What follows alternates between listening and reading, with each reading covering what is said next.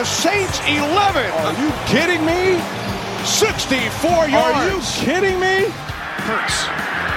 Hooks a pass. Got his man, Devontae Smith. He's got the angle. Touchdown, Philadelphia. Deep. Oh, he's got Zay Jones intercepted at the 50. It's picked off for a second time by McKinney. A big six and a big fourth quarter interception. Fields under some pressure. Throws on the run. Lofts one of the end zone. It is caught.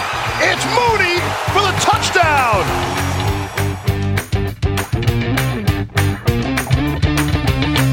En dit is NFL op woensdag, jouw Nederlandstalige podcast over de NFL, de National Football League. NFL op woensdag is een productie van het Groninger Podcast Imperium, KVM Media.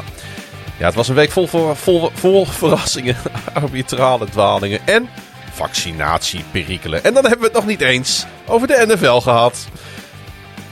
Er is deze week echt heel veel te bespreken, dus laten we snel beginnen aan de 25e aflevering van seizoen 2 van NFL. Op woensdag.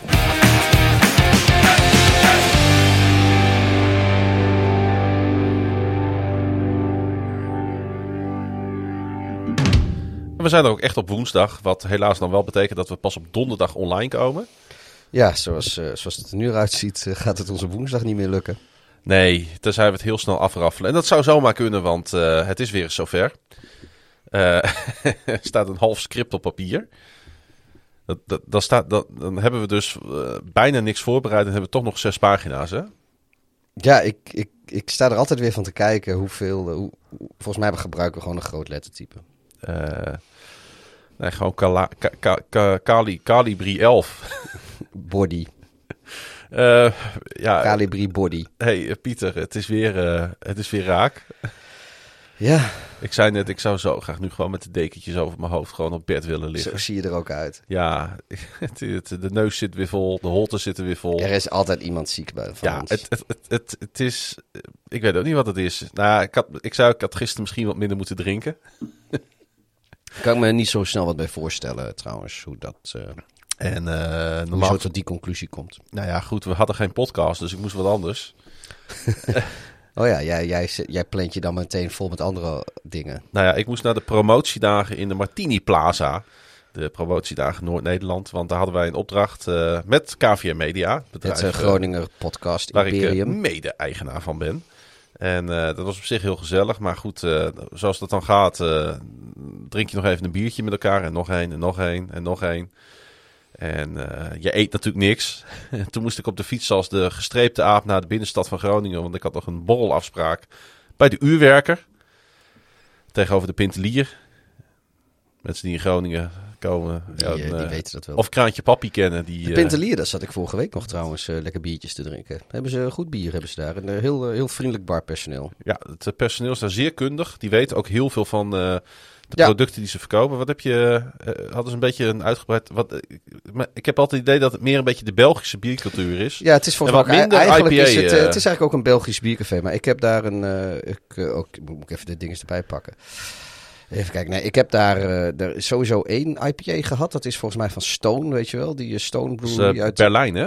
Ja, die zitten ook in Berlijn, maar het is eigenlijk een Amerikaans. ze komen Ah. uit Californië volgens mij. Ik denk dat alle die- Europese blikjes en flesjes uit ja, Berlijn dus, ze, ze, hebben, ze zitten sowieso groot in. be- Hebben ze ook, een- daar is ook een, een Stone brouw, brewpub is daar. Maar die bestaan 25 jaar en ter ere daarvan hadden ze een IPA ge- gebrouwen. En die heb ik daar gedronken. En ik heb volgens mij... Ja, ik, ik, ik moet toch echt even kijken wat ik, eh, wat ik er allemaal naar binnen ge, geklotst heb. Want het, het was niet mis in elk geval. ik heb Gezien- een, eh, gezien je bank Oh ja, ik heb van, van Eggens uit eh Appingedam. Natuurlijk, hier Rotterdam heb ik een Ivan Infused. Dat is een Infused Russian Imperial Stout. Nou, dat is niet, he- niet helemaal jouw ding. Nee. Ik vond hem heerlijk. Ik heb de, de Swedish Vacuum Cleaner van brouwerij Kees eh, gehad. Dat is ook een Imperial Stout, maar double pastry stout. Dus Van lekker Kees, zoet. van Kees Bubberman. Kees Bubberman uit Middelburg. Ik heb trouwens een verhaal over Kees gehoord. Oh, Nou, ik was laatst bij Bax eh, in de stad. omdat ik eh, ook met hun zaken doe. ja. En ik zeg tegen hun, ik zeg, hey, kennen jullie Kees? Ja, natuurlijk kennen wij Kees. Ik zeg, maar ken je dan ook Kees Bubberman? Ja, ja, ja de, de, de, je bedoelt de brouwer van. Ja, ik zeg, ja, Ja. ja, Middelburg. Ja, Middelburg. Ze zeiden van, ja, alleen, eh, we, hebben, we spreken Kees heel vaak, alleen niemand kent Kees. Want Kees die houdt dus zijn deuren aanstallig gesloten. Ja, dat klopt, ja. Maar hij heeft wel gewerkt eigenlijk eerst ergens anders. En toen is hij voor... Ik weet niet meer waar. Hij, is- hij was eerst brouwmeester bij een andere bierbrouwer. Maar hij is dus niet iemand die een proeflokaal opent Nee, bij zijn er brouwerij geen- of een geen- rondleiding verzorgt. Of, eh, Nee, hij, maar zijn bier is wel heel goedkoop vergeleken met andere craft bier, zeg maar. Hij is Ja. een beetje de... de, de Het wordt Ja. wel wat duurder, want je krijgt, je ziet nu steeds meer in die, in die met name in die IPA-wereld, Ja, die je- dure hopsoorten komen erin, die, die kwaie pops, hops. Die cryo hops, ja, ja. Nee, maar het is, het is wel zo dat als je, als, als je bijvoorbeeld een, een double pastry stout van Kees hebt, die is goedkoper dan een soortgelijke variant van bijvoorbeeld een moersleutel over het ja, algemeen. dat zou heel goed kunnen inderdaad. En Kees doet ook nog veel de, de kleine blikjes die, eh, die andere brouwers vaker laten staan. Meest eh, doen 440 milliliter blikken. En Kees die zit vaak nog in een 33 centiliter. Ik heb trouwens ook nog eh, een daar trouwens om het voor compleet te maken wat ik gedronken heb. een Life is like a bock of chocolates. Dat is een, was een chocoladebokbiertje van Uiltje. Ja. Dus dat eh, was, ja, die was ook wel lekker, maar niet wat ik ervan verwacht had. Het was denk ik een van de mindere chocolaatjes uit, de uit, uit de bok. Dat is een bok. Een bokbiertje, het is tenslotte herfst. zoete rommel is dat, joh. Ja, maar goed. eh. Ach, weet je, ik heb, eh, ik heb er meer dan uitstekend vermaakt. De avond was, eh, was ik had leuk gezelschap, vriendelijk personeel en nou, was, was weer goed. Nou, Volgende keer gaan we weer naar proeflokaal hoog uitgedempt, de Zuiderdiep 61. Ja, ja, de nieuwe, nieuwe England IPA van Bax was daar binnen. die, heb ik, die heb ik gehad. eh, Met een lichte kokossmaak. over kokossmaak gesproken in bier. Oh, je- Ik heb hier de een van eh, Vocation. Dat is echt een hele fijne brouwerij. Die maakt echt heel lekker bier. De Imperial Coconut. En dat is een, eh, een black triple IPA. 11% alcohol met een beetje kokosnoot. Ik heb hem al eens eerder gehad. Hij is echt heel goed. Maar goed, eh, tot zover onze bier. Ik hoop dat ik het einde van de uitzending in ieder geval ga halen. Ja, En eh, daarna, ik, ik zie er nu al naar uit om gewoon heel lekker naar bed te gaan. Soms heb je dat, hè. Als je niet zo lekker Ja. bent, dan kan gewoon naar bed gaan. Kan, echt, kan, kan al zo Ja, joh. helend werken. ja. Vooral als je schone lakens hebt. Oh, heb je dat? Of heb je er afgelopen nacht de hele bende onder zitten, zitten, zitten nee, snotteren? nee dat, eh, dat gelukkig niet. Nee, want eh, ik, gisteren voelde ik me eigenlijk nog best wel oké. Oh, Oké. Het was typisch zo'n verkoudheid. Oh, had de loop veel gedronken dag, gisteren. nou, oh, ja, ja, lekker helemaal de ja, alcohol zweten in je lakens. Ja. Ook lekker hoor. Ja, maar goed. eh, ik ga in ieder geval nog even wassen voordat we naar Amerika gaan. Want dat komt er ook al snel Ja, maar ook, ja, en als je dan terugkomt, duik je lekker zo'n schoon bed in. Oh joh, dat is zo lekker. Dan kom, heb je zo'n hele dag gereisd en dan ga je even douchen. Ja. En dan eh douche je even de, de, de reislucht. En is zo'n vliegtuig, jongen. Er zijn denk ik, dat is het. Als je op vakantie gaat, zijn er weinig ranzige plekken waar je komt dan het vliegtuig. Nou ja, goed, dat lekker van je afspoelen en dan eh, de schone lakens in. Dat is wel mijn favoriet van thuis Maar komen. vo- voordat we zeg maar, dat gaan doen, gaan we eerst nog die reis maken. Oh ja, we gaan eerst heen, hè? Voordat, ja, ik zit er maar alweer te verheugen op, terugkomen. nou, ik had altijd een gezegde vroeger eh, met, eh, met mijn vrouw. Wij zeiden altijd, uiteindelijk is het allermooiste van op reis gaan is thuiskomen. Wel als je in Groningen woont, maar als je nou bijvoorbeeld in Emmeloord of zo zit opgescheept met, eh, met een of andere doorzonwoning. Ja, Dokkum, Dokkum, Kolm, ja, Hardingsveld, Giesendam, Bergen op Zoom. Reizen. Goed. Nee, Ehm, eh. Nou, tot, tot zover. Ja, dit, dit, dit stukje, we doen het iedere week. Dit staat ook echt in het script en dat heet conversatie. Ja, dat klopt.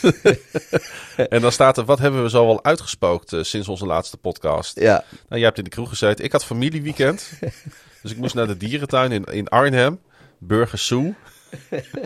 En ik had vier... Weet je, en jij dacht van, nou, hamburger soe, weet je, lekker. Je mag, je mag je eigen dieren eh, kiezen en die krijgen dan op een broodje. ik heb een heerlijke Impala burger gehad. eh. Heb- Mocht je je eigen ik, aanwijzen? eh, weet je, ik vind het hartstikke leuk. Ik heb neefjes. Ik heb zelf geen kinderen, maar ik heb wel neefjes en nichtjes. En ik, ik ben echt dol op die kinderen.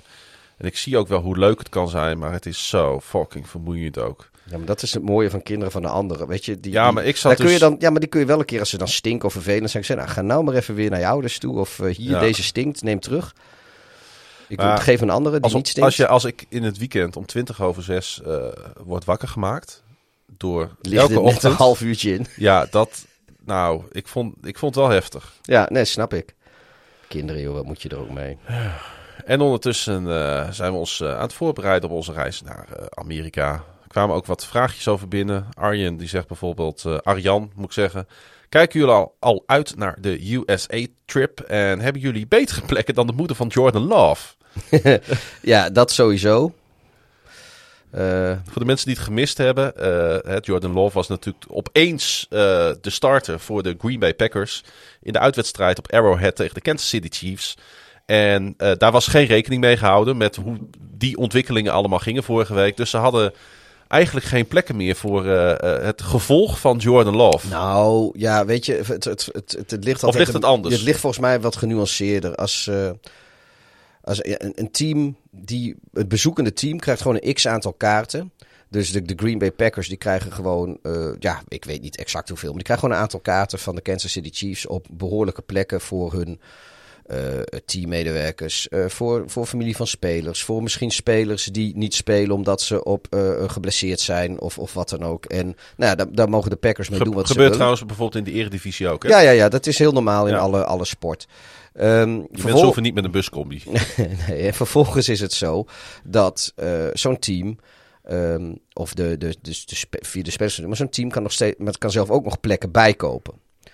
En eh, waarschijnlijk is door de Packers, is, eh werd Jordan Love zijn gevolg niet belangrijk genoeg geacht voor eh, die eerste st- stritskaarten die ze krijgen, waar, die, die ze, ja, waar ze zeg maar de, de, de mensen van hun team neerzetten.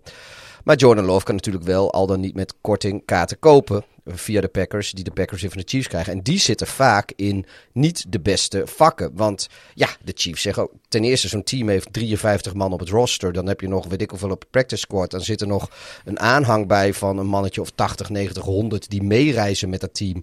Die hebben allemaal vrienden en familie en een gezin. Dus je kan bijna een vak vullen in zo'n stadion met gevolg van één team.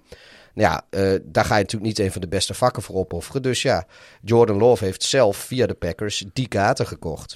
Dat is niet dat de Chiefs zeggen van ze nou... nou op de achterste rij? ja, ze zat, je, kon, kon niet hoger. Nee, en Arrowhead, dat is mijn ding. Ja, ik, ik heb ook wel gelezen. Het zijn van die mensen die zeggen van ja, weet je, als je daar weggaat om bier te halen, nou, dat, dan ben je sowieso mis je 20 minuten of een volledig kwart van een Ja. wedstrijd. En je bent een Sherpa nodig om weer terug te komen op je plek. En wat? Een Sherpa? Ja, weet je- Heet dat zo? Ja, Sherpa, Ja, dat zijn die mensen die je die, helpen de eh, Mount Everest te ja. beklimmen.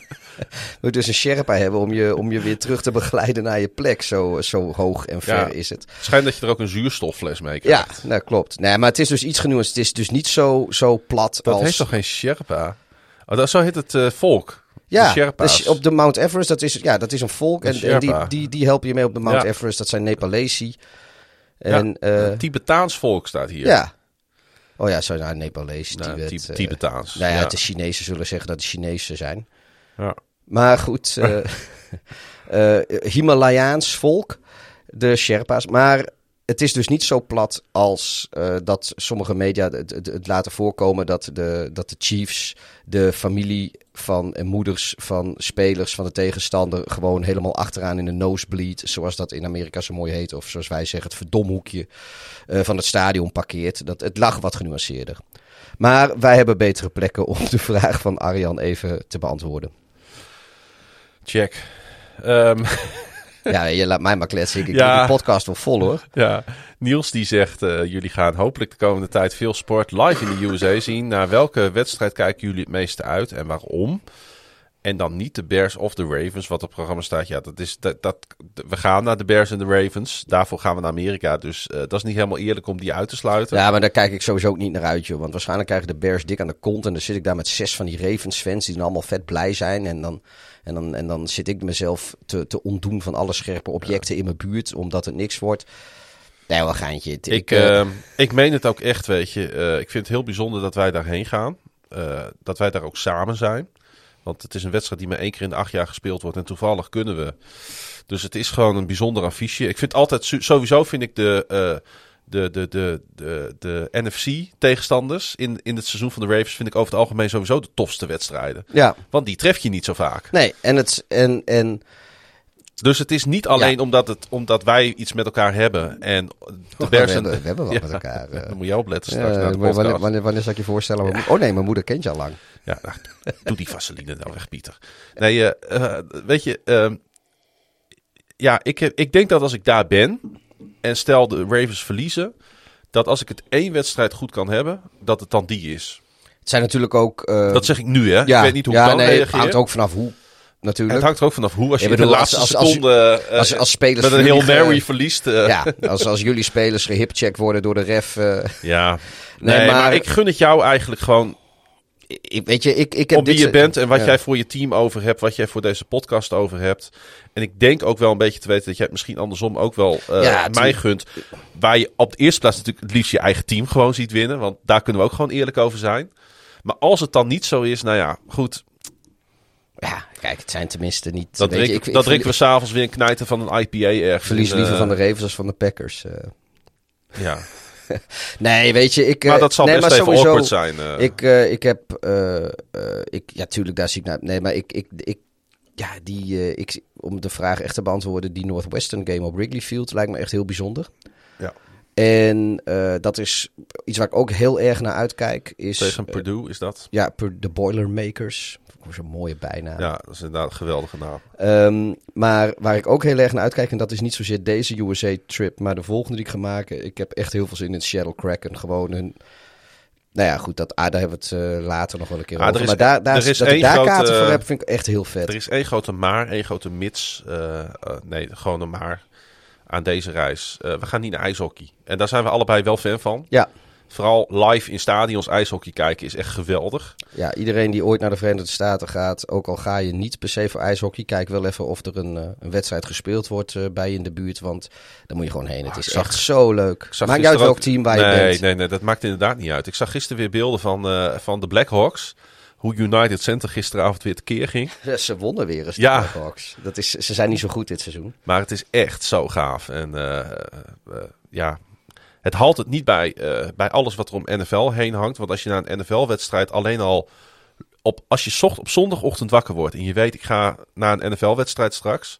En je komt dichter bij zo'n stadion en je ziet die mensenmassa en je ziet die parkinglots zie je volstaan. En op Soldier Field zie je dan overal de rookpluimen van de grills. Zie ja, je, je ziet om dat is het- stadion is het, hangen. Is het, ja, is het, hardst, het is hartstikke koud, tenminste de laatste keer dat we er waren. En waarschijnlijk deze keer Lijkt ook. het nu weer te zijn. maar de, eh, de laatste keer dat we er waren was het ja, net onder het vriespunt net erboven. Zeg maar, Wordt nu om- weer om, voorspeld om, om, trouwens. om en nabij het vriespunt. En het was zonnig, strak blauwe lucht en windstil.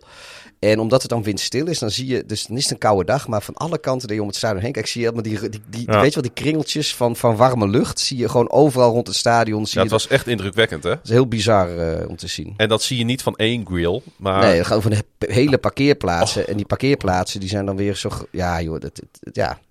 En dan is het, eh, moet je eens kijken, joh, als je de parkeerplaatsen rondom eh, bijvoorbeeld Arrowhead van de Chiefs, weet je, daar wordt pas getailgate. Buffalo. Ja. Kijk, eh, dat kan in Chicago niet omdat het nog midden in de stad ligt. Maar voor een stadion midden in de stad hebben ze nog wel behoorlijk wat... eh, Ja, is nog best we zullen ons eigen bier mee moeten nemen, want we hebben geen geboekte tailgate in Chicago. Dus Nee, ik weet ook weer, niet of eh, dat daar is rondom. eh rondom vol- volgens mij eentje, maar dat, die- is dan bij het, muse- bij het museum aan de noordkant van het stadion. Ja, en de Ravens mij. hebben een tailgate, maar ik snap dat jij daar niet... eh, Ja, maar die hebben hem denk ik ook niet direct naast het stadion. Die zullen een stukje verderop zitten. Die Ja, zitten ik denk ik bij ten zuiden van McCormick zitten die volgens mij. Dus dan moet je daarna nog wel een eindje lopen. Ja. Ja, die is er. eh, we gaan in eh Baltimore hebben we wel nog geboekte tailgate, net Ja. als de vorige keer. Dat was ons op zich goed bevallen. Ja, joh. Maar er is een, ja, in Baltimore is, ook, is het ook net altijd anders met tailgaten nog weer dan in Chicago. Want er zijn volgens mij niet die massale...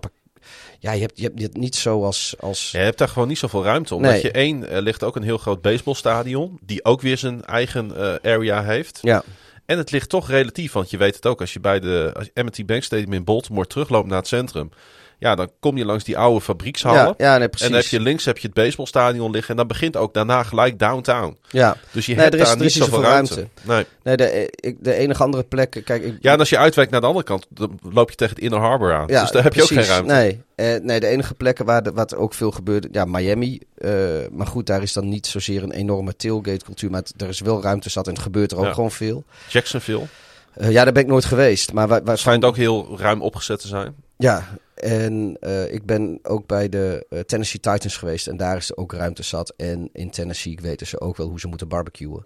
Dus dat, dat gaat- maar bijvoorbeeld New Orleans, ja, daar hebben ze alleen maar parkeergarages. Dus daar mag je niet barbecuen, Nee. want dat, dat willen ze gewoon niet hebben. Dus dat daar, maar ja, goed, dat Ja, staat- Detroit zijn we ook geweest. Dat was ook Ja. vrij terug. Hebben we het over gehad de Ja. vorige keer. Nou ja, goed, Ja. maar ja, Detroit, zou, daar mis je het wel. Kijk, in New Orleans mis je het niet, want dat stadion dat zit op een kwartier, twintig minuten lopen van Bourbon Street. Dat dus zou d- daar echt, zuip eh, je gewoon in. Als Detroit dat zou hebben, zou dat hun game day nog echt veel leuker maken. Dat denk ik wel, ja. Want dat, is, een, dat Ja. is echt jammer daar. En ik ben natuurlijk in Buffalo geweest. En daar, ja, Buffalo staat erom. Dat is eigenlijk nummer 1 van de 32. Daar kun je het beste tailgaten over Ja, ik, ik, ja, ik, ik, ik eh, voor, de, voor, de, voor de feesterij wel. Ja. Voor het vreten zou het, of het eten moet ik zeggen. Sorry man. maar eh, ik, ik, eh, hoor ik altijd de, de Kansas City Chiefs. Daar is echt qua, qua barbecue en qua eten en, en hoe dat daar geregeld is. Dat, maar het heeft misschien ook met weer te maken trouwens. Het weer is daar net wat beter. Het, hele, het, is, het is niet per se warm als daar in december, maar het is niet zo belachelijk als het in Buffalo kan zijn.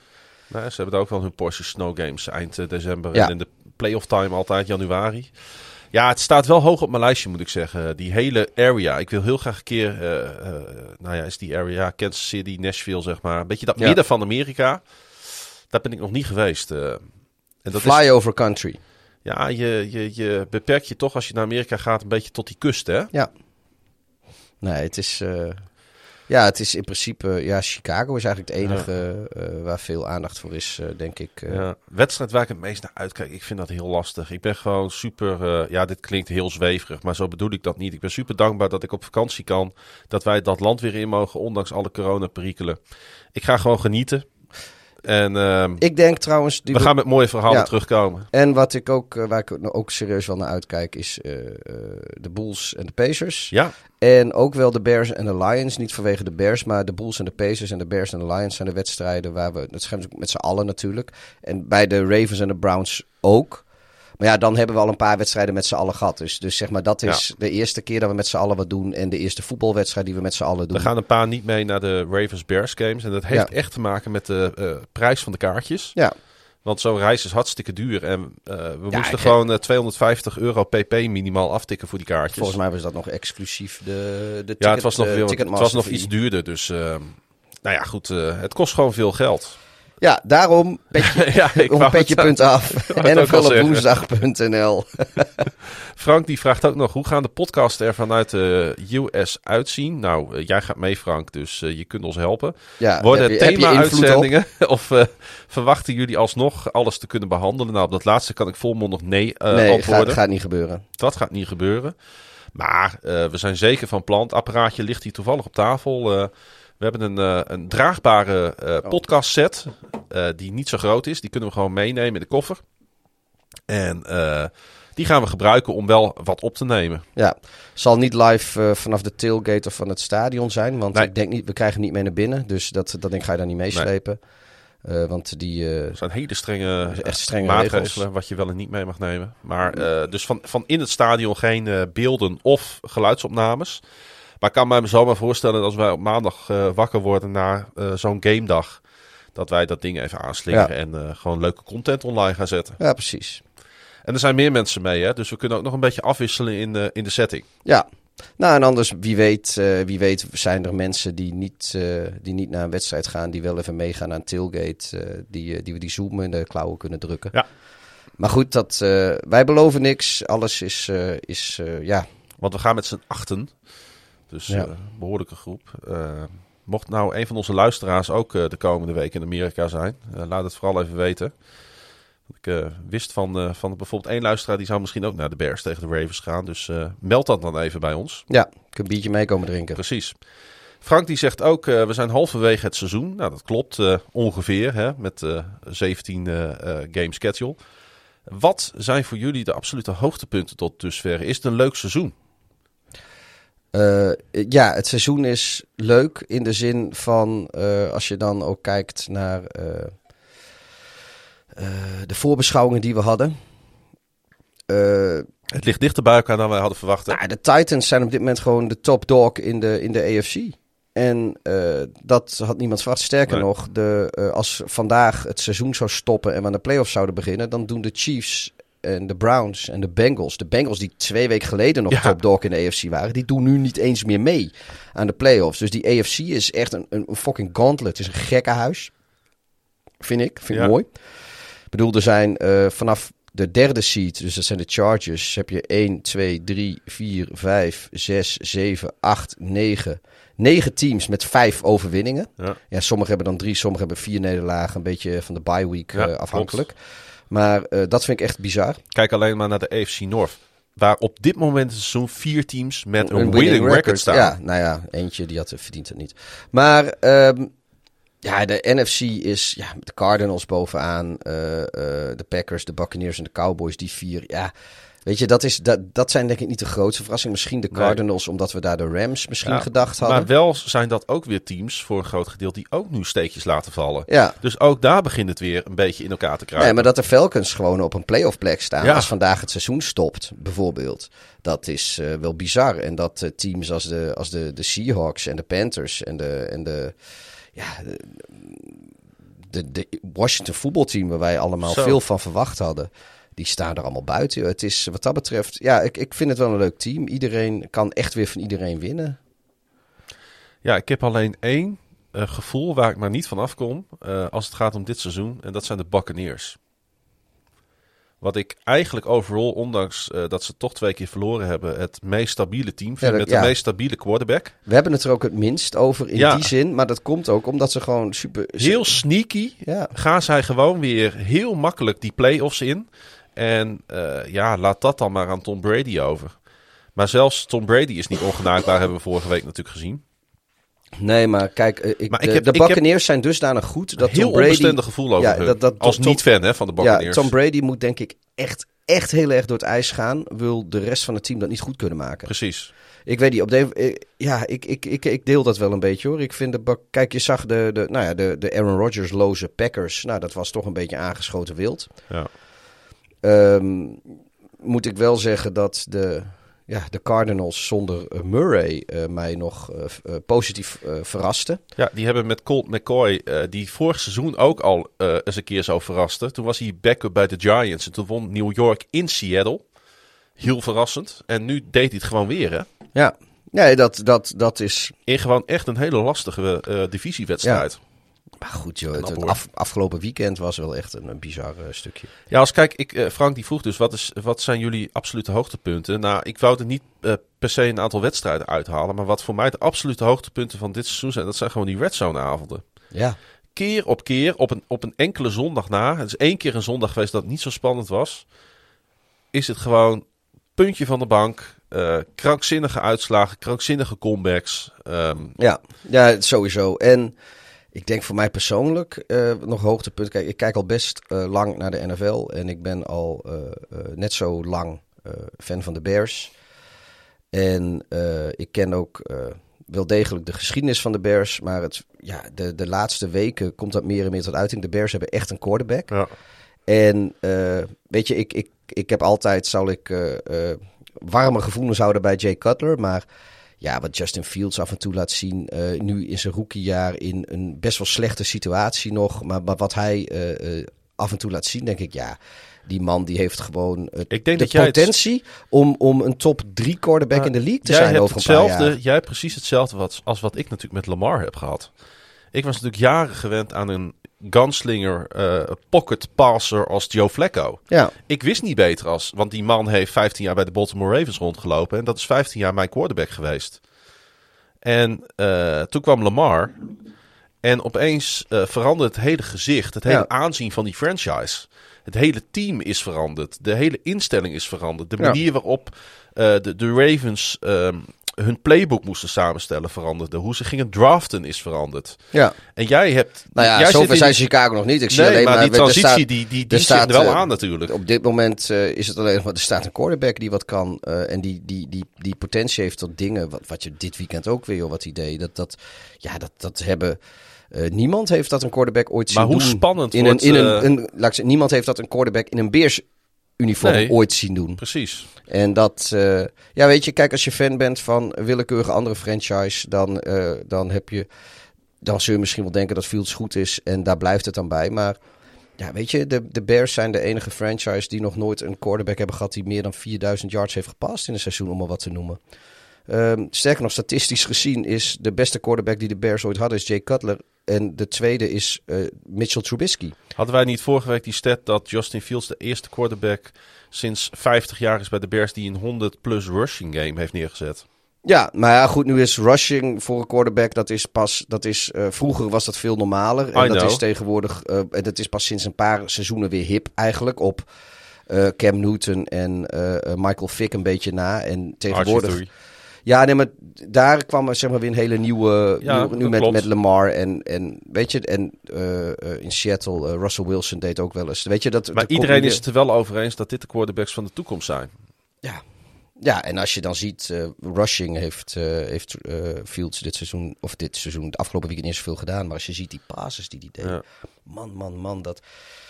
Ja, er zijn genoeg quarterbacks die al jarenlang in de league zijn. Ontwikkelt die hij zich sneller dan je had gedacht?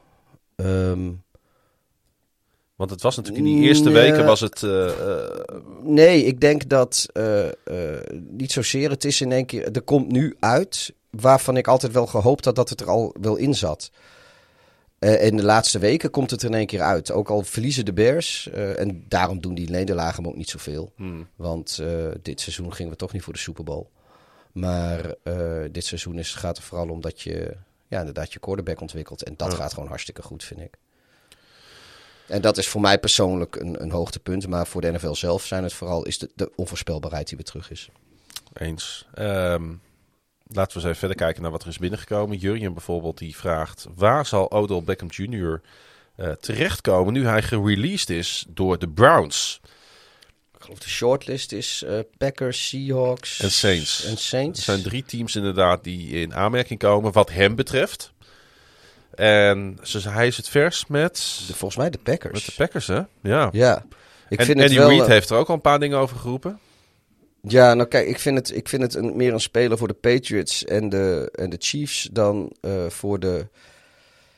Ja, weet je, de, de, de Packers zijn volgens mij normaal niet een team die dit soort spelers halen. In de zin van, eh, weet je, die, die in de kleedkamer elle- voor ellende kunnen zorgen. Of het algemeen doen de Packers dit soort dingen niet. Nee. Maar ja, misschien eh, wil Aaron Rodgers het wel of zo. Maar ik heb, eh, ik heb geen idee. We gaan, het, eh, we gaan het zien. Ik hoop het wel ergens, want het is een... Ja, hoe hij zich nu gedraagt, weet je, met Nee. gemier ook. Ik ben, weet je, als je voor de keutel te duur bent in Cleveland en daarna ook nog dusdanig da- daar de boel ver- verkloot dat ze je op waivers zetten.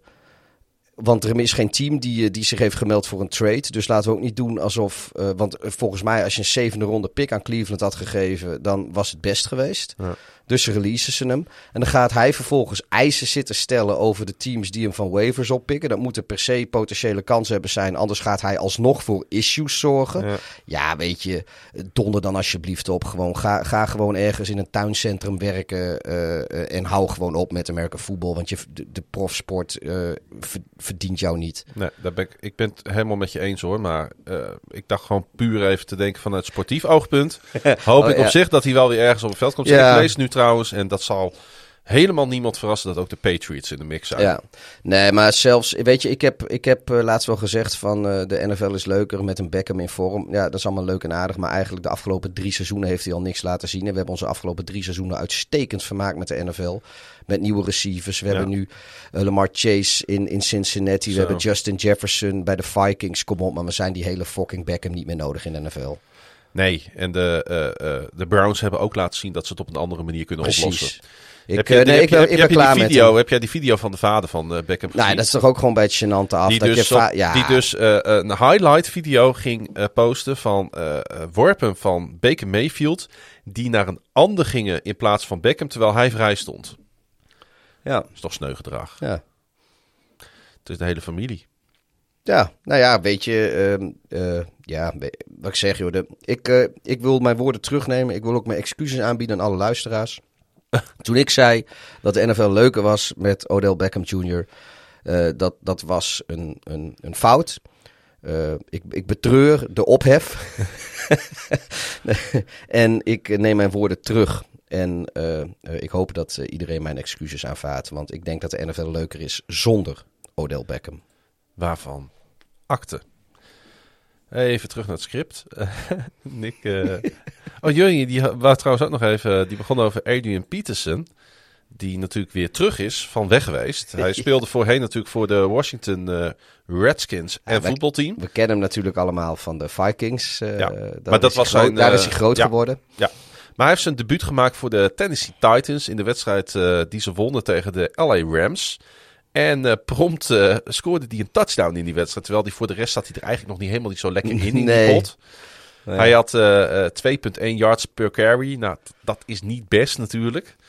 Ehm, eh, maar hij, want daar ging het natuurlijk om. Hij scoorde zijn, hoeveelste touchdown? Wat was het ook alweer? Oh, ja, Nou, hij had, heel, heel veelste. Heel veelste.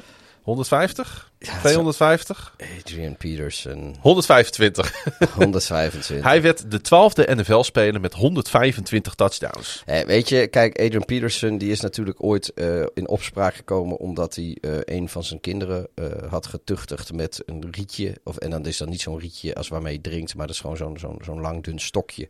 Wat fucking zeer doet. Ja.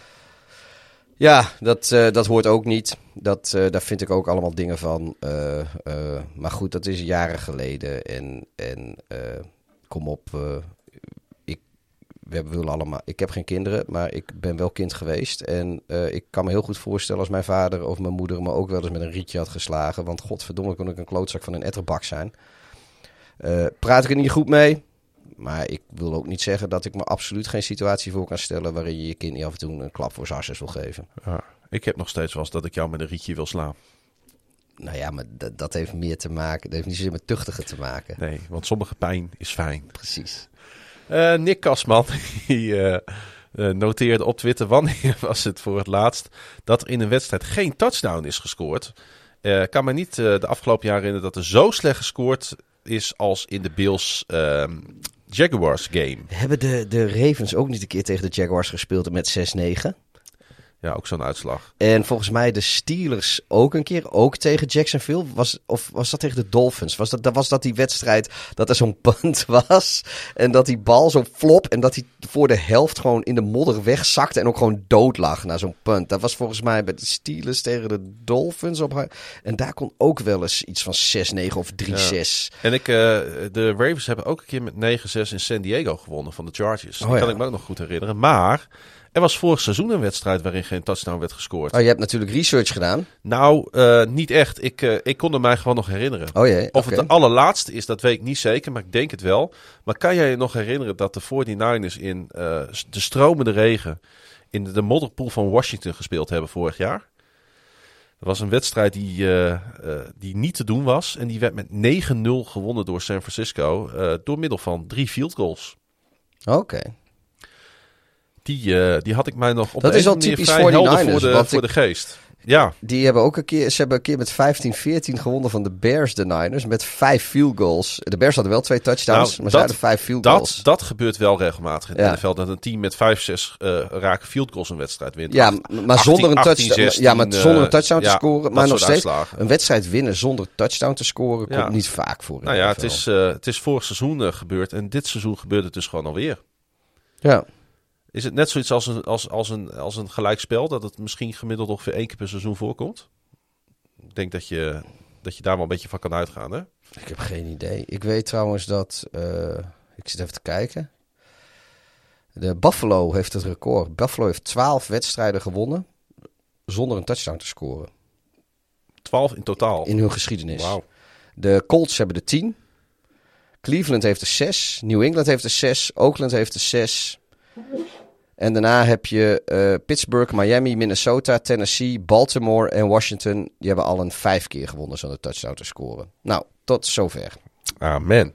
Patrick die zegt dat de Jaguars de biertopper van de week moeten zijn. Ja, ik, ik, ik, ik, ik, ik weet het niet helemaal. Als je, Als je niet eens een touchdown kan scoren. Precies. Ehm, maar goed, winnen van de Bills is dan wel weer heel knap. Ja. En hij zegt, eh, ik zeg dat wel met pijn in mijn hart, omdat ik Allen heb in een van mijn fantasy leagues. Daarover gesproken, gefeliciteerd nog Klaas-Jan. met je overwinning op mij deze week in de NFL op Woensdag League. Ja, maar je kan natuurlijk altijd nog even beroep aantekenen bij jouw uh, fantasy voetbal app dat jij uh, de, eigenlijk de andere Josh Allen bedoelde. Want Ja. die heeft Die, die, de was, toch, verde- de verdediger die was toch van- echt de betere Josh ja, Allen de, de, betere Josh Ja. Allen. Die staat, eh, ik moet wel zeggen dat, eh, dat, de, dat hoorde ik in een andere podcast. Die hebben een power ranking gemaakt van eh, Josh Allens in de NFL. En op nummer 1 stond Josh Allen en op nummer 2 stond Josh Allen. En ik was er wel mee eens. Ja, nou ja, prachtig. Maar Jacksonville, ja. We kunnen het ook gewoon doen, hè? Nou, nou ik, ik vind nog steeds. Mijn, eh, mijn, de, de oorspronkelijke plan. We doen niet alleen Jacksonville. Maar na afgelopen speelweekend is de biertopper van de week is het concept underdog. underdog. De underdog. Ja. Ik denk dat dat. eh, en daar valt Jacksonville ook onder. Dus eh, Waar heb jij meer mee? Met de underdog of de hotdog? ik denk met. eh, Aangezien wij FC Groningen supporters zijn, de underdog. ja, ik heb sowieso meer met de underdog. Hoe dan ook. En eh, laten we niet doen alsof eh, de underdog eh, dit seizoen of deze, dit weekend niet aan winnen toegekomen is. En dat was mooi. Laten we het daar eens even over hebben. Want laten we de wedstrijden er maar eens bij pakken. Er waren nogal wat, wat verrassingen. En als we zo het rijtje eens even bij langs gaan. Dan denk ik dat de overwinning van Tennessee in LA tegen de Rams. En ook nog eens met een verschil van liefst 12 punten. Die springt er voor mij sowieso uit. Ondanks natuurlijk dat eh, de Titans wel hebben laten zien de afgelopen weken dat ze op hoog niveau kunnen spelen. Ja, Maar toch, het zijn de LA Rams, waarvan iedereen aan het begin van het seizoen zei, en volgens mij unaniem ook, dat zijn, dat is de grote kandidaat in de NFC om naar de Super Bowl te gaan. Op voorhand. We hadden natuurlijk, we hadden het er al over, de Bills in eh, Jacksonville, die dus verloren met die krankzinnige score van 6-9. Ja. De Falcons wonnen in New Orleans, volgens mij had ik dat al voorspeld. Dat zou kunnen. Volgens mij heb jij wel weer beter gespeeld als ik. Eh, Was natuurlijk heel verrassend. Eigenlijk vond ik de aller de vond ik Cowboys? de Broncos en de Cowboys. Ja. Ja. En vooral ook door het wedstrijdverloop. Want 30-16 lijkt nog alsof het misschien ergens spannend is geweest. Maar de, de, de, de Cowboys hebben drie kwarten lang geen schijn van kans gehad. Hè? ja. Nou, de Giants Raiders hebben die al genoemd. Want dat de Giants van de Raiders Nee. dat was ook een, eh, een upset. Die heb ik ook voorspeld. Dus dat Als er veel upsets zijn, is dat goed voor mijn ja, voorspellingen. 1, 2, 3. eh, dat de Browns van de Bengals wonnen. Is dat een upset? Niet zozeer, maar het, volgens mij waren de Browns wel de Ah, underdog. Ja. Is 4. Volgens mij hebben we Ja. 5. Misschien was eigenlijk Chiefs Packers ook wel een ja, upsetje. ja, nog steeds. Want zelfs zonder Rodgers Ja. waren de Packers favoriet. Volgens mij hebben we zes, zes wedstrijden gehad. Of zeven wedstrijden gehad. Zeven wedstrijden volgens mij waarbij de underdog won. En Ja. dat vind ik best veel. En, eh, en sommige ervan liepen echt inderdaad... eh dat, dat sprong heel erg in het oog. Zoals maar de Titans en de Rams. en de Cowboys en de scoren Broncos. of qua Ja. scoreverloop. Precies, want de Titans en de Rams en de Broncos en de Cowboys. De Broncos, weet je, het lijkt wel met een, een, dat, dat dat gewoon, nou ja, weet je, 30, 16.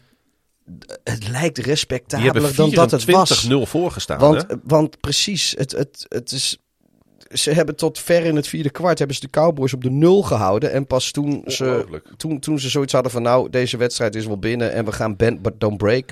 Toen hebben de Cowboys nog even twee touchdowns eh, met twee two-point conversions op het, eh, op het bord gezet. Nou ja, gefeliciteerd.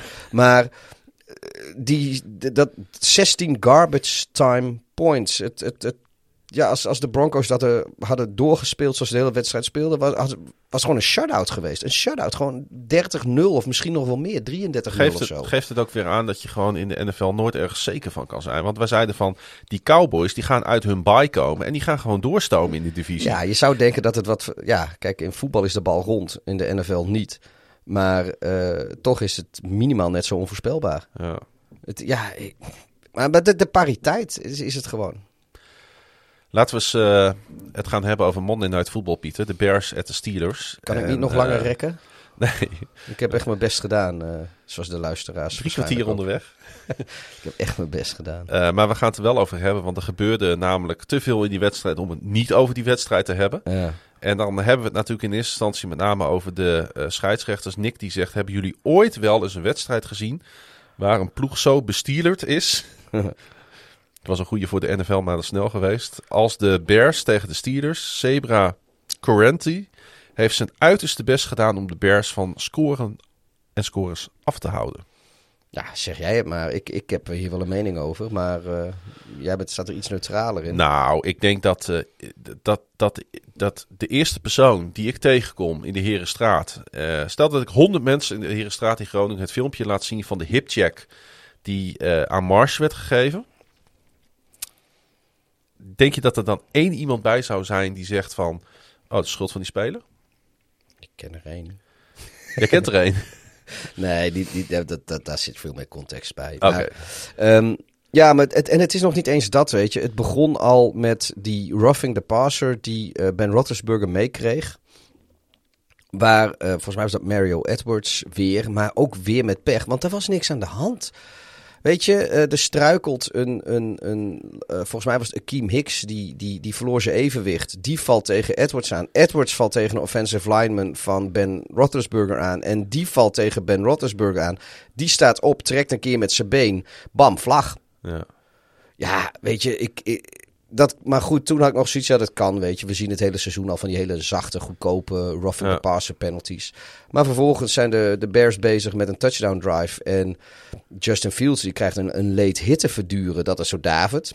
Ja, die kreeg, vlag, die helemaal kreeg niks. een soort, soort eh, blok in de bek. Kreeg Oh, die. kreeg hij, ja, dat was later in dezelfde die- drive. Kreeg hij die nog. Dat vond ik, die, die Ja. vond ik eigenlijk. Werd ook niks aan gedaan. Dat, die kwam daarna nog. Ja, Eh, vervolgens staan de Bears te kloppen aan de endzone van de Steelers. En eh, tot eh, twee keer toe krijgt eh, eh, Justin Fields een belachelijke late hit te verduren. Die twee keer niet gevlagd wordt. Uit de tweede keer dat dat gebeurt, komt wel een touchdown op Jimmy Graham. Die vervolgens wordt afgekeurd omdat er een chip, chopblok van...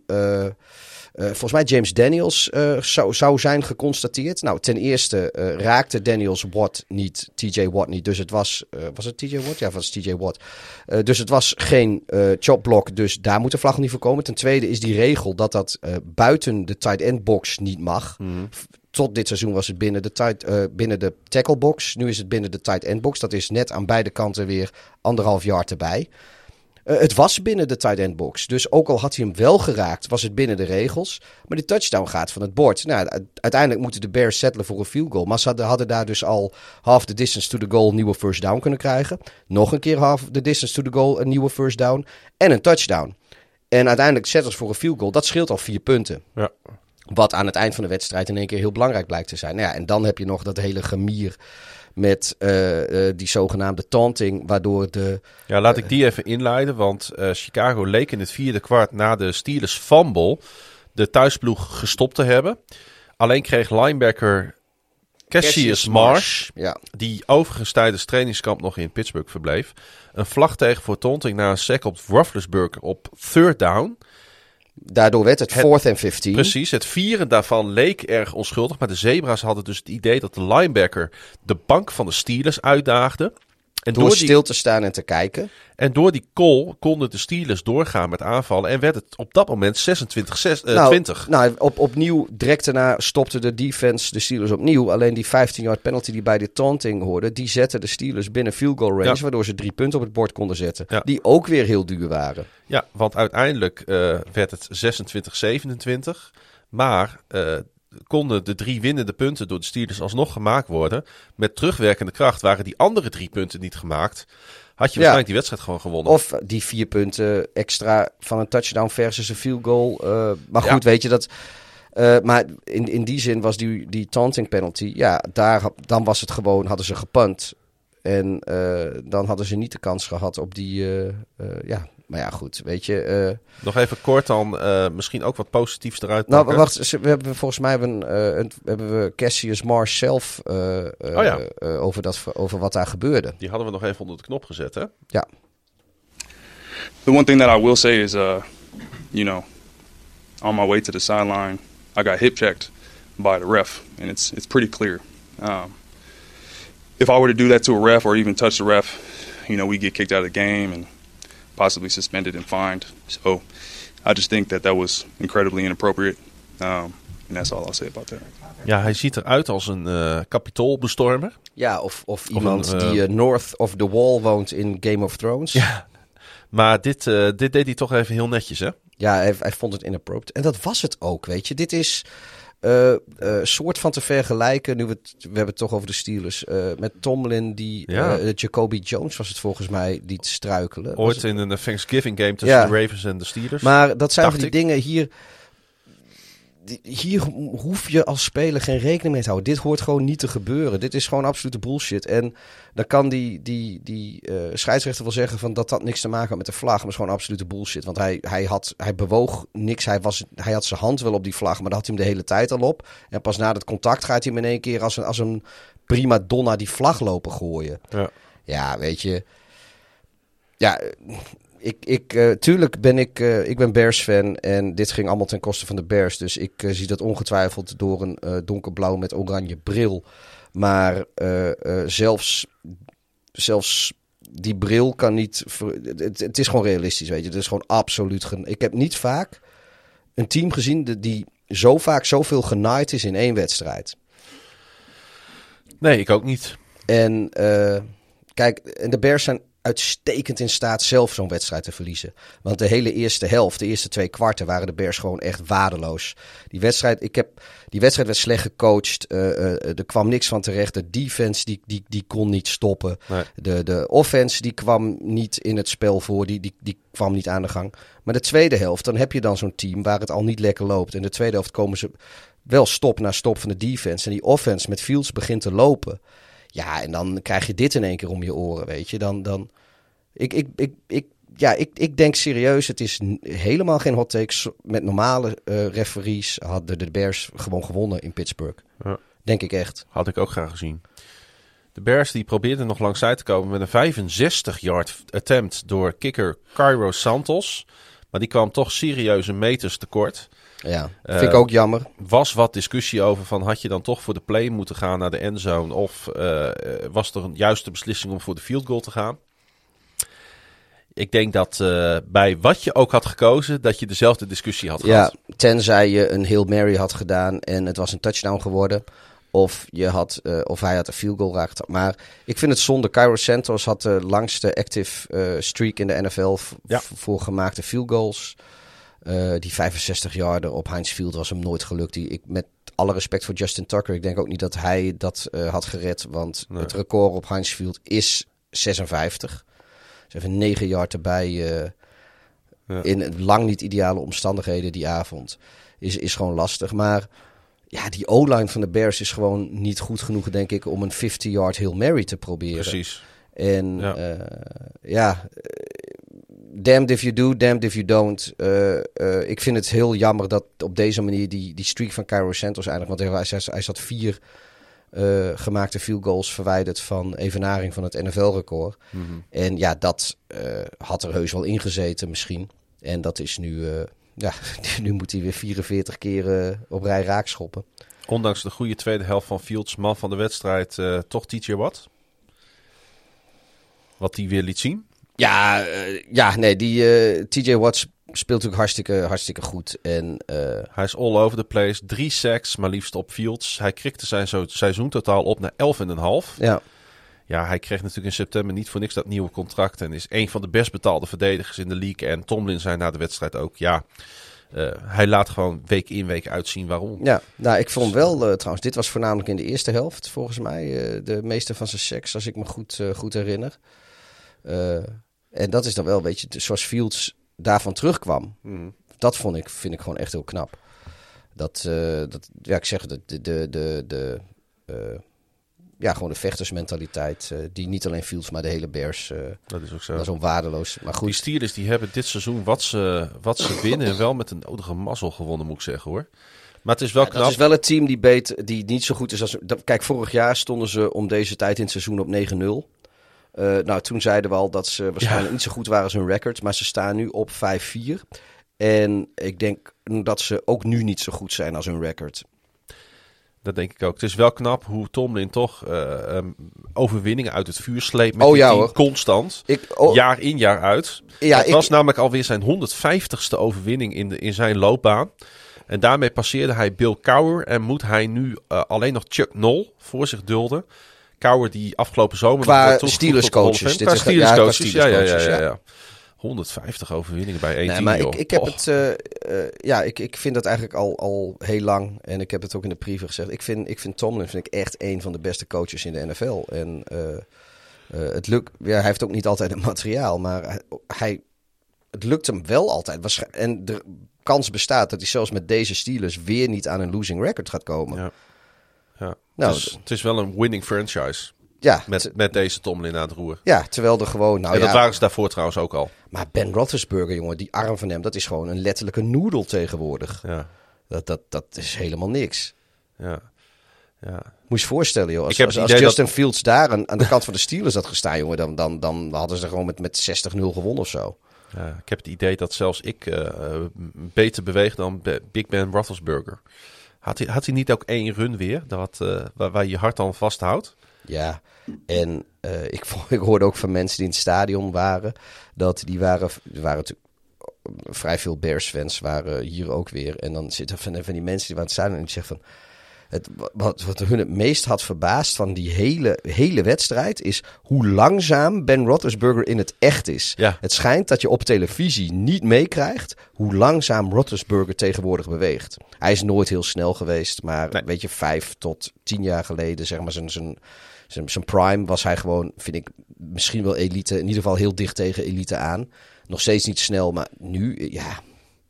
Het is gewoon echt een opgewarmd kadaver. eh, wat, ze, wat, wat daar.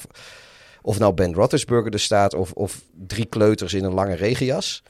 Dat- je ziet het verschil eigenlijk niet. Of drie katten. Goed. De Bears die hebben een bye en ontvangen daarna op 21 november Baltimore op Soldier Field. En de Steelers zijn host voor Detroit. Eh, de vorige vijf ontmoetingen die waren allemaal trouwens een prooi voor Pittsburgh. eh, om even aan te geven hoe lang Detroit al niet van Pittsburgh gewonnen heeft. Hey, eh, er was nog een eh, AFC North, NFC North onderonsje. Namelijk de Minnesota Vikings. Die eh, reisden af naar Baltimore. Nou, dat was weer spektakel natuurlijk. ja, want één, de Vikings. Die alleen maar spectaculaire wedstrijden spelen dit seizoen. En dat doen eigenlijk de Ravens ook. Ehm, ja, ik denk voor de, ehm, eh, hoe noem je dat? Voor de objectieve kijker. dat dit een snoepje was. Ehm, ik denk dat ik het eh, daar gewoon eh, volmondig mee eens ben. Dit zijn toch wel de NFL-wedstrijden. Ik heb begrepen dat de NFL Red Zone volgens mij de complete ehm, eh, overtime heeft uitgezonden.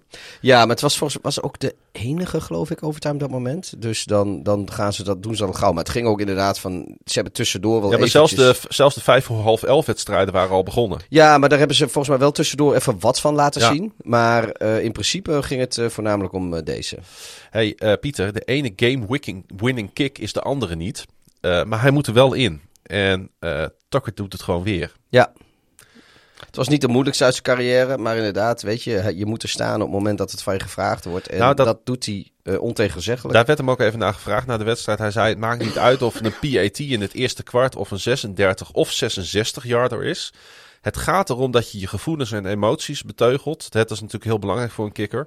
Je bent altijd een beetje nerveus natuurlijk. En dat lijkt me ook heel menselijk. Ja, maar hij kan natuurlijk, weet je, als hij zegt dat hij, dat hij een 36-yarder, dat, dat hij daar net zo tegen aankijkt als een, eh, of, of een PAT in het eerste kwart, dat hij daar net zo tegen aankijkt als een 66-yarder, dat is natuurlijk absolute bullshit. Eh, dat is waar. Maar goed, eh, ik zag ook een kicker eh, dit weekend een 25 yard field goal missen. Oh ja, oh nee, Dus- sowieso. Het kan allemaal. Hey, het was alweer de 18e game-winning field goal van Volgens mij heb ik Tucker van dit seizoen ook een PAT zien missen. Eh, Of- nee, Of dat was een field goal. hij heeft een Oh, field goal in Detroit gemist. Oh ja. Dat, was, dat was zijn enige mis dit Ja, seizoen. het was, het was, het was ook niet bijster ver trouwens. Het was, het was geen... eh, Ja, ja, 40 yards. dus, dus dat, is gewoon make, dat is gewoon een normale field Voor, goal in voor principe. Tucker zeker, ja. Ja. En dan ook nog in een eh dome. Ja. Ehm, eh, maar het is wel knap natuurlijk dat hij het constant laat zien. Eh, eh, ja, Baltimore heeft dit seizoen al drie wedstrijden gewonnen nadat het met dubbele cijfers achter stond in de tweede helft. Ja, ik, eh, ik zag die stad langskomen. Volgens mij. eh, dat ze 14 punten stonden ze op een gegeven moment achter, geloof ik. Of ze hebben twee keer 14 punten Ze achter. hebben, eh, twee met- keer 14. Ze hebben met 17-3 achter gestaan. Ja, dat is 14. Toen maakten ze eh, dankzij een eh, pass interference goal op het eind 17-10. Gelijk na rust kwamen ze door een eh, eh, punt return, ja. een kick return, ja, ze ze hebben op twee keer 14 punten. 24-10 achter, Ja. sta- achter Ja, staan. twee en, keer toen, 14 eh, en toen begon de inhaalrace. Ja, ja, ze maken het zichzelf niet makkelijk. Nee, Maar eh, ja, wat Lamar dan toch laat zien. Het, het, is, het is net. Je hebt het bij, in basketbal zie je dat veel. Hè? Dat teams het nodig hebben om wakker geschud te worden. En dan zetten ze aan, aan het, in het derde en vierde kwart bij het basketbal. En dan kunnen ze opeens 15, 20 punten. Kunnen ze goed, goede teams die kunnen het dan goed maken.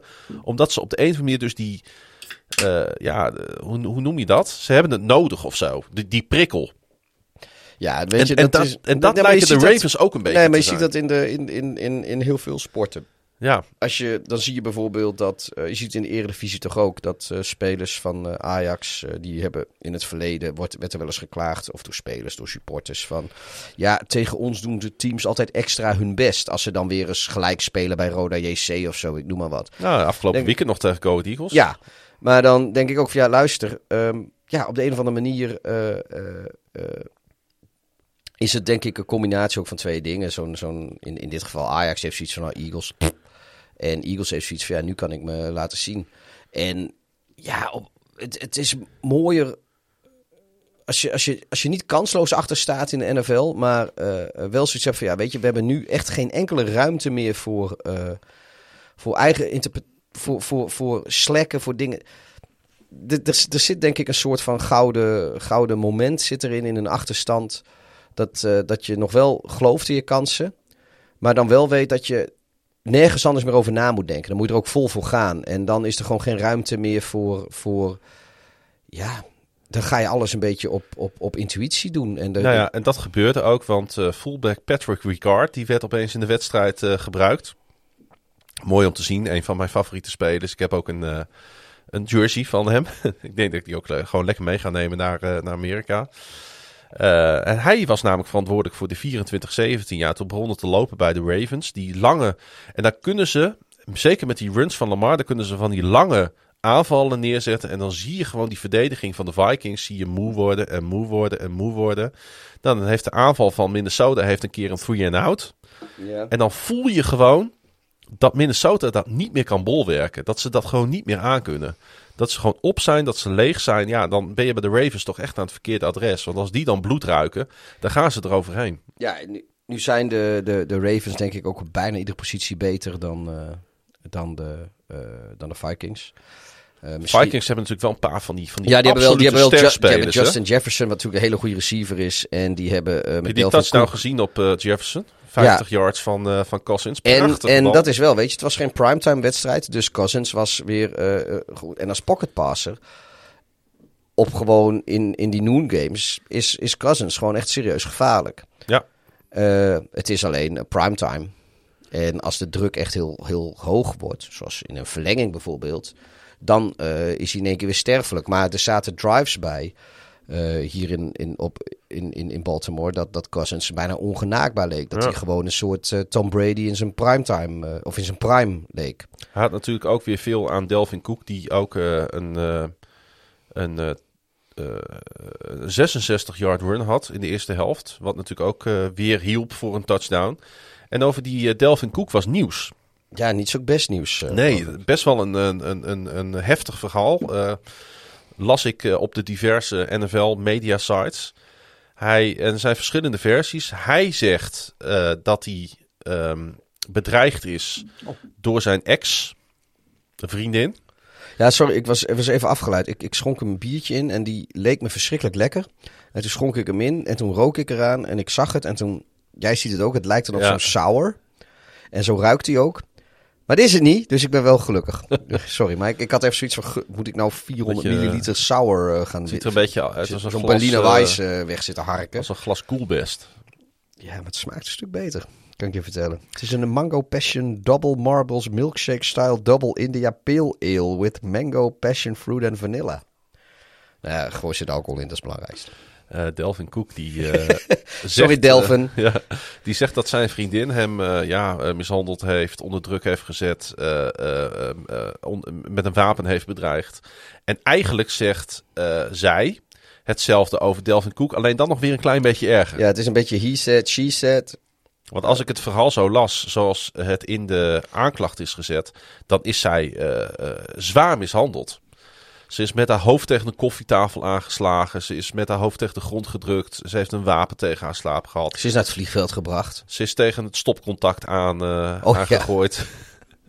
en ze is inderdaad aan het eind, dus heel apart, is ze inderdaad door Delvin Cook naar het vliegveld gebracht. Ja, er stond niet bij waarom en of ze nou daar Zwaar was om- mishandeld. Ja, ja, maar er stond niet bij of, of, of, of dat was omdat ze een vlucht moest halen. Nee. Of, of dat hij zoiets had van, nou, ik breng naar het vliegveld gewoon, want doei. Of eh, gewoon, ja, geen idee. Zo contextloos lijkt dat heel raar. Was het ook. Eh, maar er is, het- ik denk dat we één ding kunnen constateren. Er is daar van alles gebeurd. En eh, het ziet er niet goed uit voor Cook. Nee, Eh, aan de andere kant, eh, als, dingen, eh, als het woord tegen woord is en het kan niet bewezen worden, dan kan hij natuurlijk ook zomaar weer eronder uitkomen. Hè? Ja, maar dat wil niet zeggen dat de league daar net zo makkelijk over denkt. Want dat, Dat weten klopt. we nog bijvoorbeeld van eh eh Ezekiel Elliott Maar bijvoorbeeld. goed, dan krijgt hij een schorsing. eh, maar komt hij verder niet achter de tralies bijvoorbeeld. Nee, nee, nee. Maar kijk, eh Elliott die kreeg bijvoorbeeld zes wedstrijden aan zijn broek. Nou ja, we hebben nu week negen in de boeken. Ja. Al, eh, als een van deze eh, weken de NFL besluit om eh Delvin Cook een soort gelijke straf te geven. Dat betekent dat hij eh, er in ieder geval tot postseason niet bij is. Of eh, eh, nou ja, ervan uitgaande dat, dat, dat de Vikings dat halen. En anders zien we pas eh, volgend jaar september weer terug.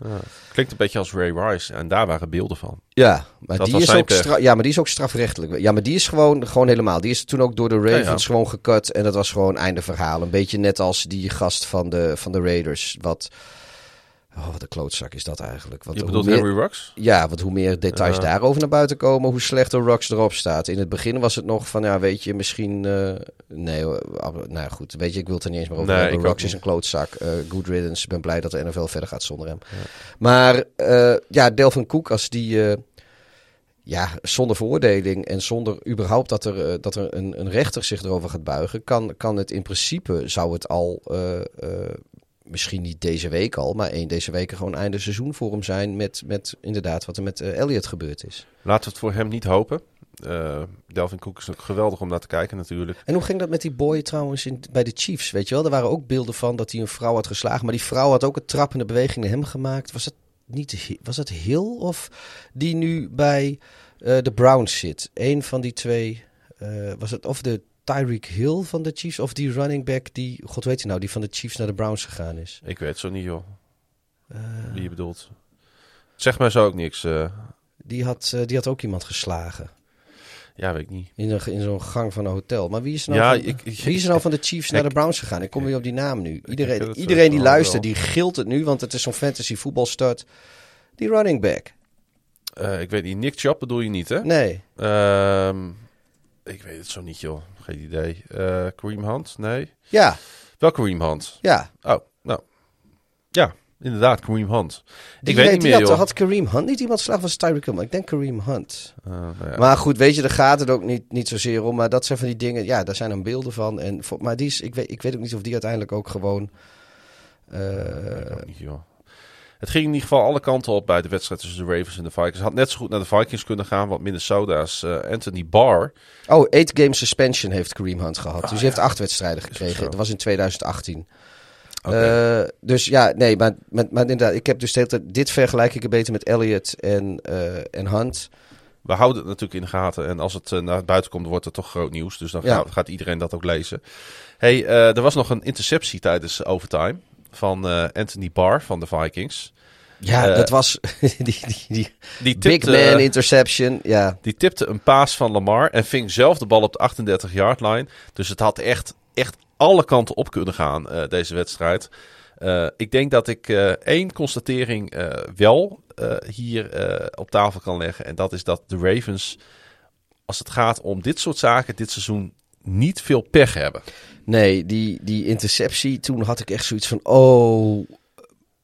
Maar ja, het komt op een, op een plek op het veld waar je hem eigenlijk net kan hebben. En dan komen de Vikings komen door. Maar toen dacht ik eventjes van, nou ja, dit, dit, dit is Ja. het.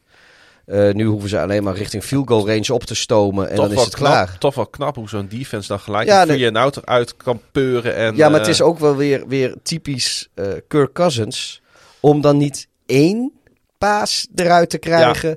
Die, hij hoeft alleen maar, ja, of first down of richting field goal. Het, want nou ja, het was het, het tweede balbezit eh, de, de, in, in, in overtime. Ja, met een field goal goal was, was, er. was het klaar Ja. geweest. Dus het is echt niet zo dat hij, dat hij van alles moest. Het was ook meer dan genoeg tijd. Dus je hoeft ook niet Uh, met, per 20, se... met 20 yards hadden ze al kunnen proberen, bij wijze van spreken. Als ze dat gepakt hadden. Precies. En eh, als je de hele situatie omdraait, dat eh, iemand van de Ravens op deze manier eh Kirk Cousins had geïntercept, rekende maar op dat de Ravens daar die, die 20 yards binnen no time gepakt hadden en, ja. en, en, en Tucker in stelling hadden gebracht. zie je toch wel het verschil in kwaliteit van, van de, tussen de ja, Ravens maar en dit, de Vikings dit, ook. ja, hè? maar dit, dit, dit, dit wijd ik ook een beetje aan Kirk Cousins. Weet je, dat, dat, dat dit dan niet komt.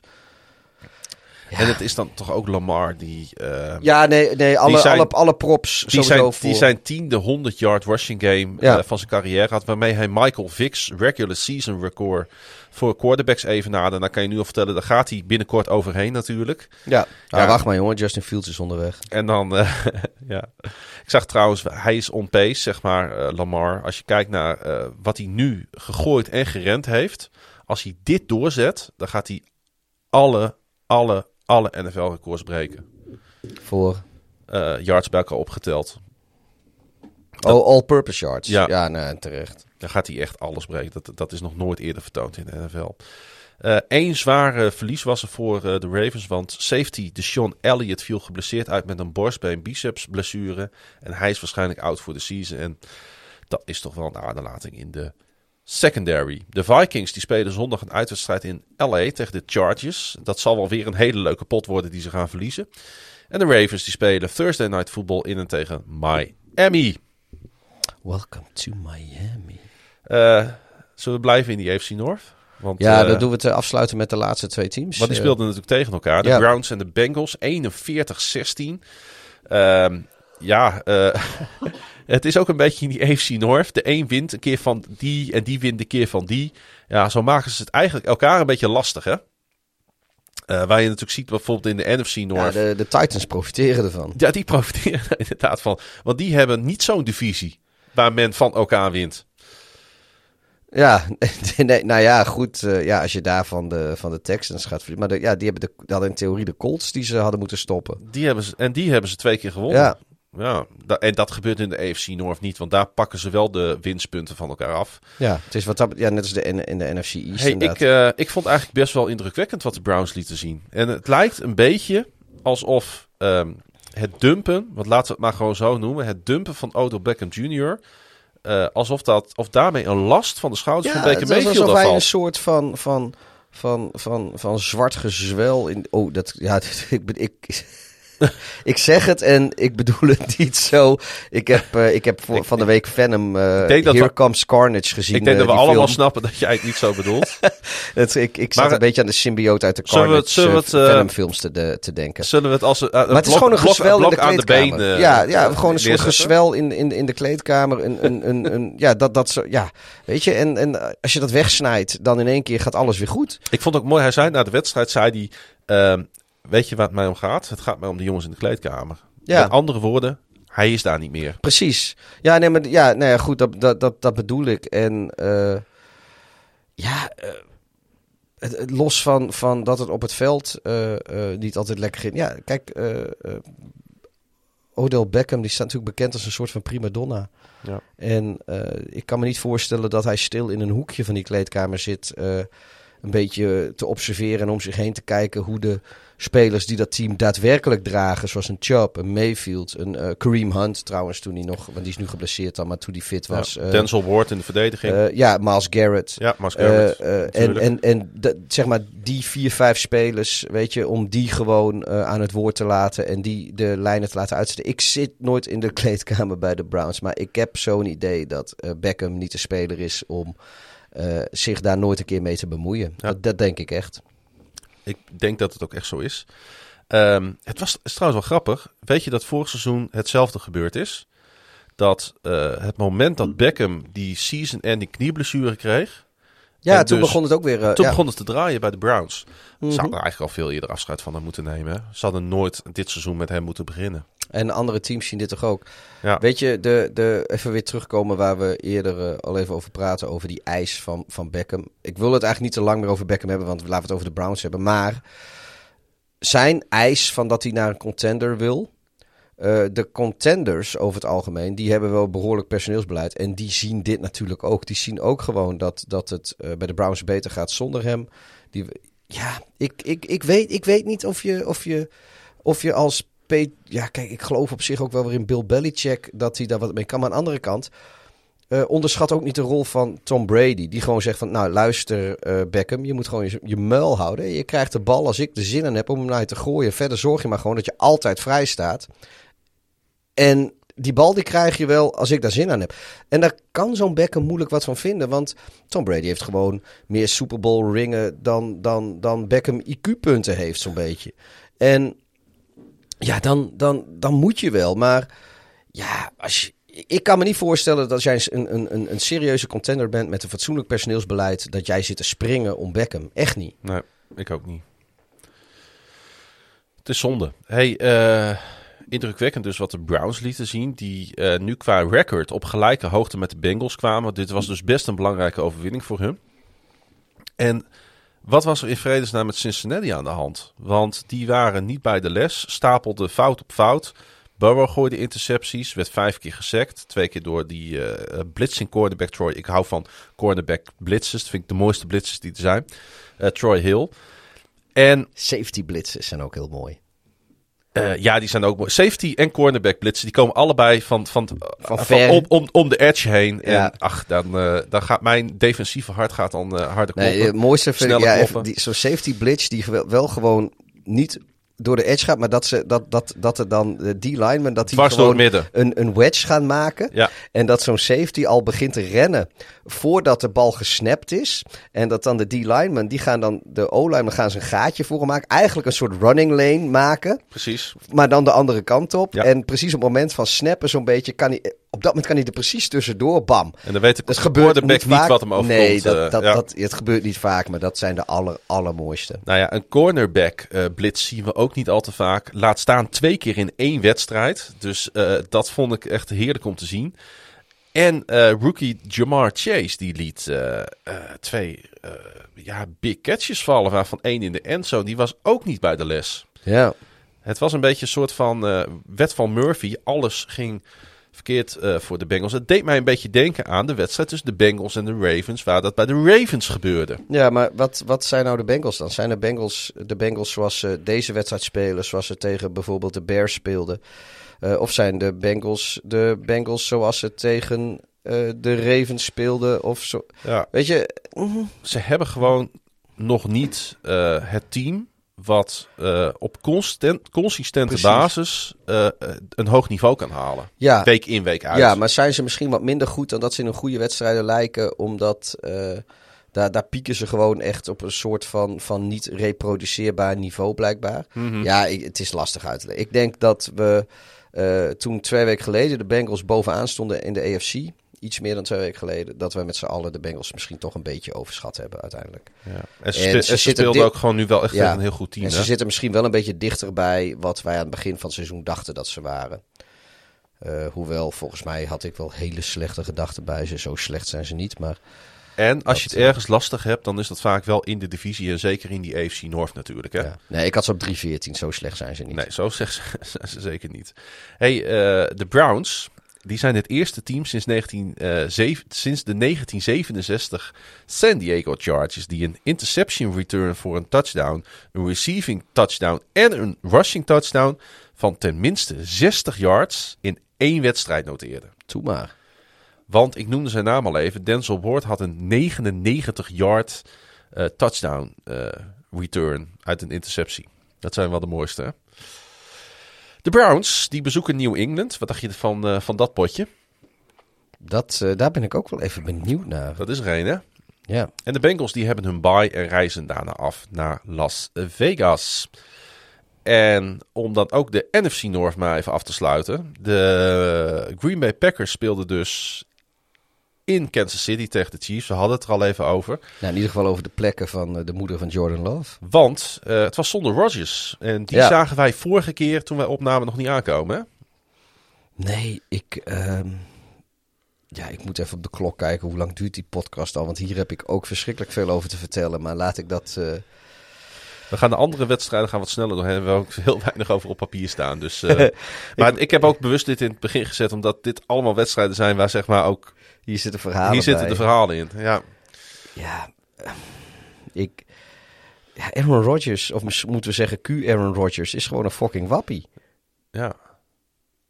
En eh, ja, weet je, kijk, iedereen die fan is van een NFC North team dat niet in het geel met groen speelt, eh, was eigenlijk wel, wel, wist wel dat Aaron Rodgers een beetje een, niet, niet per se die hele leuke man was die, eh, die, die heel vaak voordoet te zijn. Het is, het is gewoon, hij heeft echt wel een gebruiksaanwijzing. Is ook niet erg hoor, Hebben we natuurlijk afgelopen want hebben zomer wij gezien. ook. Ja, nou ja, goed. Toen, toen, hebben wij ook, ja. ja, maar eh, eh, toen, ja, toen ging er al een deel zeg maar, van, eh, van, de, van de sluiers die, die verdwenen om hem heen. ja. En het gaat nu echt in een moordtempo. gaat hij zich als een van de meest likable personen naar een, als, een van de meest gehate eh, persoonlijkheden, denk ik, in de league eh, is hij. eh, ik denk dat Tom Brady ondertussen populairder is. eh. Ja, dan toch hij. eh viel het heel veel commentatoren op hoeveel eh, number 12 jerseys er toch in het publiek te zien waren. Er was ja, ook maar een- dat is ook vaak de enige, enige packer jersey die mensen hebben. Ja, ja. De, de, er was ook een groot bord te zien in het publiek met We Stand With eh, Rodgers. Ja. Dan denk ik, hoe dan? Want jij zit daar als gevaccineerde op de tribune. Want Ik, dat we is- hebben de Chiefs eh, vaccinatieplicht voor het stadion. Ik weet dat de Raiders het volgens hebben. mij wel. eh, eh, niet alle teams hebben dat volgens mij. Maar ik weet de Raiders hebben het. de Bears ook. Is dat zo? Ja, er stond een, bij, de, bij de kaartverkoop stond een health check dingetje. We moeten even onderzoeken hoe we dat precies eh Ja, doen. dat moeten we ook inderdaad nog even onderzoeken. Dat, Nou, nee, want ik dacht dat... Ik wist niet of, of ze dat in Chicago zo... Ja, nee, oh nee, dat is volgens mij... Volgens mij is het in Chicago, kun je eigenlijk net als hier... Kun je ook als je getest bent, eh, kun je heen. En bij de Raiders was het zo, daar kun je alleen maar heen als je gevaccineerd bent. Want ik weet nog, omdat ik natuurlijk naar van die Bears podcast luisterde... Die waarschuwden de fans die naar Las Vegas wilden een paar weken geleden toen de Bears er speelden... Van luister, eh, eh, een test is niet genoeg. Je moet gevaccineerd zijn, anders kun je het shaken. Ja. Maar dit is compleet op tof, off topic. Dat geeft niet. Hey, ik zat naar deze wedstrijd te kijken. Ehm, want als je het goed vindt, eh, praat ik even over dit hele Rodgers debakel heen. Want we hebben er al nodig over gezegd. En ik denk dat de mensen thuis ondertussen ook wel weten hoe wij in, dit, in deze thematiek staan. Nou ja, ik, ik wil... Of er toch nog wat Nou, over ik- zeggen? Wat, wat eh, ja, niet zozeer dan in deze wedstrijd zelf. Wat, wat een probleem is, voor, vind ik. En dat vinden eh, ik schijnbaar 31 eh, van de 32 NFL-teams. En dan mag je raden welk ene team daar niet zoveel problemen Mhm. heeft. Is het met de sancties die er nu opgelegd zijn hiervoor. Ja. Eh, maar dat we- ja, kunnen we nu doen, kunnen we na de wedstrijd even doen. eh, of we kunnen het helemaal niet doen. Maar ik vind dat eigenlijk wel bizar eh, hoe, de- hoe dat loopt. En ik, Nou ja, eh, dus- pak je moment. nou goed, Aaron Rodgers en Lazar, die hebben, die receiver, die hebben allebei een boete gehad eh, van de league. Omdat zij naar een Halloween-feest zijn geweest. Klopt. Terwijl ze niet gevaccineerd waren. En Een mag Halloween-feest van de Packers. Ja. Van de organisatie. Ja, en dat mag dus niet als je niet gevaccineerd bent. En de Packers die hebben een boete gekregen omdat eh, spelers van hun zich niet, of personeel van hun, en dan of het dan spelers zijn of medewerkers, laat ze in het midden. Maar in dit geval gaat het om spelers, eh, zich niet aan de COVID-maatregelen hebben gehouden. Terwijl zij, eh, voor ongevaccineerde spelers, terwijl zij dat wel wisten dat ze dat wel moesten doen. En dan gaat het over dat ze regelmatig zonder maskers rondliepen, terwijl, dat, terwijl ze wel een mondkapje op moesten hebben. Eh, het gaat erom dat ze bij persconferenties zonder mondkapje verschenen enzovoort. Maar dat is dus al eh, eh, acht, negen weken lang is dat gaande. En iedere keer opnieuw worden die regels overtreden. En pas nu Rogers positief getest is, komt het allemaal naar buiten dat hij niet gevaccineerd is. En in één keer zeggen allerhande journalisten en mensen die gewoon tv kijken van... Ja, maar als hij niet gevaccineerd is, dan mag hij toch niet dit en dan mag. Want iedereen dacht dat hij gevaccineerd was, omdat hij eh, eh, zich niet leek te houden aan de regels die voor ge- ongevaccineerde spelers golden. Nou ja, eh, nu discussiëren vooral teams als de Saints en de Patriots volgens mij en de Raiders. Die hebben er nogal bezwaar tegen, want die hebben gewoon draftpicks in moeten leveren voor, voor het herhaaldelijk overtreden. Dat was dus bij de tweede keer van een COVID-regel. En zij zeggen, luister, de Packers hebben dat al, doen dat al acht, acht à negen weken op rij. Dat is niet één incident, dit is gewoon heel vaak. Maar ja, goed, eh, nu blijkt ook dat de NFL alles al wist van de vaccinatiestatus van Aaron Rodgers. En die hebben er dus gewoon acht, negen weken lang niks mee gedaan. Waarschijnlijk omdat het zo'n high-profile speler is. In de hoop dat, uh, dat niemand dat op zou merken. Ja, maar toen die positieve test kwam, toen konden ze niet anders. En ja, het, het levert toch wat, wat Uiteindelijk was het waarschijnlijk glasplas, alles bleef zoals het was. Maar op dit moment is het gewoon wel tweespalt in de league. En ik, ik vind het heel bizar. En ook iedere keer dat Rodgers erover praat, komt hij met een soort ander verhaal. Weet je, hij liegt er gewoon over en nog steeds. En ja, ik, ik heb daar, ja, kijk hoe wij hierover denken, dat is geen geheim. Maar waar ik serieus gewoon een probleem heb, is dat iemand die uh, met zijn profiel, met zijn bekendheid, met zijn uitstraling, dat hij zich niet wil laten vaccineren, vind ik prima. Dat is ieders eigen keuze, dat mag je zelf beslissen. Het is jouw lichaam, uh, weet je, klaar. Maar erover liegen ja. en leugens verspreiden. En, en zitten te mieren en te martelen over medisch advies aannemen van Joe Rogan. En daarmee weer gaan alsjeblieft man. ja, daar heb ik, ik, ik vind het bij het criminele af. Hm. Daar heb ik serieus. Niet omdat het Aaron Rodgers is of de Packers, want iedereen weet, die staan niet bovenaan op mijn uh, uh, kerstcadeautjeslijstje. maar... Um, ik weet wat jij krijgt. maar, een mooie Green Bay Packers muts. Nou ja, daar kun je dan mooi de, de vuurkorf mee aansteken. maar... Uh, ja, dat, dat, dat is mijn probleem. Ik heb geen probleem als je niet wil laten vaccineren. Ik heb een probleem ermee als je daar vervolgens met je laffe bek gewoon over liegt en net doet of je wel gevaccineerd bent. En als het dan uitkomt, nog eens leugens gaat verspreiden over het vaccin en al dat soort bullshit. Weet je, daar, daar, ja, sorry, ik word daar gewoon kwaad over. Maar laten we het over die wedstrijd nou ja, hebben. Ik ben er alweer klaar mee. We hebben natuurlijk gezien dat ondanks zijn, uh, zijn, um, zijn hoge niveau, wat hij al jaren laat zien dat hij zichzelf, uh, ondanks dat, zijn eigen ego boven de sportieve belangen van zijn werkgever uh, zet. En ik ben daar van het zomer ben ik daar ook al heel pissig om geworden. Ja, vind ik een goed punt trouwens, wat, je nu uh, aanbrengt. Want ik vind dat niet alleen dat je je werkgever in de steek laat. En ik ga het weer zeggen, ik heb het van het zomer in de voorbereidingspodcast en de off-season podcast ook gezegd. Ik vind nog veel erger dat hij die trouwe fans in de steek laat. Die, uh, die die dikke vette paychecks mogelijk maken, hè? Die fans die ook weer op Arrowhead met zijn jersey stonden. Ja. Waardoor de Packers een wedstrijd verliezen die ze absoluut niet hadden hoeven te verliezen. Nee, en die ook nog van cruciaal belang is voor de number one seat in de NFC. Ik denk namelijk zonder twijfel dat met Rodgers hadden de Packers nooit verloren als je kijkt hoe de Chiefs er op dit moment voor staan. Ik, dat, en hoe deze wedstrijd is verlopen. Nou, de, de, Chiefs hebben 13 punten op het bord gezet tegen de, tegen de Packers. Nou, ik kan me zo snel geen universum voorstellen waarin Aaron Rodgers en de Packers niet meer dan, dan 14 punten op het, of niet minder dan 14 punten op het bord zetten tegen de Chiefs defense. En wat je zag. Dat is niet, dat doen ze. En dat vond ik ook opvallend. Ik, ik, ben, ik heb deze wedstrijd uh, lekker in mijn bedje in, uh, op het bungalowpark heb ik die gekeken. En het kan bijna niet anders dan dat de Chiefs heel snel hun defensive gameplan hebben aangepast. Nadat zij natuurlijk, net als de rest van alle volgers in de NFL, hoorden dat hij niet zou spelen.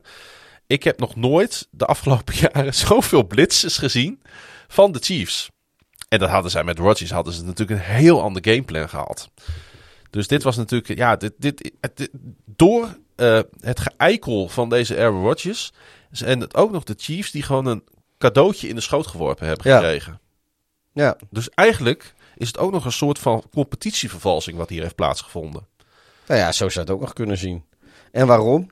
Nou, volgens de laatste verhalen van Aaron Rodgers was, is hij, uh, is hij allergisch voor een uh, ingrediënt van, uh, van een mRNA-vaccin. Nou, er zijn twee mRNA-vaccins en die hebben samen maar drie ingrediënten gemeen. Dus uh, een van die drie moet het zijn. Eentje ervan is suiker. Of nou ja, sucrose. Nou, ik denk niet dat hij allergisch is voor sucrose of en fructose. Denk, dat, want dan kun, je dan kun je volgens mij niks meer eten. Nee. Uh, de andere is chlorestrol. Nou ja, goed. Ik denk dat hij, uh, dat hij heus wel eens iets eet waar chlorestrol in zit. Een eitje of zo. Mm -hmm. Dus dan blijft fosfogoline. Ja, ik heb mijn research gedaan, mensen. Ik heb Facebook. Nee, ik heb geen Facebook, maar ik heb wel mijn research. Doe je research, mensen. je hebt wel YouTube. ja. nee, dat, dus dat zou dan fo- fosfogoline moeten zijn. Nou ja, dat, eh, dan ben ik benieuwd. Want dat is, is iets wat speciaal schijnt te zijn ontwikkelen voor dit vaccin. En of misschien vaccins in het algemeen. Maar hoe je erachter bent gekomen dat, je, Ja. dat dat hetgeen is waar je allergisch voor bent. Want dat is niet iets wat je normaal tegenkomt. Het is gewoon absolute bullshit. En dan komt bij de CDC, waarvan Aaron Rodgers dus zegt van ja, als je allergisch bent voor een van de ingrediënten, hoef je, hoef je dat vaccin niet te nemen. Dat zei Aaron Rodgers. Als je allergisch bent voor een van de ingrediënten in het vaccin, hoef je het vaccin niet te nemen. Maar de, dat is niet helemaal waar, want CDC zegt als je ernstig allergisch bent. En daar bedoelen ze dus bij dat je gewoon in shock kan raken. Of weet je wel, dat je zo'n EpiPen bij je moet hebben. Dat is niet omdat je een uitslag krijgt of een stijve arm of, of, of weet ik veel, een, een misselijk gevoel of, of een halve graad verhoging. Dat is geen ernstige allergie. Dus eh, ja, volgens mij lult, zoals mijn moeder zou zeggen, hij lult op soep en krijgt boon. En eh, ik ben er hier wel mee klaar. En Rodgers, ik hoop eh, dat je voorlopig nog steeds niet in de NFL. Ik ben klaar met jou. Klaar mee. Zijn vervanger Love die eh, wist uiteindelijk 19 keer een paas succesvol naar een andere packer te gooien voor 190 yards, 1 touchdown, 1 interceptie. Dat was niet al te best. We hebben trouwens onze Loveboat jingle vergeten, bedenk ik me nu. Ja, We hadden hem zo beloofd aan iedereen. En eh, sorry jongens, volgende keer beter. de. Na, na, na. Nou goed, dat was hem. Daar moet, Die, eh, Dit is het, meer wordt het niet. Nee, eh, de Packers stond op een gegeven moment met 13-0 achter natuurlijk. Tegen de regerend EFC-kampioen, laten we dat niet vergeten. En na die touchdown van Love op Alan Lazar, we noemden hem net al, met nog 4,49 te gaan, lag er natuurlijk ook nog wel een kans op een comeback. Maar Green Bay kreeg het niet eens meer voor elkaar om daarna de bal nog een keer in bezit te krijgen. Ja, en eh, eh, eh, ja, de Chiefs wonnen. Ja, ik denk niet dat Mahomes heel tevreden terugkijkt op deze, op deze wedstrijd, op deze avond. Ik denk dat Mahomes op dit moment helemaal niet tevreden terugkijkt op wat hij eigenlijk aan het doen is. Want wat is hij eigenlijk aan het doen? Weet je, zullen we het daar eens over hebben? Want een paar wedstrijden, Ja. één, twee, drie wedstrijden. Weet je, de lat kan niet altijd zo onmenselijk hoog liggen Ja. als, hij, als, als wat hij heeft laten zien. Maar hij gaat nu wel. eh, het is niet dat hij niet geweldig speelt zoals hij eigenlijk eh, altijd speelt. Het is nu, hij is gewoon beroerd. Het is gewoon echt gewoon een, een, een, Want een het quarterback die niet eens in de top 20 Het staat. kan toch niet zo zijn dat hij nu off-target is, omdat zijn wapens niet eh, bijvoorbeeld de goede routes lopen. Want we hebben al eerder gezien dat die targets wel degelijk de goede routes kunnen lopen. Ja, en we hebben ook al gezien dat, kijk, dat is natuurlijk wel zo, dat, dat je hebt dan voor, voor interception-prone passes of weet ik veel wat allemaal. Dat, daar gooide hij er best veel van. Ja. Maar eh, eh, zijn, zijn receivers, eh, de, de, de Kelch, Kelsey's, Kelch, hoe je maar wil noemen, weet je, dat soort boys, die trouwens ook beroerd speelden. Ja. Maar, maar weet je, die redden hem, hem heel vaak. Eh, ja, dat gebeurt nu wat minder. Er zijn wat meer drops, er zijn eh, wat meer intercepties. Maar ja, het, nog steeds, weet je, we hebben zoveel talent bij die jongen gezien... dat zelfs als dit gebeurt, dan nog moet hij een, een ver, ver boven het niveau van een gemiddelde NFL-quarterback eh, kunnen spelen. Ik vond het onbegrijpelijk dat eh, de Packers, want de Packers die hebben natuurlijk de wedstrijd niet alleen op het gemis van Aaron Rodgers verloren, maar ook op special teams. Want bij een pand werd op een gegeven moment de bal per ongeluk aangeraakt door de teen van een van die downfield blockers bij de Packers. Ja. De Chiefs konden recoveren eh, ja, eh, vlak bij de red zone. Want zo gaat het in dat soort, eh, op dat soort posities, bij dit soort plays. En het enige wat ze eraan overhielden was een field goal. Ja, Als, als dit toch gebeurd was bij de Chiefs van 2020, dan zijn dat toch zes zekere punten voor de Chiefs.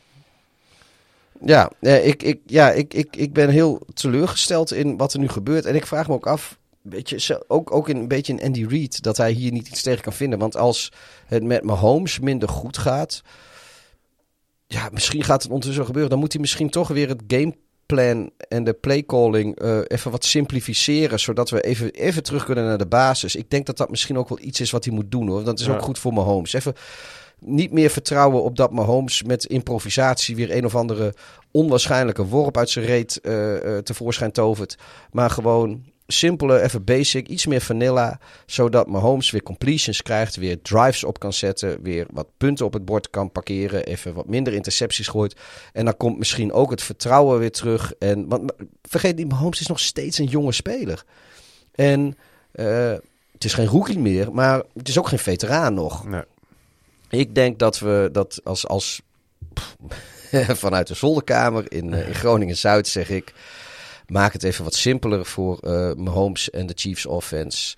Zodat ze even, even iets weer back to basics. En uh, zodat ze langzaamaan weer kunnen. Maar goed, de tegenstander speelt er natuurlijk ook een rol in. En we hebben ja. al benoemd vorige keer. Dat ziet er niet makkelijk uit voor Kansas City. Zo gaan zij bijvoorbeeld komende, uh, komend weekend op bezoek in Las Vegas voor Sunday Night Football. Ja, en daar zullen ze waarschijnlijk uh, wat goed willen maken. Nou, ik denk dat, uh, dat het gaat kolken in, in dat stadion in de Game Capital. Ik, ik, ben, ik ben benieuwd, joh. Het is wel een wedstrijd waar ik naar uit zit te kijken. Lekker in de divisie. Raiders thuis, altijd leuk. Absoluut. Green Bay, die spelen thuis tegen Seattle. Ja, en uh, dat is uh, grappig. Want Russell Wilson, die... die die zou, die zou wel eens terug kunnen komen. Hè? Die ja. hoopte terug te komen tegen de Packers, heb ik toen ook gezegd. Dat zou, moest ik nog helemaal uitzoeken welke week dat was. Nou, week 10 dus. Ja, en het schijnt... En het lijkt erop ja. dat dat ook gaat gebeuren. En maar het lijkt er ook op dat Aaron Rodgers gewoon weer speelt. Dat klopt, want die is, uh, als het goed is, zijn tiendaagse uh, uh, niet bij teamactiviteiten mogen zijn, loopt zaterdag af. Dus hij mag niet voorbereiden. Nou goed, het is Aaron Rodgers. Ja. Hij, volgens mij zaterdag mag hij zich weer melden bij teamactiviteiten. En zondag is die wedstrijd. Nou, die speelt gewoon weer. Die, die gaat we gewoon weer spelen. Ik ben wel benieuwd hoe dat gaat. Want ja, weet je, ik, we hebben, om nog heel even erover te, over te hebben. nou, afgelopen nog heel even dan. Afgelopen zomer, of afgelopen offseason, heeft hij natuurlijk eigenlijk al uh, aan zijn team laten weten dat hij zichzelf belangrijker vindt dan het team. Ja. Uh, deze acties doen dat ook. Ik kan me wel voorstellen, ik weet niet of het zo is, psychologie koude grond. Ik zit in een zolderkamertje in Groningen, maar ik heb wel het, dit, dit zou wel eens wat kunnen doen met uh, de draagkracht van Aaron Rodgers in zo'n team. Aan de andere kant, ze natuurlijk... zien ook dat Jordan Love er niks van kan. Ja. En dat als uh, die, die spelers bij de Packers, als die uh, willen meedoen om de prijzen, dan moeten ze wel met Rodgers. Hij heeft in ieder geval met Adam Lazar heeft hij een medestander. Dus die heeft hij in de pocket.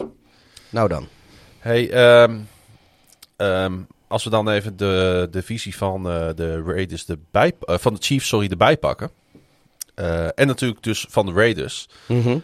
daar is het ook spannend. Ja. Want daar droppen de teams ook maar gewoon uh, winst- en verliespunten zo een beetje naar elkaar toe. Ja, dat staat of... volgens mij is het echt marginaal hoe als de Chargers, uh, de Superchargers, ja. daar bovenaan staan in de divisie. Precies, en de Raiders die verloren toch wel verrassend uh, in New York van de Giants. Die heel langzaam maar zeker een beetje boven komen drijven dit seizoen, hè? Ja, is, is, is Daniel Jones dan toch wel goed? Nee. dat niet. Maar uh, uh, laten we het zo zeggen. Uh, wij hadden niet verwacht vooraf aan dit seizoen dat de Giants competitief zouden zijn. Nee. En dat zijn ze wel. Oké, okay, ze hebben nog maar drie wedstrijden gewonnen en zes verloren. Maar goed, omdat de, ze staan derde in hun eigen divisie. Ja. Maar ja, we hadden ze misschien laatste verwacht. Ja. Nou, ik, we hadden niet verwacht dat, uh, dat als, als de Giants derde zouden zijn in de divisie, hadden we niet verwacht, denk ik, dat het Washington voetbalteam het team onder ze zou zijn. Precies. Hadden we denk ik meer naar Philadelphia gekeken. En ik had ook eigenlijk niet verwacht dat de Raiders deze wedstrijd zouden droppen. Zeker niet omdat ze uit hun bye kwamen. Aan de andere kant, dat wist ik vorige week nog niet, maar dat heb ik even opgezocht. De Raiders en spelen na hun bye is geen succes. Doe je eigen research, Klaas-Jan. Doe nou je eigen research. ze hebben namelijk een NFL Burst 3-16 record na de bye over de laatste 19 jaar. De Raiders. Van de laatste 19 jaar zijn ze 16 keer uit de bye gekomen met een nederlaag. Dat en is drie keer met winst. Ja. Hoe vaak, hoeveel van die drie keer was onder John Gruden? Vraag ik me af. Weet je dat toevallig? Nee, weet ik niet. Want als dat toev- stel dat dat alle drie was, hè? Ja. Dan, dan. Maar dat denk ik niet. Denk hoor. het niet. Nee, denk het ook niet. Nee, maar dat, dat vond ik wel een Oh, opvallende... Gruden, Gruden zit er trouwens al lang niet meer, jongen. Die is lang ontslagen. Wat lul ik nou? Uh, uh, wat zit er nu? Mike Mayock zit er nu toch? Nee, uh, Rick uh, Bisaccia. Oh ja, Mike Mayock is de general manager daar. Ja, Rich, Rich Bisaccia, zo heet hij volgens mij. Volgens mij moet je het zo uitspreken. Het was zijn eerste nederlaag. Dat werd ook eens tijd. Ja. nee, ja. Ik vond het sowieso... Ik had nooit verwacht dat de Giants dit zouden winnen. Nee, maar het gebeurde wel. En dat was onder andere dankzij uh, uh, Xavier. Xavier moet je volgens mij zeggen. Xavier ja, McKinney. Um, die geen idee had of die kon spelen. Want ook hier uh, was weer een COVID-dingetje. De Giants safety testte namelijk positief voor COVID-19 op woensdag. Is niet gevaccineerd. Is daar trouwens wel heel open en eerlijk over. Waarom wil hij niet vertellen. Maar hij heeft wel gelijk gezegd dat hij het niet gaat doen. Oké. En eh, hij, hij loopt dus niet zoals eh, die Cole Beasley met wappie-teksten rond te strooien. Of Aaron Rodgers. Het enige... Q, Q Aaron Rodgers Ja, moet ik zeggen. QAnon eh Rodgers. Het enige wat, wat hij heeft, wat hij steeds zegt, ja, ik doe het niet. Om om, om voor mij moverende redenen. Het bleek Nou, nee, maar dat, dat, dat mag. Daar heb ik ook. Ja. Ja. ik vind er wel wat van, maar Ik ik, heb er geen problemen mee. inderdaad, het bleek eh, eh, om een valse positieve test te gaan. En dat was voor de Giants maar goed ook, want McKinney retourneerde een interceptie voor 41 yards voor een touchdown aan het begin van de tweede helft. En hij wist Derek Carr later in de wedstrijd nog een keer te onderscheppen. En hij zat niet voor niks natuurlijk in jouw montage. Onderscheppen. Ik vind dat wel een. Ik heb die nog nooit eh, als een Nederlands woord voor interceptie bedacht. Ik vind hem wel, ik vind hem wel mooi. Ja? Ja, ik, ik is gebruik gewoon vrij logisch? inter- Ik gebruik de interceptie, maar ik, ik, heb, ik heb er gewoon nog nooit over nagedacht. Een Nederlands woord voor On- interceptie. onderscheppen. ja. Als je, als je toch in het Ja, voetbal nee. eh, onderschept, dan verdedigt er ook een paar. Nee, nee, dat klopt. Alleen, Ik had er gewoon nog nooit over nagedacht. Dus ik, in deze context moest, zat ik gewoon even... Ik zag gewoon ja, intercept, eh, interceptie. in... Ja, nee, ik vind, ik vind prima. Nee, ik vind het goed. Ja, Ik vind het mooi. precies. Hey, ehm, Oude eh, nationalist die ik ben. Ja. Eh, Derek Carr was niet tevreden over zichzelf na deze wedstrijd. Nee, dat eh, wat 16 punten heeft hij op bord geparkeerd of zo. Ja, en hij had natuurlijk dus die... eh, Die eh, backbreaking, eh ja, en, eh, mo- moraal-breaking onderschepping. en hij eh, miste vlak voor rust een wide open Darren Waller. Ehm, Toch een van de beste tight ends in de league. ja, het was ongelooflijk dat hij dat niet zag. En eh, eh, toen moesten de Raiders genoegen nemen met drie punten. Nou, dat is al pijnlijk. Toen miste, miste na rust kicker Daniel Carson een 25-yarder. De dit seizoen toch eh, zeer betrouwbare Carson. Ja, maar kom, 25 yards kunnen wij nog met, met een beetje oefening 25 hoor. Ik moet wel even oefenen voor in zo'n netje aan de zijlijn trappen en dan, dan misschien. En toen begon een beetje alles in elkaar te, te, te, te zakken bij de, eh, bij de Raiders. Die eh, ehm, eh, nog wel op de Giants 13 kwamen om eh, potentieel gelijk te komen. Maar toen werd op 2 en 10 eh, er een strip sack door Quincy eh, uitgevoerd. Leonard Williams die recoverde de loose ball. En de Giants konden toen de wedstrijd uitknielen. En dus winst voor de New York Football Giants. Big Blue. De Raiders die spelen dus thuis tegen de Chiefs op Sunday Night Football. De Giants hebben een bye. Waarna ze op Monday Night Football naar Tampa Bay afreizen. Dan die eh, eh, toch wel verrassende overwinning van de Broncos eh, bij Dallas. Ja, dat, dat, ja, nee. Ik zat dat met, met groeiende verbazing, zat ik eigenlijk te kijken naar, naar die wedstrijd. Ja, want de Cowboys konden natuurlijk wel weer een beroep doen op, op hun star quarterback. Mhm. Ehm, is het te verklaren zoiets? Zo'n wedstrijd die er opeens tussendoor komt. Is het dan zo'n Ja, nou ja, ik gooi hem er wederom in. eh zolderkamertje Groningen. Ik zeg hier, ik heb nog nooit eh, ook maar een klein stukje kaas gegeten van, hele, van het hele psychologische. Maar eh, ja, als die, als die Cowboys gewoon met Cooper Rush indrukwekkend spelen. Dan, en ze ontmoeten daarna moeten ze in eigen huis spelen tegen de niet bijster hoog ingeschatte Denver Broncos met Dak Prescott weer terug. Ja, dan heb je best kans dat ze zeggen van, ah, appeltje, eitje. eh, we kijken alvast langs deze wedstrijd of whatever. Weet ik, ik denk hier een klassiek geval van onderschatting. Ja. En als je dan één keer in die wedstrijd zit, dan zit je erin. En aan de andere kant staan de Broncos, die, eh, die vechten voor een laatste kans. Die zien ook dat in de NFL, zoals het er de laatste week aan toe gaat, alles mogelijk is. Ja, Vic Fangio zei ook... eh, van, Een ijzervreter. Als er, ik geloof Ja. wel dat hij je team kan motiveren. We hadden de wel- right mindset, eh, Ja. zei hij. Tegen de nummer 1 offense hè, in de league. Ja, ja, ja. Maar, ja. maar wat ik zeg, die hebben natuurlijk met Cooper Rush hebben ze het hartstikke leuk gedaan. eh, vorige week. En dan, en dan waarschijnlijk denken ze van, nou, nu is Dek terug. Het gaat alleen maar beter. Ja, als, je dat, als dat je insteek is, dan, dan niet. Ik vond het echt heel knap, want eh, de eh, eh, Broncos speelden natuurlijk voor het eerst zonder hun star pass rusher Von Miller. Die ze weggetrade hadden. Hun, hun dus nu nieuwe eh, team sack leader Malik Reed, die was inactive door een heupblessure. Hun left tackle eh, ontbrak door een enkelblessure. Hun right tackle viel geblesseerd uit. Hè. Bobby Messi, dat is ook echt een, een grote naam. Een grote jongen in de NFL.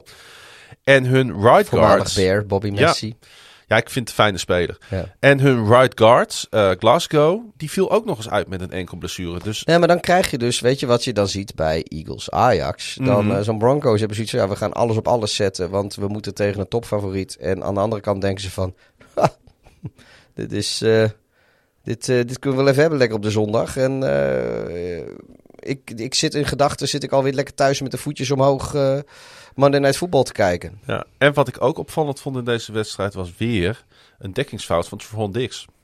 Die weer een touchdown toeliet. Ja, dat vind ik niet opvallend. Nee, is niet opvallend. Nee, Nee, ja, ja. snap wat ik ermee bedoel. Ja, nee, in de dat- zin van het gebeurde weer. Dat Ja. vond ik opvallend. Dat, dat, Ja, nee, het, ik- het begint nu systematisch te worden. Nou ja, het, het- het was eigenlijk al, al zo natuurlijk dat als hij eh, los van zijn intercepties is het gewoon een hele matige eh, eh, verdediger. Ja. En ja, als die intercepties er dan niet zijn, ja, dan, dan is het een hele, hele Kan- matige verdediger. Kan het ook gewoon een, een, een mismatch zijn?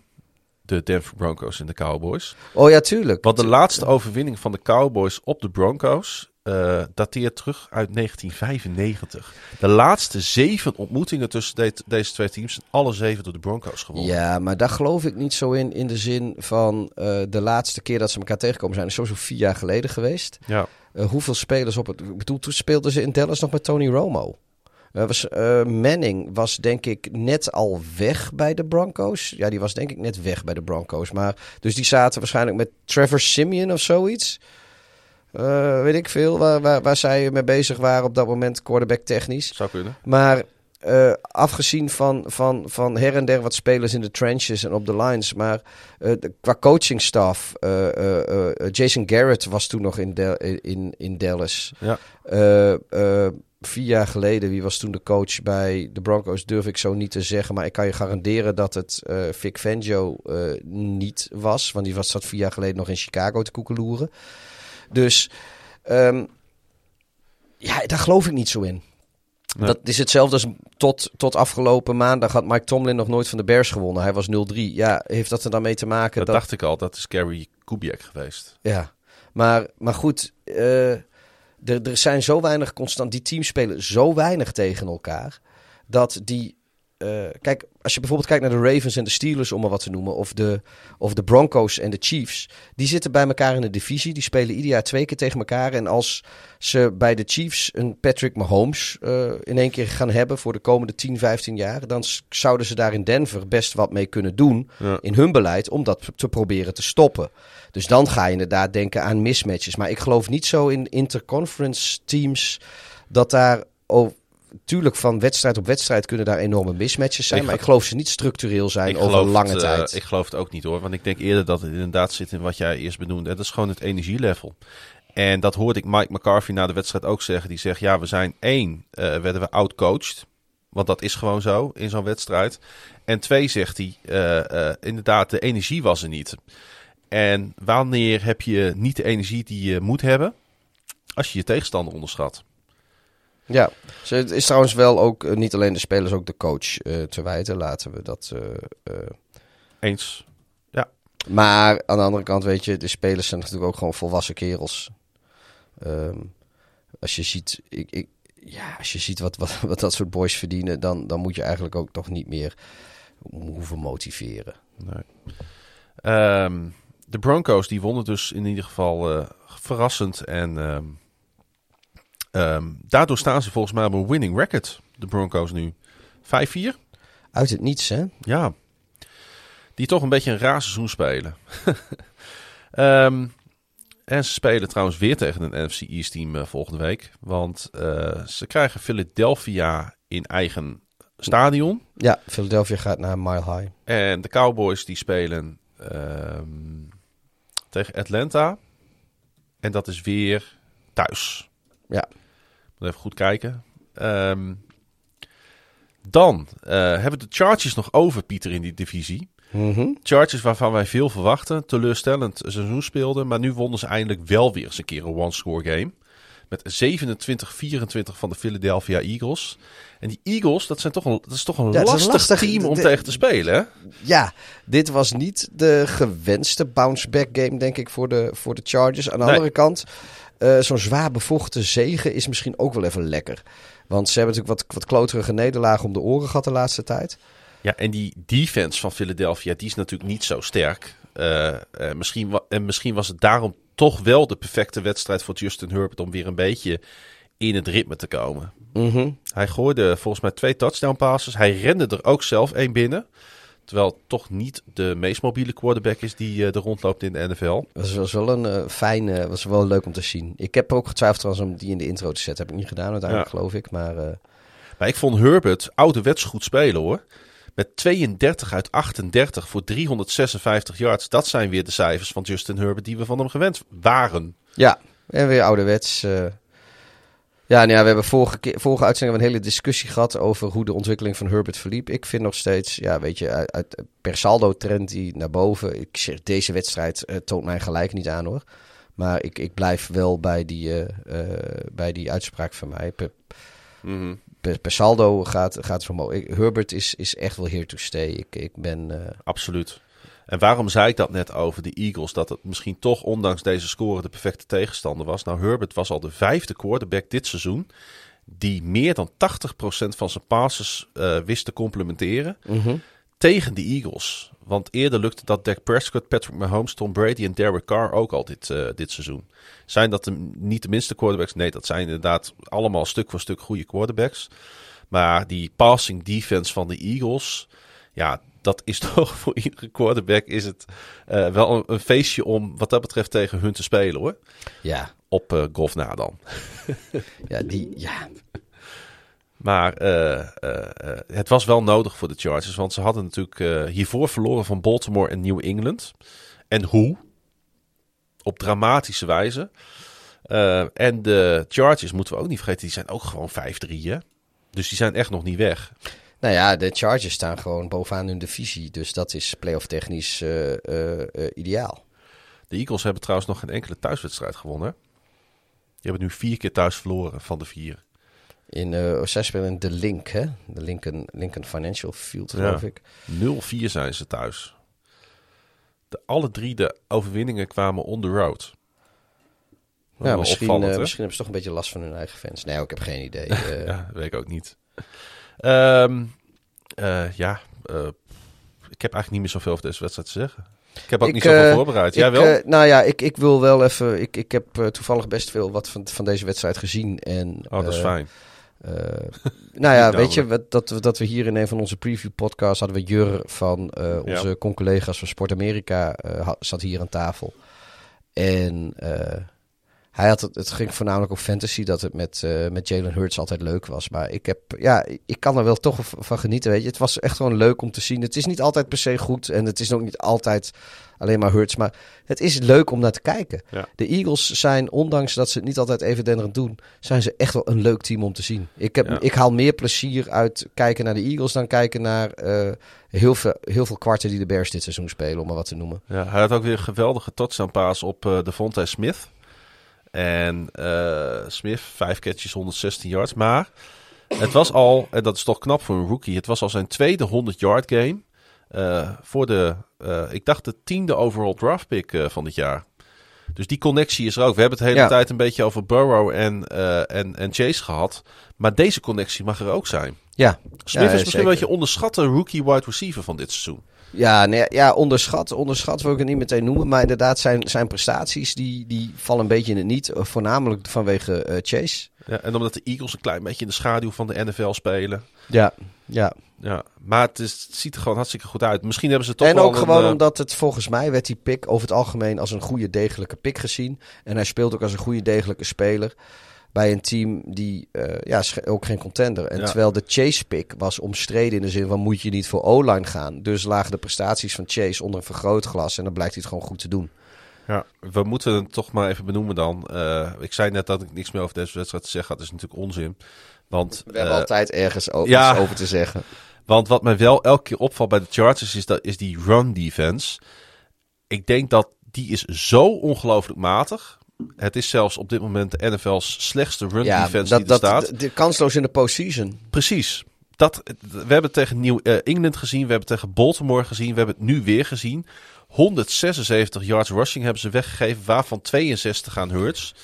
Maar ik, dit is wel zo, hè. Dit is gewoon met, eh, eh, met, met een nieuw offseason... waar ze misschien eh, één of twee draft picks, misschien een free agency... weet je, dan kun je met drie, misschien vier spelers. Ja. Misschien even kijken of, of mis- misschien ga je ook nog wel iets doen met je coaching... of met je assist, assistenten, whatever. Nou, Dit dat, is- die dit hebben is ze wel- net vernieuwd. Dat denk ik Ja, niet. nou, nou, nee, ze kunnen altijd assistentje erbij nemen. Ass- Assistants D-line coach, weet je. Je, je houdt gewoon je D-line coach. Maar, Ja, nee, Adrie, Adrie Poldervaart bijvoorbeeld. nou, nou, maar gewoon iemand die daar heel eh, gekwalificeerd in is. Die daar, die daar Nee, gewoon een fris idee over zegt. heeft. Ja, ja, zeker. Dit is, dit is iets wat in één offseason op te lossen is. Want de, de- ik vind de, de Chargers best wel... Ze zijn niet het meest complete team. Maar als die run die gaat lopen... dan eh, begint het al er heel wat, eh, wat gezelliger uit te zien voor ze. Ja, en Seriani, die wist natuurlijk precies hoe de Chargers in elkaar zitten. Want die was vijf jaar lang assistentcoach bij de Chargers. Ja, ja dat ook wel. Nee, maar ik, de, de problemen van de Chargers zijn... eh, eh, geen garantie, maar met, met goed beleid in één offseason op te lossen.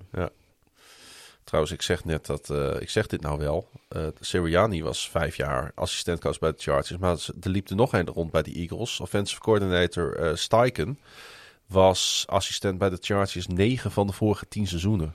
Dus er was veel overlap. eh, ja, dus het is, het is niet dat... er, ja, kijk, er zit een nieuwe hoofdcoach eh, bij San Diego... Of San Diego, Los Angeles Chargers. Mhm. Ehm, maar veel spelers zijn hetzelfde, dus, dus, dus die... Ja, dus, dus zullen her en der zullen heus wel inside information geweest zijn bij de Eagles. Brandon Staley bedoel je natuurlijk. Wat zei ik? Zei ik wat anders? Nee, je zei, maar je zei de naam er niet bij. Oh, sorry, Voor de mensen sorry. die dat graag willen weten. Nee, omdat ik, ik, ik, ik luister ook wel eens deze podcast terug. Lang niet altijd, want het duurt me veel te lang. Oh, dan verhaspel je weer een naam. eh. Ik verhaspel zo vaak namen.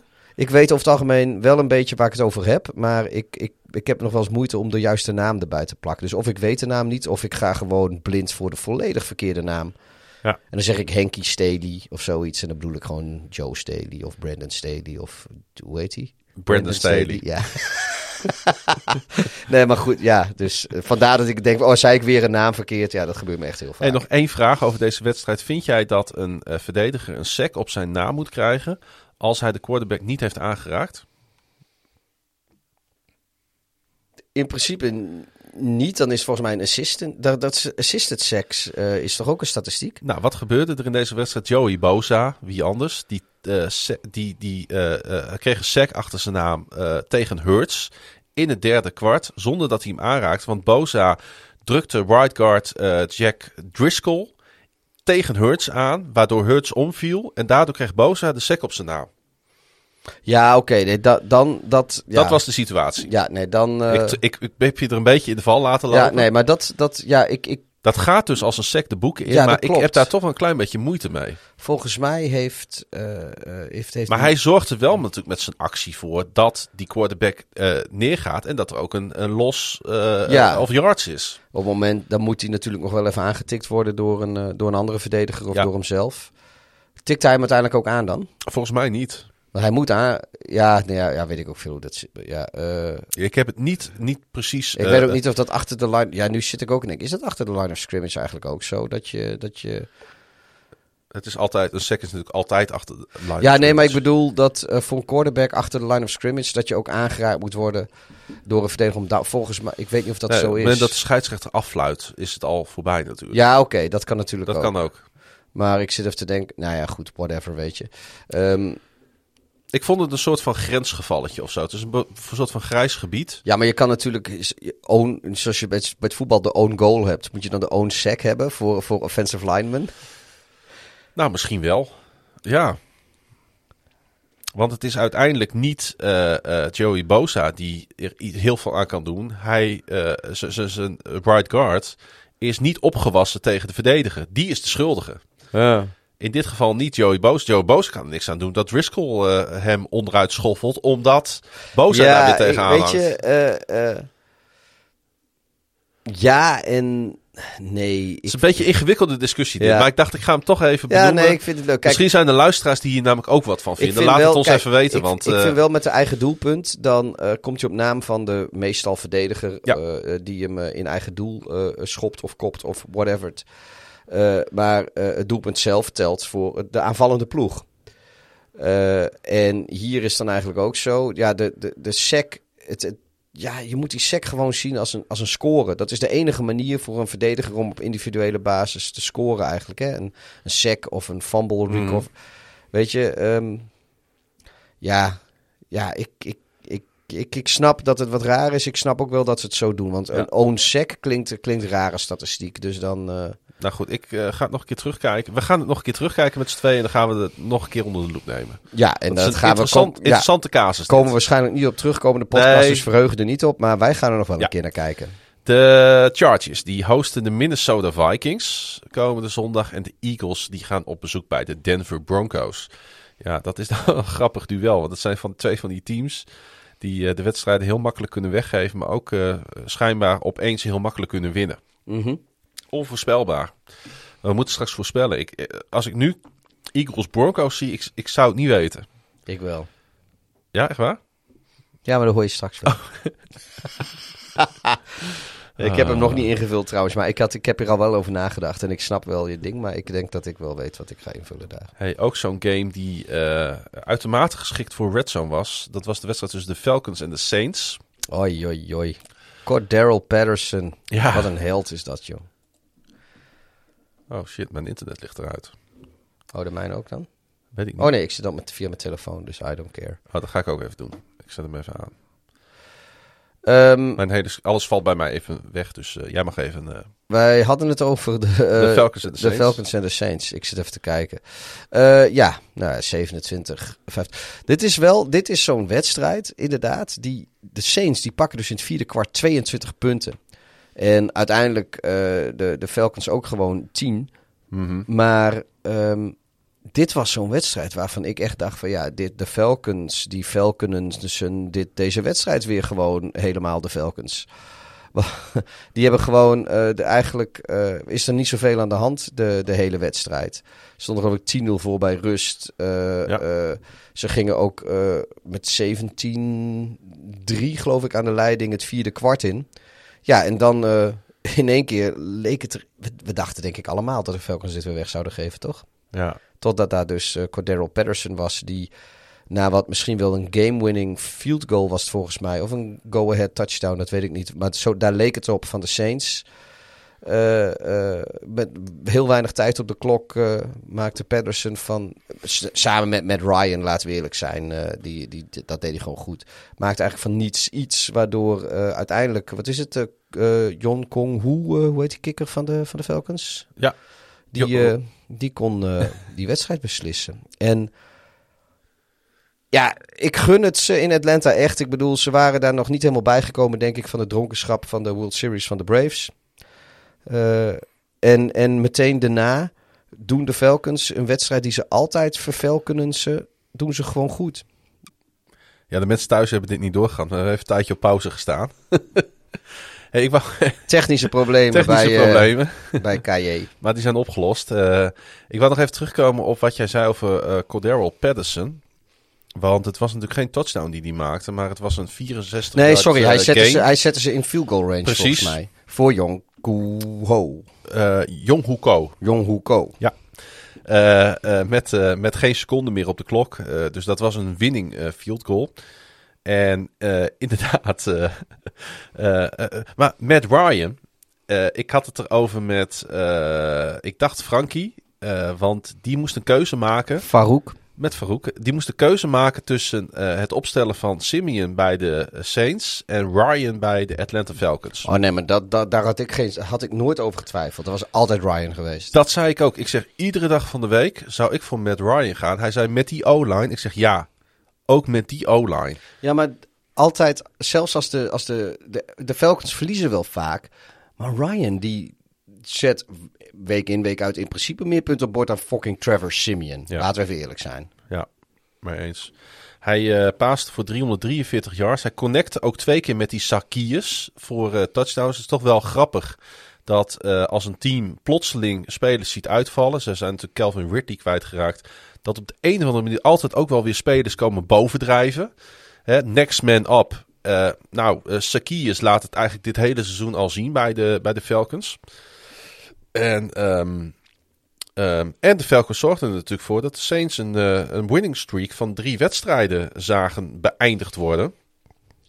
Ja, Uh, want uh, als de Saints deze wedstrijd naar hun toe getrokken hadden, waren ze gewoon gelijk uh, met Tampa Bay aan de top van de NFC South gekomen. Ja, en, en dus de, dat is toch wel een dure nederlaag. Ja, maar de Falcons die staan nu ook gewoon één wedstrijd maar achter de Saints. Ja. En ze staan sterker nog, ze staan volgens mij op, de, op dit moment op de zevende plek. Dus de laatste wildcard plek Met een voor de 4-4 NFC playoffs. Ja, ja ik, ik, ik moet eerlijk zeggen, ik, ik verwacht niet per se dat de... Uh, onze vrienden uit Atlanta, dat, dat, dat die zich gaan melden in het postseason. Maar ja, aan de andere kant, weet je, uh, vreemdere dingen zijn gebeurd in de NFL. En uh, ze zijn gewoon niet kansloos. Want als je halverwege het seizoen meedoet ja. en op een playoff plek staat. Ja. Ja. ja, en wat een overwinning is dit voor de Falcons, die natuurlijk bekend staan om het weggeven van voorsprongen in het vierde kwart. ze waren het eerste team uh, vorig jaar in NFL history die back-to-back games verloor nadat ze uh, uh, met 15 punten of meer voorstonden in het vierde kwart. Hè, dat was dat beruchte seizoen natuurlijk. Oh, tegen de Cowboys en tegen de Bears? En tegen de Bears, ja. ja. Dat ze twee keer, ja... Was, dat die, het, was dat die wedstrijd dat ik zo, zo, zo zat als een, een uitgetogen aap de proeflokaal hooguit binnenstort, ja, dat, binnenstormde? Dat klopt. Naar de Lions ook al. Ja, mooie En mooie terecht trouwens. En, en dan begint iedereen natuurlijk weer over die Super Bowl van vijf seizoenen geleden. Dat ze met 28-3 achter stonden tegen de Patriots. Dan begint het een soort van juk op je franchise te worden. Dus hoe lekker is het dat je nu op 4-4 staat. En laat zien dat je ook aan de andere kant van de streep kunt staan. Ja, ze hebben gewoon. Nou ja, dat, dat, dat is. Ik bedoel, weet je, iedereen uh, toen. toen uh, de Saints begonnen aan, nou, wat is het, 22 punten of zo die ze in het vierde kwart op het bord hebben geparkeerd. Uh, gewoon best veel. Dan, dan denkt ja. iedereen van, nou ja, de, de, de, de Falcons die gaan weer Falconen. Zijn... En het is trouwens niet helemaal waar, want dit was gewoon de 41ste career comeback al die Ryan uh, nee, genoteerd oh, heeft. Dus. Ja, maar Matt Ryan zit er ook al heel lang. Kijk, we, Matt Ryan die was ten eerste, kijk, die heeft al, uh, nou het is het vijf jaar geleden, die Super Bowl gehaald. Nou, dat doe je al niet als je, als je de boel niet voor elkaar hebt. Maar ik kan me ook nog herinneren dat in 2010 bijvoorbeeld waren de uh, Atlanta Falcons, die hadden, uh, waren de top seed in de NFC. Hadden ze een bye week uh, mee voor de playoffs. Ja. Die ze uiteindelijk die ze prompt verloren van Green Bay. Maar, en die uiteindelijk de Super Bowl wonnen. Maar goed, zij waren dat, dat jaar het beste team in de NFC. Om maar wat te noemen. Ja, en ik denk ook gewoon dat het een goede matchup was voor de Falcons. En zeker voor Patterson, die tegenover rookie Paulson het Debo stond. En dat ja, uh, dan heb je met, met Ryan gewoon een te uh, uh, gearriveerde veteran quarterback die ziet waar de matchups liggen. Ja. En weet waar natuurlijk de winst in zo'n wedstrijd ligt. Ja, kijk, hij is wel altijd enigszins wisselvallig geweest, vind ik, onze vriend Matt Ryan. Maar ja, het is gewoon ontegenzeggelijk gewoon een goede, ja. goede fijne quarterback. Er is in ieder geval één iemand die dit seizoen niet wisselvallig is bij de Falcons. En dat is Patterson, wat absoluut de sterspeler van dit Wat jaar nu is. ook weer uit iets van 20 yard, vier, zes recepties voor meer dan 120 yards. 126 yards in totaal. Ja, ja. Dus, dus weer gewoon 21 yard gemiddeld per receptie kan ik dan makkelijk uitrekenen. En uh, mm. ja, weet je, dat... Hij is... Het grappige weet je, dat... als je het hebt over MVP, hè? Ja. Oh, kijk, dan moet je niet per se kijken naar wie is de beste speler in de league. Maar als je kijkt naar de MVP, wie is de meest waardevolle speler voor zijn team? Het, wat, wat, wat Patterson tot nu toe dit seizoen heeft gedaan voor de Falcons, is misschien wel MVP-waardig in die zin dat ik dat, dat hij gewoon up there is met, noem maar wat, de Derek Henrys en de uh, uh, Lamar Jacksons, uh, noem ze maar op, ja. qua waarde voor hun team. Maar weet je wat dan mooi is, wat hij na de wedstrijd zegt? Als hem daarna gevraagd wordt, hij zegt, it's all on Matty Ice. Het, ik, ik, ja, weet je, het is toch geen geheim. Wij zijn fan van Patterson. Hij, bij de Bears ook. Weet je, ik, ik hield er altijd zo van dat iedere, als de Bears dan wonnen, dan liep hij het veld af. En er staat altijd bij de ingang van die spelers, toen staat er een camera. En liep hij dan altijd door, was het... How about them Bears? How about them Bears? dat, dat was het enige wat hij zei. Iedere keer opnieuw. En, en uh, Geert-Jan Darwinkel, die zocht altijd dat filmpje op en die postte iedere keer op Twitter. Vond ik mooi. How about them Bears? How about them Bears? Ja, ik, ik weet niet, het is gewoon een schitterende kerel. En uh, Ja. wars van, van, van alle diva-aspiraties. Weet je, we hebben het net over Odell Beckham gehad. Neem een voorbeeld aan fucking Daryl Patterson. Weet je, die heeft maar hij heeft, tuurlijk heeft hij talent, maar op andere dingen. En op heel veel vlakken is hij niet half zo getalenteerd als Odell Beckham. Maar als, als zo'n Beckham, als die een fractie van de mentaliteit van, van Cordero Patterson had... eh, Dan, dan kon, kon, konden de, de, de... Praat niemand meer over Randy Moss, om maar wat te noemen. Nee, wat ik dan mooi vind is dat eh, eh, de, de, een team als de Falcons, die iedereen al soort van een beetje afschrijft aan het begin van het seizoen, dat dan die coach, die Arthur Smith, zegt dan eh, op een gegeven moment, volgens mij zei hij dat gisteren in een, een of ander interviewtje wat ik zag bij Good Morning Football. Hij zegt, maar wat wij wel, hebben één ding kunnen mensen ons niet, hoe noem je dat? Kunnen mensen ons niet Ontzeggen. ontzeggen. Wij hebben mental toughness. En volgens mij is dat uiteindelijk ook eh, wat je als fan wil Nou zien ja, van je, je, team. je hebt mental toughness in, in deze zin dat ze, dat ze op het laatst nog eh, die overwinning. Ze hebben natuurlijk heel veel nederlagen gehad. een beetje een Giants jaren. vibe bij hun. Ja, maar ze hebben heel veel nederlagen gehad de afgelopen jaren waar dat juist niet het geval was. Nee, ik, weet nou niet, ja. oh, ik weet niet of dit echt... Maar aan de andere kant... Laat als je, het als je dan nu ziet, wel zijn. nee, maar, als je ook ziet wat zij de laatste seizoenen meegemaakt hebben, die Atlanta Falcons, dan heb je überhaupt al mental toughness als speler dat je een week later al weer het veld opstapt en dat je niet gewoon zegt van nou weet je, ik stop er gewoon mee, Nou ja, laat maar. Er is er één die heeft dat gedaan. Ja, en, Dus misschien een beetje slecht veroordeeld. maar de fans ook dat ze gewoon hun kont weer in dat stoeltje in dat stadion zetten de volgende wedstrijd. Want oi, oi, oi, die zijn. Wat hebben die een. een, een, een hoe vaak is hun hart wel niet gebroken de Ja. afgelopen jaren? Maar goed, eh, ik vind het mooi voor, eh, voor de Dirty Birds. Helaas eh, voor die fans eh, spelen de Falcons niet thuis volgende week. maar moeten ze op bezoek bij Dallas. En we hebben gezien dat alles kan gebeuren in deze NFL. Ja, ik- dus ik waarom niet? Ja, ik, ik weet het niet meer. Ik, ik, Ik ook niet meer. en eh, de Saints. Zullen we gaan- volgende week de wedstrijden van afgelopen weekend, van, van komend weekend gaan voorspellen? Ja, lijkt me een hele goeie. En dan nog zitten we ernaast, denk ik.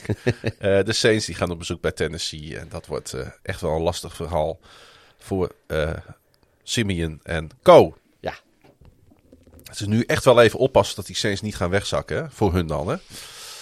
Zou ook wel leuk zijn voor die divisie. Anders gaan de bakken is veel te makkelijk natuurlijk eh er vandoor. Ehm, Daar ben ik wel een beetje bang voor trouwens. Hey, de, de, de, we gaan even oversteken naar eh, Florida. Want eh, de Bills speelden daar tegen de Jaguars. Vanuit Zes, Georgia is dat niet zo ver trouwens. Nee, is niet zo ver inderdaad. De, de, de, de zwakke broeden natuurlijk in de divisie. En die wonnen hun tweede wedstrijd. Ehm, ja, aparte wedstrijd dit hè. De, de Bills die natuurlijk eigenlijk al een paar weken laten zien hè, dat het niet meer zo automatic gaat als eerst. Ja, ik, weet je, ik, ik, ze hebben die, die, die, ja, niet per se. Om, ja, ja, ze hebben die wedstrijd ver- verloren, de eerste wedstrijd van de Steelers, eh, van, van de eerste wedstrijd van het seizoen. Die verloren de Bills. Ehm, dat was niet per se heel onverwacht, maar sindsdien hadden ze wel iets ongenaakbaars, eh, vond ik over zich. Ja. En dat is de laatste weken een beetje weggevallen. Want ze zijn soms een heel kwart, soms twee hele kwarten, soms zelfs drie hele kwarten geven ze niet thuis in een wedstrijd om uiteindelijk er alsnog. eh, eh, zoals vorige week tegen de Dolphins. Tegen de eh, Dolphins. drie kwarten lang waren ze eigenlijk voor de keutel te duur. En eh, uiteindelijk op puur talent. En eh, hebben ze in het vierde kwart zoiets. Nou, misschien moeten we deze wedstrijd toch maar even winnen. En dat doen ze dan ook. Maar ja, ze, ze, ze zijn er ook niet helemaal de laatste week. Ze, dat, oh, Nee. Zij waren, de, de AFC was hun divisie eigenlijk, hè? Mhm. Want ze hadden dan wel inderdaad eh, direct week 1 verloren. Maar eh, daarna eh, gingen zij gewoon gestaag alleen maar winnen, winnen, winnen, winnen, winnen. En komt wel Ja, goed. het is weer een voorbeeld van een team waar de bye niet goed is geweest. Want na de Hoe, bye, hoe kun je na... ja, schijnbaar kan dat. Dat je dan toch, eh, voor het ene team is het zeg maar een, een, een, eh, een helende werking. Jacksonville. Ja, Kijk, dat je na de bye verliest van een, van een goed team. Omdat eh, jij uit je ritme bent. En dat andere team die heeft dan misschien wel een week minder voorbereiding gehad op jou. Maar die zit wel gewoon in zijn ritme. Dat kan.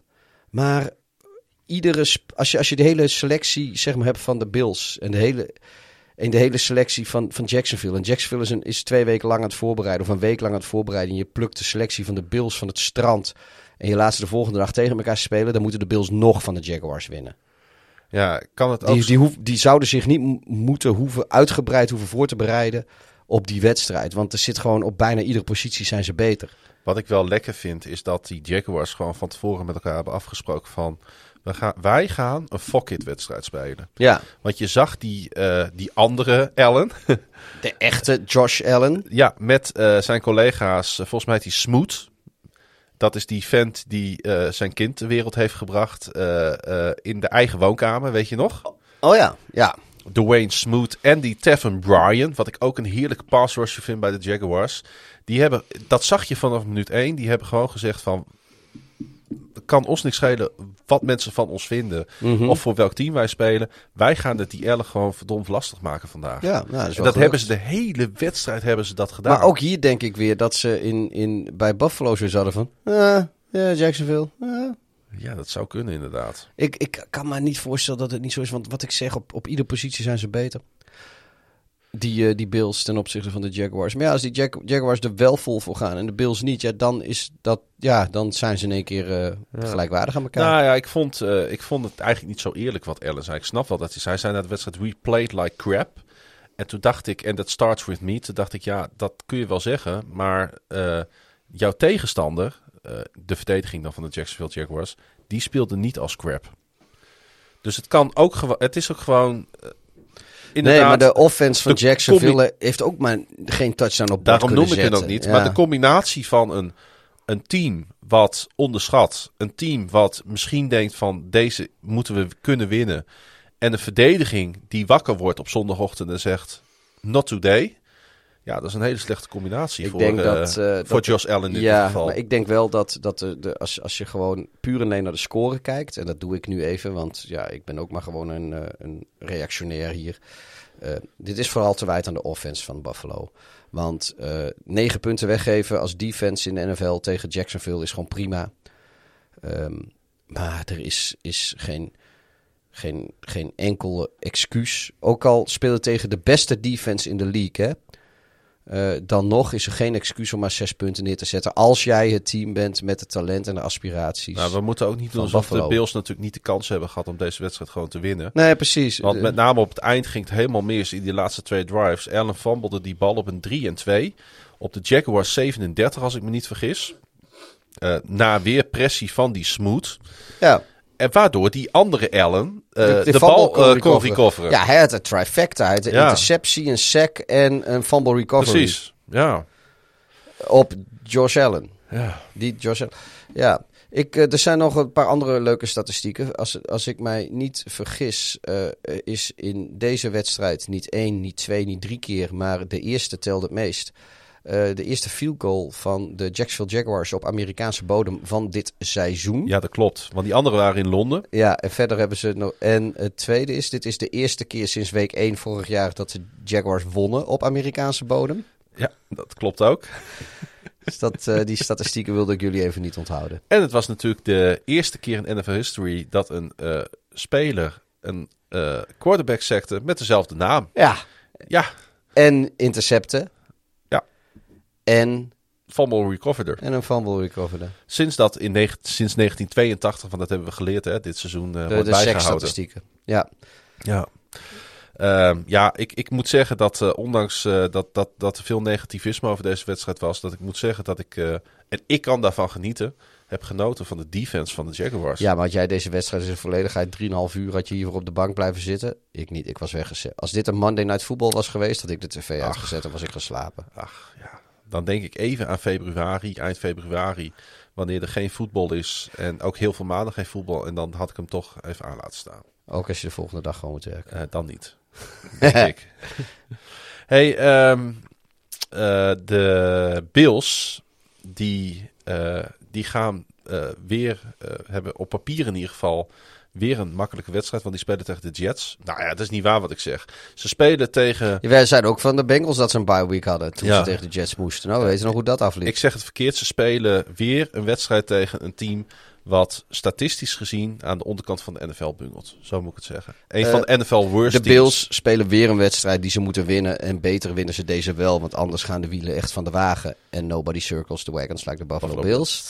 Maar dan moeten de wielen wel aan de wagen blijven hangen. Maar die, ze hebben echt zo'n soft stretch. En dat is misschien ook hè. Miami, Jacksonville, Jets. Misschien kun je daar, als je echt een goed team bent, misschien wat moeilijk voor opladen. Aan de Ja. kant, ze wonnen ook gewoon met 40-0 van eh, Houston. Dus ja. Ehm, de Jaguars die gaan naar Indianapolis komende zondag. En eh, Zouden ze, moet, als ze daar nou eens gaan stunten, ja, dan lachen ze in Nashville helemaal zich de bal Ja. uit de broek. ja, ja. De Colts wonnen zeven van de laatste acht eh, wedstrijden Ja. in Indy. Over Nashville gesproken. Ja, de Tennessee Titans die eh haalden even uit. En dat bedoel ik niet, Niet alleen... in Nashville eh, trouwens, dat was in Los Angeles, ja, maar En die haalden even uit. En dan denk ik vooral moreel. naar hunzelf, Ja, maar ook naar de rest van de AFC. zo. Want waar iedereen nog wel, volgens mij bijvoorbeeld ook, daar kun jij misschien eh, beter voor spreken dan ik, maar volgens mij zaten ze in Baltimore bijvoorbeeld ook van, nou, als we dan, in als we dan niet de first round bye hebben, dan zouden we best wel eens tegen de Titans of zo willen spelen, of, of in de playoffs wel best wel tegen. Is dat nog steeds zo? Eh, nog één keer alsjeblieft, sorry. Zou, zou je, als- als jij nou met de Ravens in postseason staat, Ja. staan de Titans dan op jouw verlanglijstje als team waar je graag tegen speelt, of wijs je liever een ander aan? Ehm, nou, ehm, dat vind ik een lastige. Want ik speel liever ook... Als morgen dus de playoffs beginnen. Want ik speel namelijk ook liever niet tegen de divisiegenoten. De Steelers, de Bengals en de Browns. Nou, maar de Chargers. Nu? Of ja, die de, heb ik liever. Of de, de, de, de Chiefs. Ja, die zitten er buiten trouwens op het moment. Maar eh, De ik, ik, Patriots. ja, waar- ja, ik denk dat je liever tegen de Pets speelt dan tegen de Titans, denk ik. ja. Liever tegen de Chiefs. Of eh, de, de Chargers dan de Titans. Ja. Liever tegen de Browns dan tegen de Titans, denk ik. Ik weet het niet zo goed. Ja. Wat we natuurlijk wel gezien hebben, en deze teams zijn de laatste jaren eh, redelijk hetzelfde gebleven, is dat de Titans en de Ravens natuurlijk wel aan elkaar gewaagd zijn. Ja, ze, Dat kan ze echt schakelen elkaar uit. Ze, schakelen elkaar Ja, uit. en die ene keer dat ze in de competitie tegen elkaar speelden, werd het overtime. Dus dat zegt Ja. ook wat. En het seizoen daarvoor was het volgens mij ook weer andersom. Ja, ehm, Volgens mij zijn jullie de afgelopen vier keer dat jullie tegen elkaar gespeeld hebben, zowel regular als postseason 2-2 gegaan. ik geloof niet dat de verdediging van de Titans dit gaat volhouden de rest van het seizoen. Het niveau waar ze op spelen. Oké. Want ik vind het wel heel knap hoor, wat ze laten zien. Eh, als je bijvoorbeeld ziet hoe Jeffrey Simmons, heet hij volgens mij, eh, bij, de, bij de Titans en eh Bayard, die natuurlijk ook een, een, een, een, een hack of a season speelt tot nu toe. Hoe die eh, Matthew Stafford in de problemen hebben gebracht deze Mhm. wedstrijd. Dat is onvoorstelbaar. Dat Matthew Stafford zich daar eh, door eh, van de wijs laat brengen. Terwijl er, want hij heeft back-to-back intercepties gegooid op ja, deze twee jongens. ja, ja. Dit, dit, dit, dit slaat natuurlijk helemaal nergens op. En hoe, ik vind ook echt knap hoe de Titans na het verlies van Derrick Henry een soort van nieuwe identiteit hebben ontwikkeld. Eigenlijk sinds ze van de Jets verloren hebben, Mhm. zijn ze daar wakker geworden. Ja. Ja. Klopt. Maar ik vind wel, wat ik vooral indrukwekkend... Moeten we Mike Vrabel wat meer credits geven ook? Ja, dat denk ik wel. Ik, eh, wat, ik voornamelijk, wat ik vooral indrukwekkend vind, is niet alleen dat de Titans winnen van teams waarvan ze geacht worden te verliezen de afgelopen weken. Maar dat ze daar niet alleen van winnen, maar ook echt afgetekend. En, en eh, eh, meer dan terecht. Ze zijn gewoon eigenlijk vier kwarten gewoon beter. Hmm. Het is niet. Kijk, met, met alle respect voor. Nou ja, bijvoorbeeld de, de Ravens, die de nummer 2 seed zijn in de AFC. Die eh, toch wel met mazzel van de Lions winnen. Daar ben je gewoon een, een, een, een nieuw record field goal afstand field goal voor nodig. Nou ja, als het daarop moet laten aankomen, dan, dan is het closer dan dat het was. Want het is het slechtste team uit de NFC. eh, op papier. Ehm, nu ook weer bijvoorbeeld tegen de Vikings. Ik doe, ik, nogmaals, ik wil niks, niet, ik zit nu hier niet om de Ravens af te zeiken, maar ik zie gewoon dat, dat, dat eh, Baltimore eh, bijvoorbeeld best wel moeite heeft met bepaalde eh, wedstrijden te winnen. Terwijl de Titans tegen betere tegenstanders gewoon, ja, daar vegen ze de vloer haast mee aan, als je dat zo mag zeggen. En dat vind ik heel indrukwekkend. Weet je. je hebt er nu niks aan. Pas in de postseason is interessant. Want of je nou met één punt verschil wint van eh, de Lions. Of, of je veegt de Rams helemaal weg. Dat, een win is een win tegen een ander conference team. Maar eh, het maakt wel indruk, vind ik.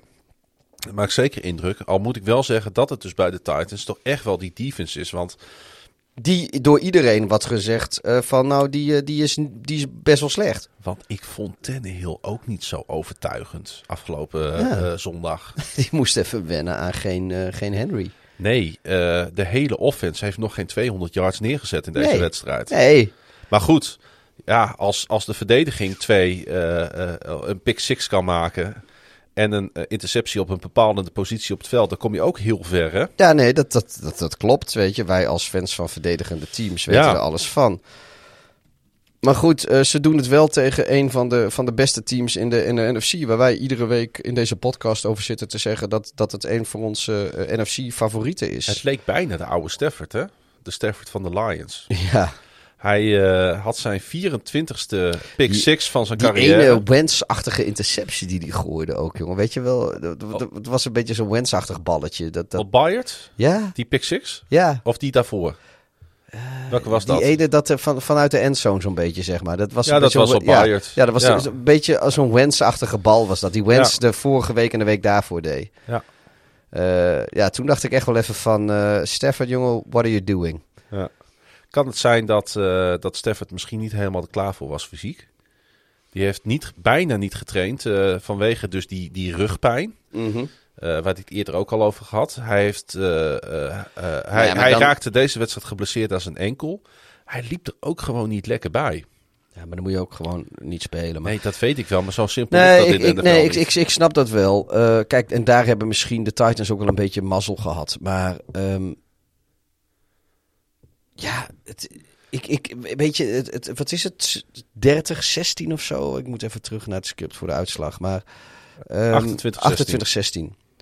Maar het zat er sowieso niet. Nee, maar In, dat hè? is nee, maar dat is gewoon eh, dat dan dan heb je ook je, je hebt misschien wel een beetje geluk voor de fase van het seizoen waarin je ze treft, weet je, dat dat zij nou net eh, uit naar de Rams moeten op het moment dat Stafford niet fit is. Maar Ja. dan nog zetten ze 28 punten op het bord tegen Oké, er zit inderdaad er zit pick sixes Waren bij, nog- intercepties zitten erbij. waren nog wat meer factoren. Weet je wat het eh, minst gepenalized... eh, eh, Pena- pe- pe- penalized. penalized. Ik wou mezelf net verbeteren. Gepenaltiseerde. Ja, ik was inderdaad... Ik Ik zat half het- tussen ja, inderdaad vertalen of niet in.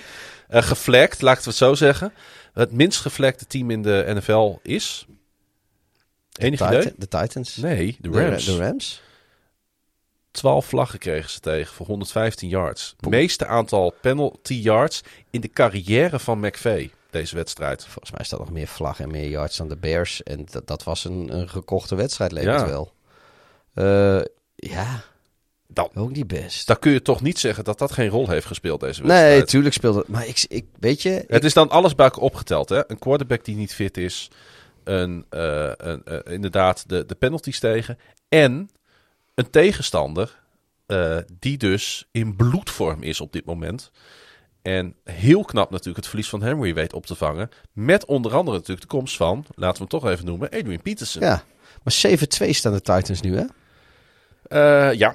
Bovenaan 7-2. in de AFC. Ja. En ze zijn in bloedvorm, zoals jij net zei. nou dat vind ik wel.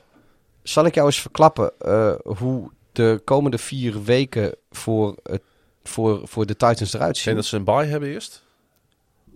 Of nog Eh, niet? Nee. Oh.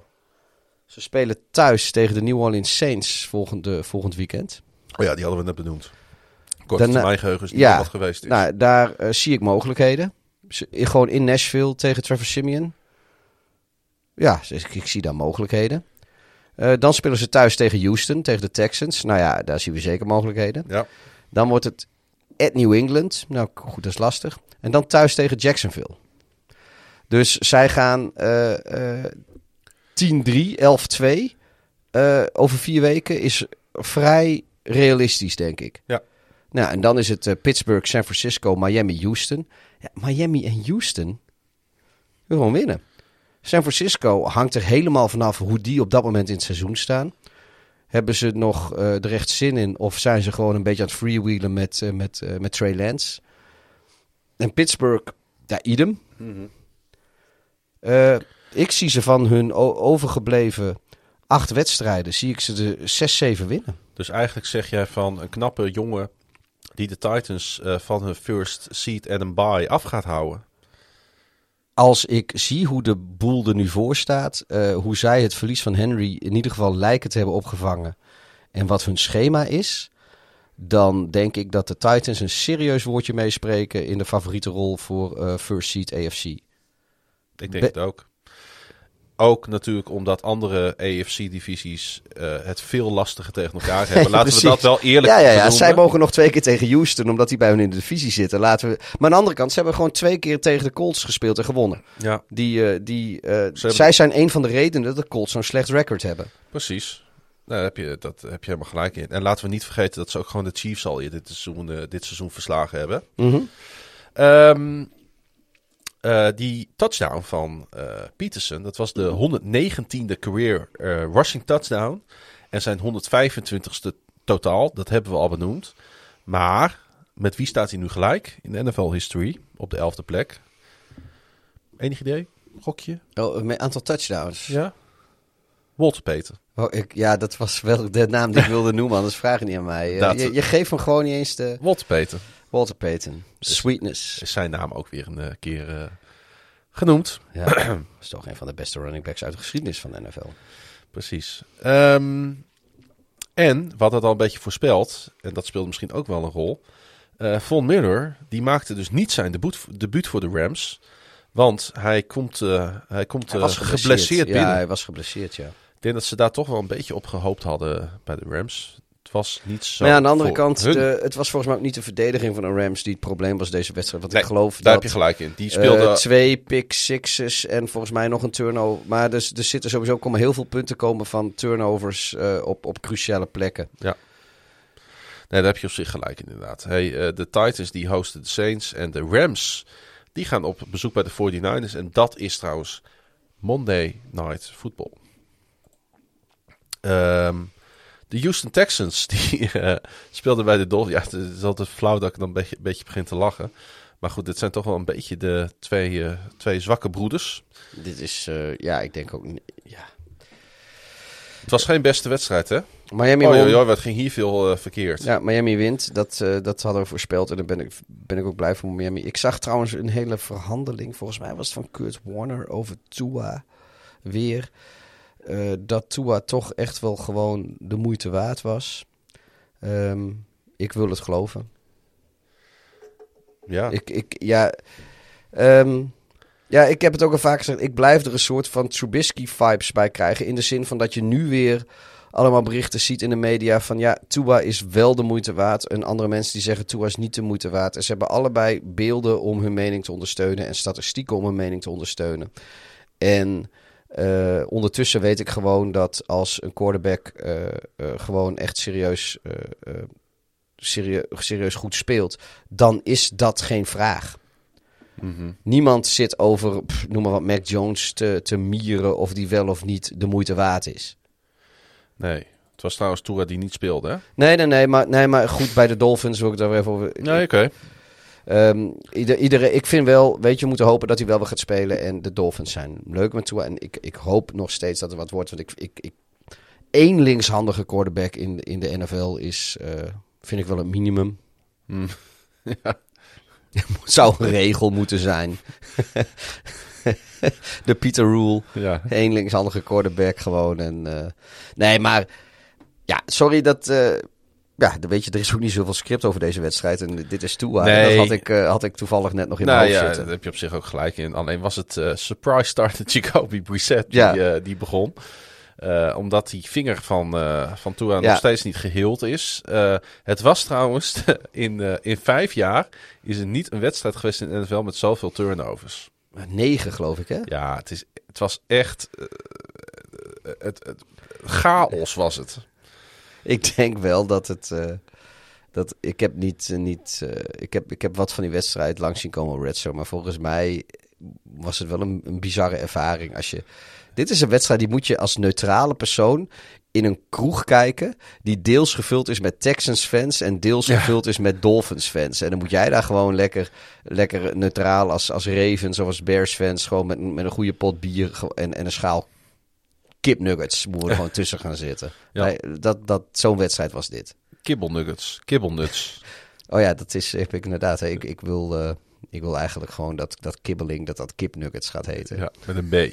Met een B. De laatste keer dat er een, eh, dat er een wedstrijd was eh, waarin negen turnovers eh, genoteerd werden, was tussen de Jets en de Chiefs in 2016. En het was de eerste keer dat de Dolphins een wedstrijd wisten te winnen met tenminste vijf turnovers sinds oktober 1990. En sindsdien waren de Dolphins 0-21 Dus de in Dolphins die hebben ook nog de turnover battle verloren met 5-4. Eh, ja. Nee, eh, nee, want zij hadden de vijf. Oh, ja, maar dan is toch logisch dat je... Oh, oh wedstrijd wonnen met vijf... Dat ze vijf turnovers hadden in een wedstrijd eigenlijk Ja. gewoon. Precies. Want ik kan me niet voorstellen dat je vijf turnovers hebt en de wedstrijd alsnog niet wint. Ehm, Hoewel de Chiefs hadden de vier... Of de Texans hadden de vier en die verliezen hem. precies. Maar vijf en een wedstrijd verliezen... Ja. Nou ja, dat gebeurt dus ook niet zo vaak. Ehm, Houston heeft nu eh, acht wedstrijden op rij verloren. Want ze wonnen natuurlijk die eerste. En staan nu op een 1-8 record. En eh, zij zijn het twaalfde team in NFL history nu.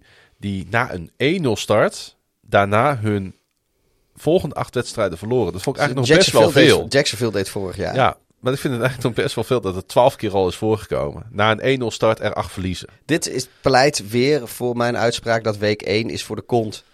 Dat je kan geen conclusies trekken uit week 1. Dat is waar. Het had trouwens ook de Dolphins kunnen overkomen. Want als die hadden verloren, hadden die acht wedstrijden op rij verloren na een is 1-0 wel- start. dat, hoe dan ook ging dat deze wedstrijd. Hoe dan ook, precies. Nou, het was een mooi dat dit een tie was geworden trouwens. Ja. Hey, eh, bij de, en dat is dan wel weer goed nieuws. Bij de Texans was Tyrod Taylor weer, eh, weer eens te zien. Want Zou hij, trouwens eh, gevaccineerd zijn? geen idee. Want ik kan me voorstellen dat hij een probleem heeft met naalden. Oh ja, die heeft natuurlijk een trauma. Zo- lekker, lekker flauw. ja, dat was wel een beetje flauw inderdaad. Dat is wel echt, het, is, het is echt wel heel vervelend wat hem is overkomen. Hè?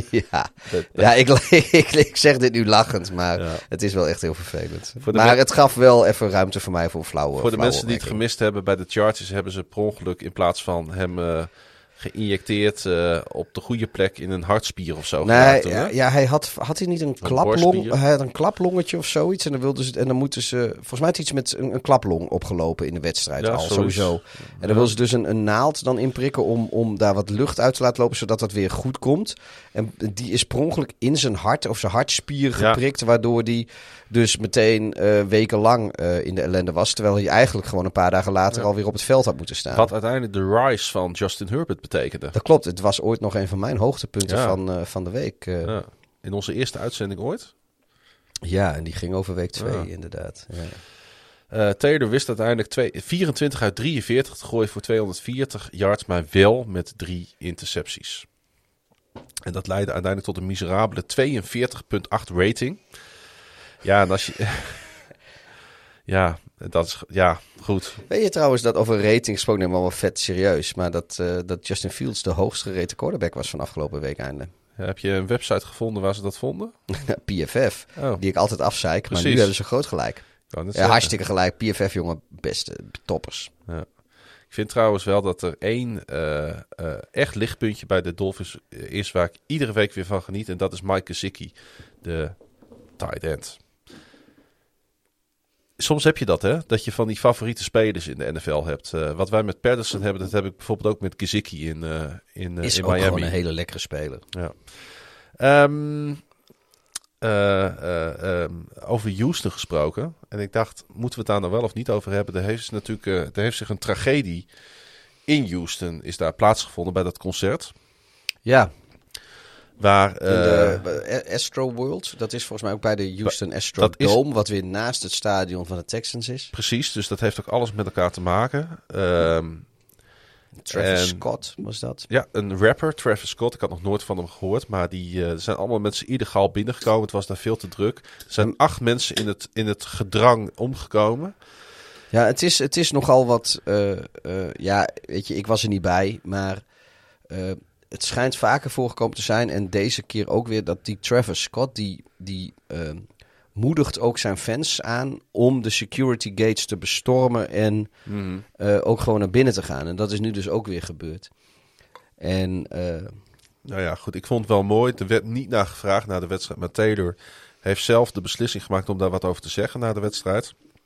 Hij zei: Ik weet dat er eh, iets veel groters nog dan voetbal gebe- eh, gebeurd is. eh, terug thuis daar in, eh, in Houston. Ehm, en ik wil de community daar laten weten, de stad.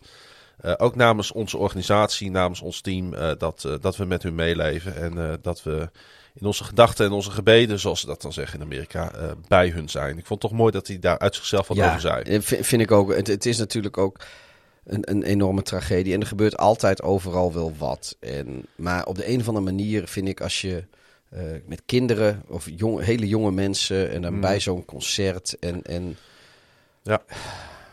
ik, ja, weet je, ja, ik, ik, ik, het, het is verschrikkelijk gewoon. Want er lopen altijd wel klootzakken rond, maar dat zijn niet de mensen die. Mhm. en ook al ben je wel een klootzak, weet je, dan nog verdien je het niet om eh, dat, je, dat je nooit meer thuis komt. Dat is ook zo. Ehm, en daarom besteedt hij daar aandacht aan. Uit zichzelf. Hij zei, voordat ik verder iets over deze wedstrijd ga zeggen, ga ik eerst dit zeggen. Toen dacht ik, ah, dan ben je toch even, dan is hij toch even een leider of zo op dat moment. Het Ja, maar ik, ik, ik vind het ook gewoon. is een- geen een- onsympathieke jongen, hè? Nee, nee, maar het is ook, hij loopt al een, een mooi aantal jaartjes alweer rond ondertussen in de NFL. En ik.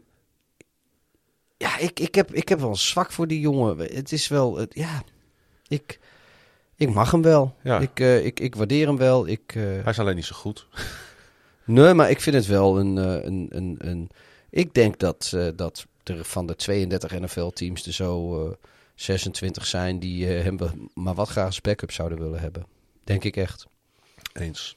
De Texans die zijn vrij komend weekend. En daarna gaan ze op bezoek inderdaad bij de Titans. En de Dolphins die hosten Baltimore op Thursday Night Football. En dat is de eerste Thursday Night home game voor de Dolphins sinds 2014. Geef wel aan dat over het algemeen de networks en de league niet zo happig zijn op Dolphins primetime wedstrijden te geven in dat half lege stadion van ze. Nee. Ik zit eens te denken, eh 2017. Hebben jullie toen Thursday Night thuis gespeeld tegen de Ja, Dolphins? in Baltimore. Was dat in Baltimore? Ja. Ja, dat wou zeggen, die want 40-0. Ja, in Baltimore, ik- zeker. Ik, Ja, weet al- ik, 100%. ja, nee, want ik weet alleen dat is. Ik heb, ik heb ooit op Thursday night heb ik de Dolphins gekeken in de, in de Hooters in Tuscaloosa. Toen, Je- thought you all laughed. toen Joe Flacco die gigantische hit Ja, kreeg. eh, ja. En eh, toen, nou, daar overnachtte ik onderweg naar eh, eh, New Orleans, wat Ja. ik vorige, vorige keer uitgebreid verteld heb. Maar inderdaad, die donderdagavond was ik in Tus- Tuscaloosa, Alabama. En daar heb ik Thursday Night Football in de Hooters gekeken. Dus ja, en ik weet dat het Dolphins tegen de Ravens waren. Maar ik wist niet meer wie er thuis speelde van de twee. Ja, de, de Ravens. Die hebben wel veel primetime natuurlijk over het algemeen. Maar de Dolphins. Een zeldzame wedstrijd voor de ganse natie voor hun. En eh, nou ja, laten we hopen dat... eh, Ik heb wel zin om een keer weer naar de Dolphins te gaan. Man, lachen, want ik heb zin in Miami. ja, Kunnen we daar niet even nog heen gaan? eh? hey, ehm, Bill Belichick, Pieter. Ja, met zijn met opge, opgestroopte broekspijp. Wat de fuck is dat? Vroeger was dat een soort codetaal. Meen ik serieus, want ik heb vannacht geneukt. Ja? ja, ik, eh, dat was een beetje de elephant in the room. Die bij, geen, bij, bij geen enkel ander NFL-programma werd gezegd. Maar er was een tijd dat als je één, één broekspijp opgestroopt had en de andere niet. En nu weet ik niet of dat per se de linker of de rechter... Da, da- daar weet ik niet zoveel van, want ik neukte gewoon nooit. Maar eh, dat, was, dat, dat was volgens mij eh, eh, het ding, weet je. Dan kon je een beetje laten zien dat je, dat je seks had gehad. En dus ik, ik zag Bill Belichick na die... En ik had zoiets van... Goed man. Goed, goed bezig. eh. Misschien had, Bill? Hij, misschien had hij onder die broekspijp de blueprint... Bill eh, ging van Bill. De blueprint voor het verslaan van Sam Darnold verstopt. Jij wil wel serieus over de wedstrijd praten. Nee, is goed. nou, niet, per se, maar ja, eh, de coverages die Belichick tegen dit soort quarterbacks neerzet, die kloppen van alle kanten. ja, ja. En dat was nu weer zo. Eh, eigenlijk was het gewoon een hele makkelijke overwinning tegen. En ik denk dat we dat ondertussen wel kunnen vaststellen. Een ongelooflijk armoedige offense in Carolina. Want die defense die kan dit niet, eh, kan dit niet natuurlijk zijn. Het is trouwens Belichick's vierde overwinning al tegen Darnold. Die is nu 4-0 tegen Sam Darnold. Vandaar dat ik dat zei over die blueprint. eh. Ja, hij was natuurlijk ook, eh, volgens mij was eh, Bill Belichick de grondlegger van de I'm Seeing Ghost wedstrijd van Sam Darnold. Ja.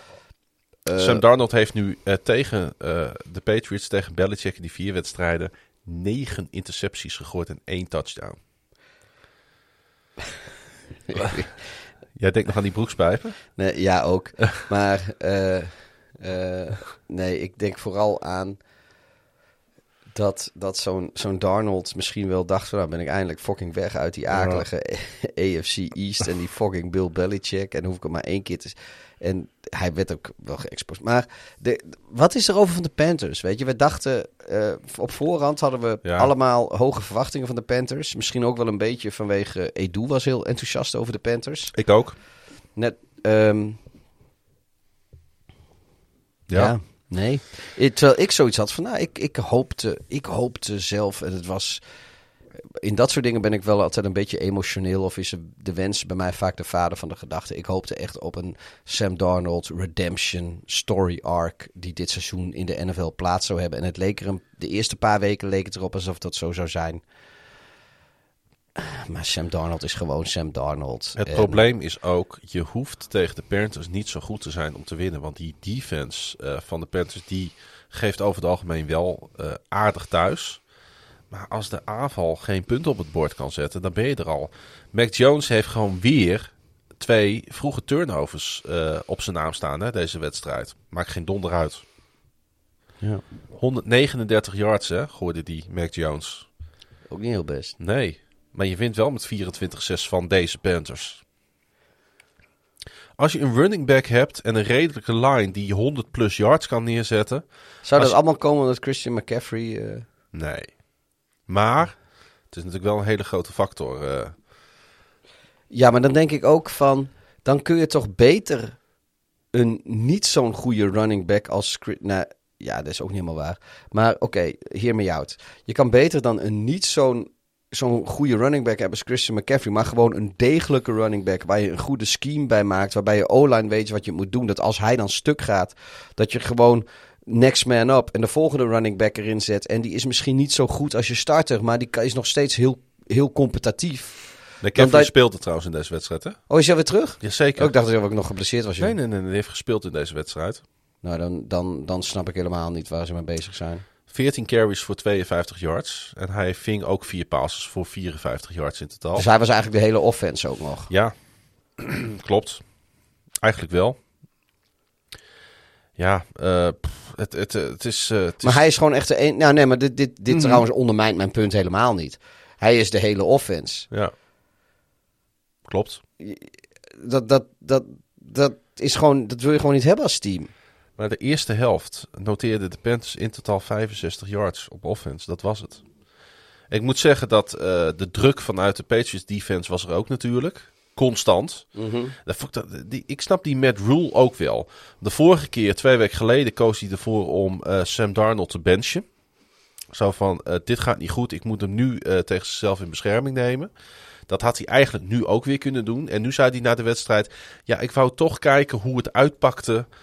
eh, wanneer ik hem zou laten staan. Ja, Dus die weet het ook niet meer. hebben het seizoen toch ook al opgegeven? Het lijkt verdomme Danny Buis Nou wel. ik, nou, ik moest dus aan hetzelfde denken. Ik moest ook denken aan Danny Buis. Die, nee, ja, het is echt zo. Want die zei, nou, die zei hetzelfde van... Ja, ik heb dit geprobeerd, ik heb dat geprobeerd. Ja, als ik het antwoord op de, op de, op de probleem had gehad... Dan had ik het al lang gedaan. Vertel het mij maar. Ik weet het ook niet meer. Nou, dat is wat Matt Rule hier ook zei. Dat is toch godverdomme gewoon het failliet van een coach. Ja, Ja, niet alleen van Matt Rule, maar ook van Danny Buis. eh, Nu we het er toch over hebben. maar we zijn niet Kon Veel Minder de podcast. Die ik jullie allemaal kan adviseren. Maar... eh, ja nou goed. Nee, maar, ik- als je, nee, maar weet, nou, weet je wat het is? Kijk, ik kan er wel, wel lekker grappig over doen dat de coach zoiets zegt. Maar dat horen spelers ook. En waarom zou je als, als zeker in een... Dat geldt voor het voetbal, maar dat geldt voor de NFL misschien nog veel meer. Waarom zou je als speler je fucking lichaam in de waagschaal stellen... als je coach tegen de media aangeeft het eigenlijk niet te weten? Weet je wat het is, Pieter? Ik wil alles, ik wil alles voor je doen als jij een visie hebt Mhm. en het... en het ten goede komt aan, aan een, een hoger doel. Ik, Maar als jij als coach aan zit te prutsen, waarom de fuck zal ik mijn lichaam riskeren? wat ik een beetje bij deze coach heb, die met Rule, eh, tot nu toe, en dat heb ik ook een beetje met Danny Buis. eh, er zijn heel veel mensen die zeggen in het leven, en dan ga ik het iets breder trekken, eh, dat ze, dan zeggen, ja, we zijn al een tijdje bezig, dan zeggen ze, ik ben niet negatief, ik ben een realist. Ken je die uitdrukking? Ja, maar tegenwoordig in de coronacrisis is die, is, is, is heeft hij ook een hele nare bijsmaak. Maar ik vind het altijd al een flauwe, flauwe. Ik ook. Ik probeer hem nu even op sportgebied eh, eh, neer te leggen. Want wat je dan doet, en dat doet deze rule, en dat doet Danny Buis ook, daarmee haal je jezelf bij voorbaat al naar beneden. Ja, nee, precies. Je, je, je zegt van, nou, ik heb eigenlijk niet zo'n goed idee waar ik mee bezig ben. Ja. En eh God zegen te greep. En, en we zien het wel. En ik Maar- probeer maar wat. Hij voegt daaraan toe, maar dat is hoe het op dit moment is. Met andere woorden van, ik vind dat ik daar realistisch in ben. Ja, dat, dat zal ook wel. en maar al- hij maar als dat jouw reali- realisme is, als dat, je, als dat je het plateau is waarop je wil bewegen, dus negatief realisme, ja, dan ga je er niet komen. Nee, maar dat is wat ik bedoel. Dan... Het is nog onterecht ook, want er staan best wel goede spelers daar op het nee, veld. maar dan staat er dus... Hij staat aan de zijlijn, weet je. Het enige wat hij riskeert is zijn baanzekerheid. Ja. Maar die boys in, binnen de lijnen, die riskeren hun gezondheid. Niet alleen voor de wedstrijd en de volgende wedstrijd, maar in sommige gevallen voor de rest van hun leven. Die riskeren hun knieën, hun enkels, hun, hun hersenen, hun, hun, hun mentale gesteldheid. Dat zetten ze allemaal in de waagschaal. Voor een plan, voor het team, voor, voor hun eigen ego en hun succes, we ook eerlijk zijn. Maar doe je dat ook voor een coach die eigenlijk aangeeft niet, niet meer weet te weten waar hij mee bezig is? Ik denk dat dat zo. Want het verbaast me in die zin ook dat, dat ze bij Jacksonville in één keer weer door het vuur gaan voor elkaar. Terwijl daar die. die, die want ze zijn 2-2, wat voor Jacksonville vet goed is. Sinds eh, eh, Urban Meyer zijn duim in, in de voet van een of andere student in Ohio heeft gestoken. En eh, die Matt Rule. Die geeft openlijk aan dat. uiteindelijk is dat toch erger. Dat is veel erger. Ja, ja, en ben ik met je eens. Ja, ik zou als fan zou ik hier ook erg, erg, erg teleurgesteld eh, door zijn.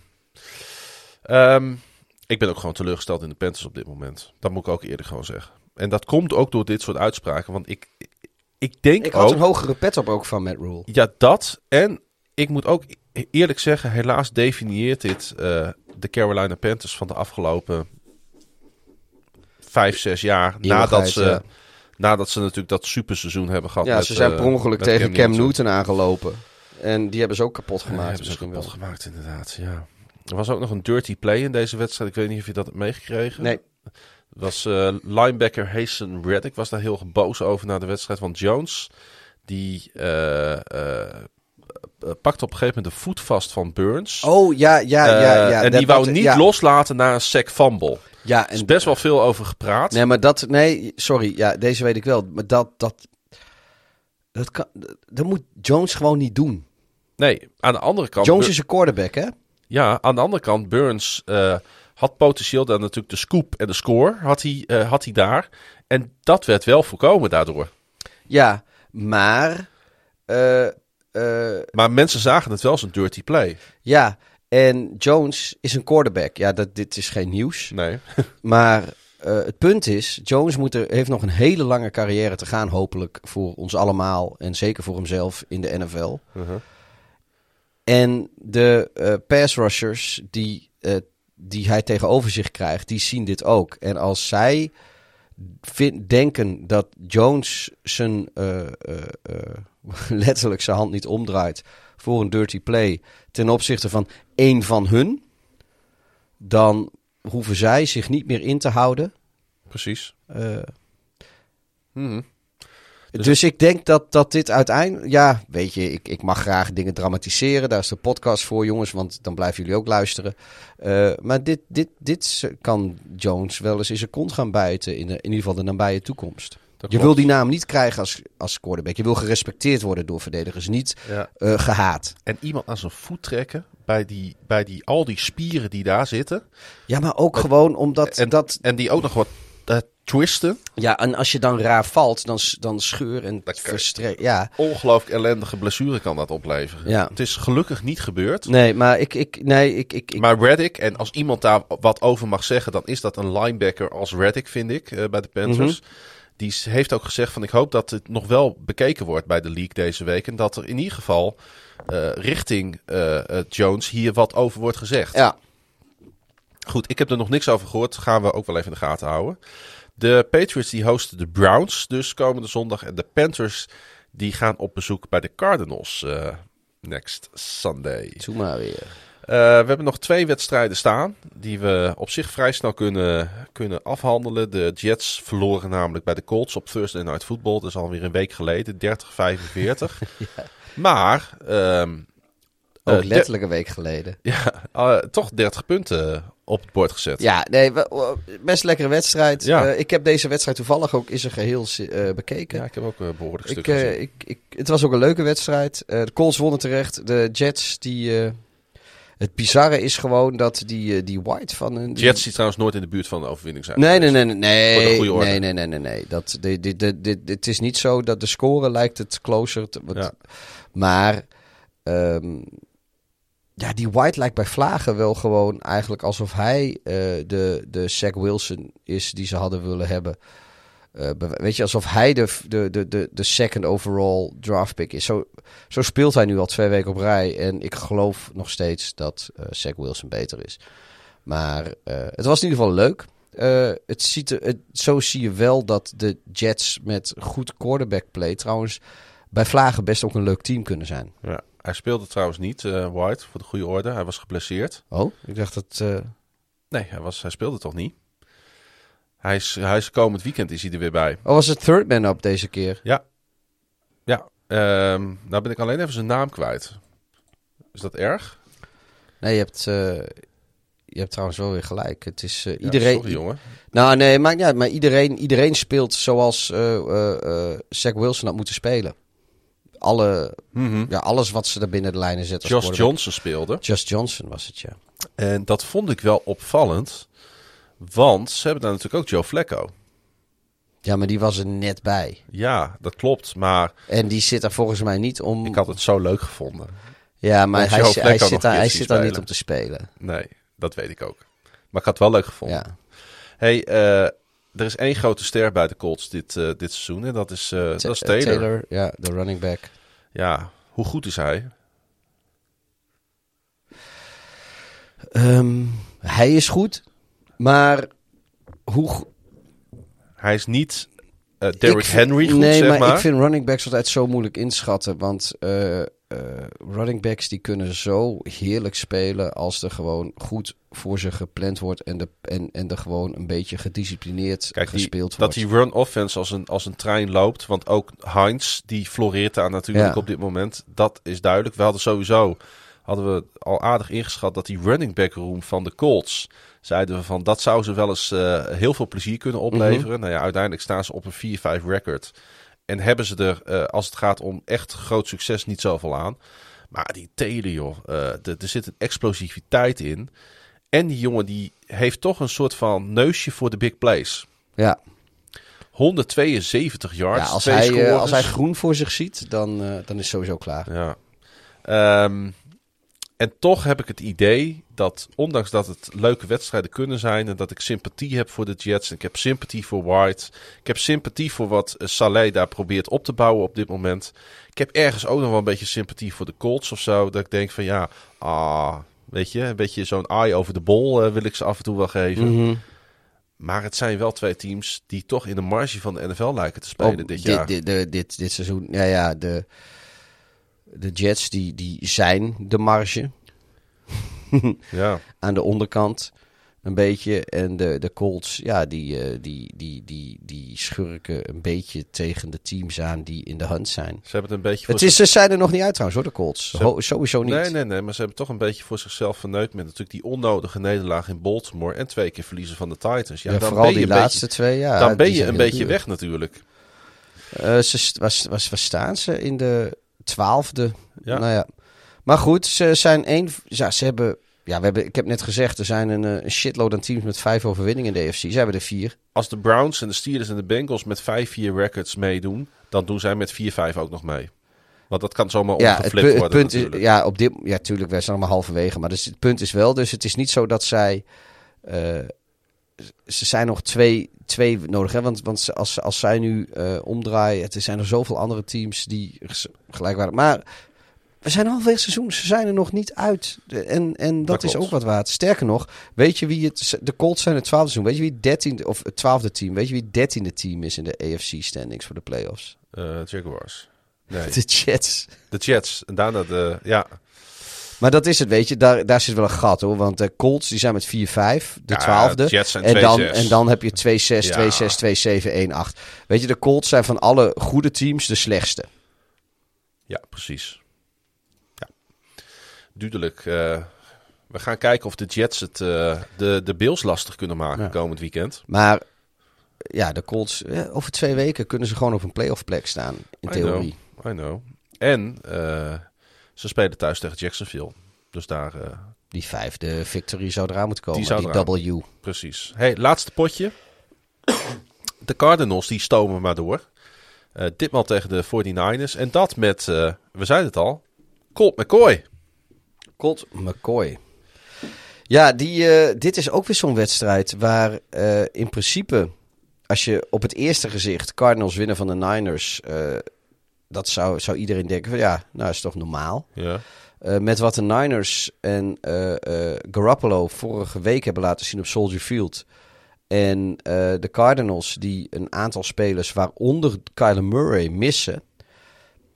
Is 31-17 een score die ervoor zorgt dat Kyle Shanahan in San Francisco nu in ieder geval van de fans uit serieus onder vuur ligt. Want dit hadden ze niet verwacht. Nee, en dan was het, en dat is gewoon eerlijk om te zeggen, want je mist inderdaad een paar sterspelers. Kyler Murray miste. DeAndre Hopkins en A.J. Green speelden allebei niet. J.J. Watt verdedigend niet. nee, en in het eerste kwart viel ook nog als running back Chase Edmonds uit Ja. bij, de, bij de Cardinals. Terwijl de Niners relatief fit waren, zeker voor hun doen. Die hadden gewoon wel eh Kittle, om maar wat te noemen, die, eh, die ze de laatste tijd ook vaak misten. Eh, nou, Garoppolo, nou, dat is een keuze dat hij er is. Eh eh, wat was het? Debo Samuel, die was er gewoon natuurlijk wat, wat een van hun beste eh, receivers is. Ja. Ehm, ja, de Niners gingen een beetje door het ijs. Ja, en dan is het toch in een goed draaiend team als de Cardinals, is het dan iets makkelijk, denk ik, om de next man up, Ja, ja, ja. om dat in te voegen. Maar 14 punten verschil. En eh, dat doet misschien niet eens afbreuk aan hele grote delen van de wedstrijd wat het beeld was.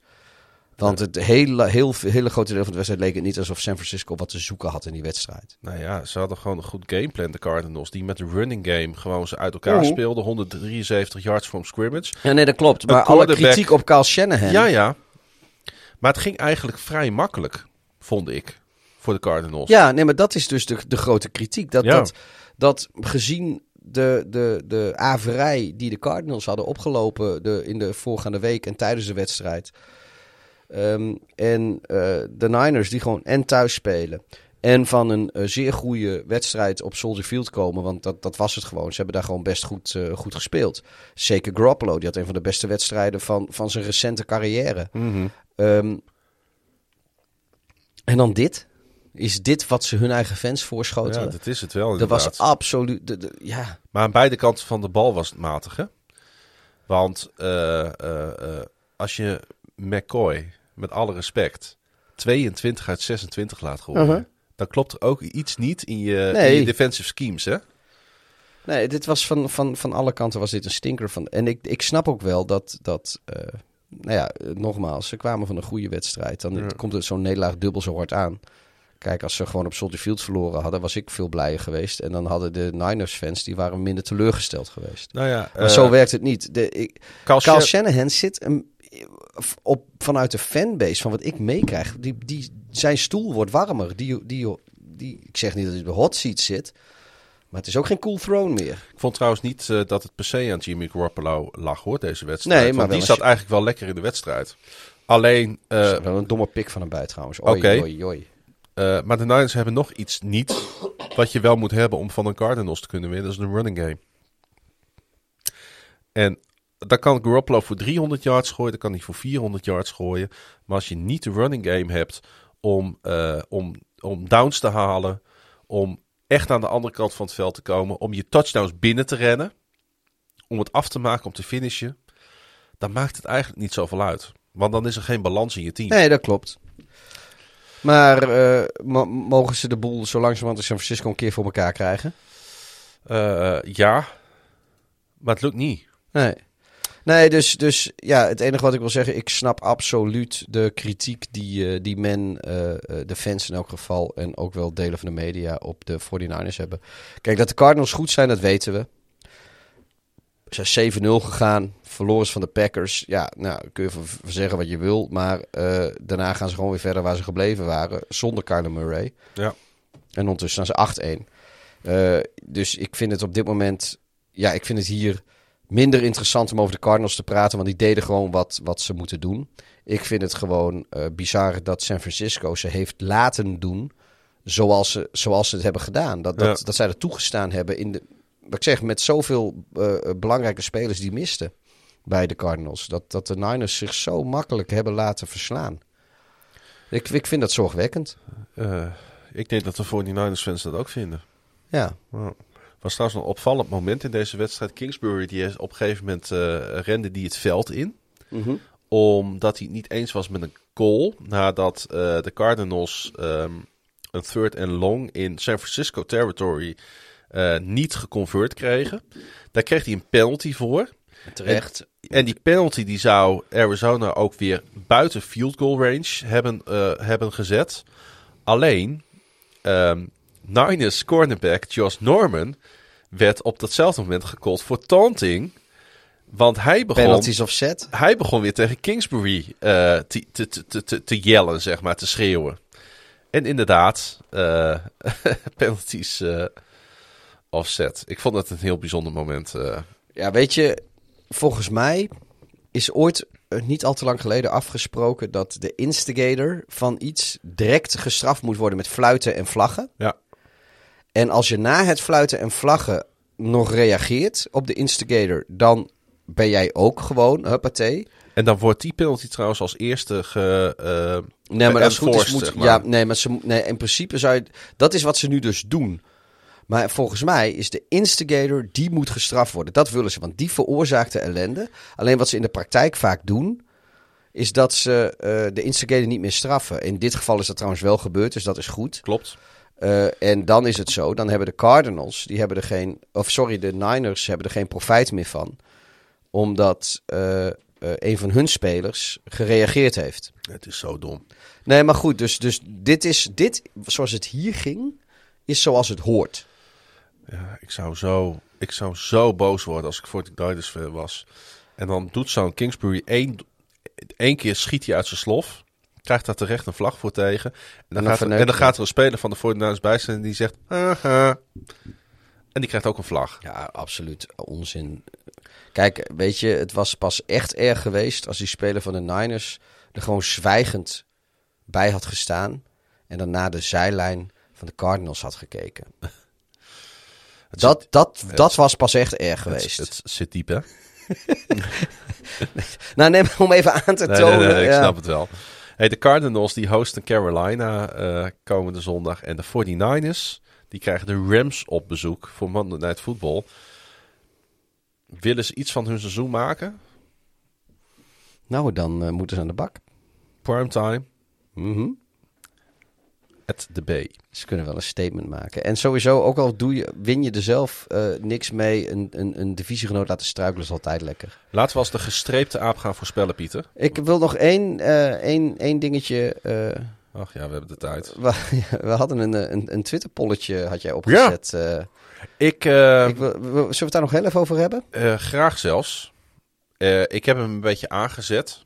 Ja, hij, hij was, hij was een beetje gechargeerd, eh, vond ik zelf ook. Maar ja, nee, dat vond ik zelf Maar ook. Alleen, prima, nee, eh, is prima. maar vind- daarom vind ik wel dat we het er nog... Het zou laf zijn als we dan nu eraan voorbij gaan. Vandaar dat ik hem nog even wil noemen. Eh, dit komt natuurlijk eh, voor, voort uit die wedstrijd tussen de Bears en de Steelers. De stelling was de zebra's beschermen oudere witte quarterbacks meer dan jonge donkere quarterbacks.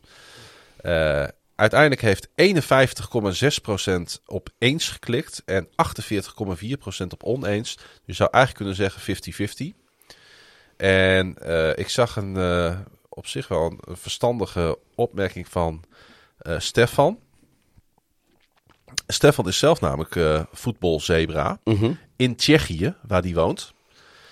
En hij zegt, de zebra's beschermen de quarterbacks volgens de regels die de NFL opstelt en de interpretatie daarvan die hen wordt opgelegd. Je kan hooguit zeggen dat de oude witte quarterbacks meer vanuit de pocket opereren.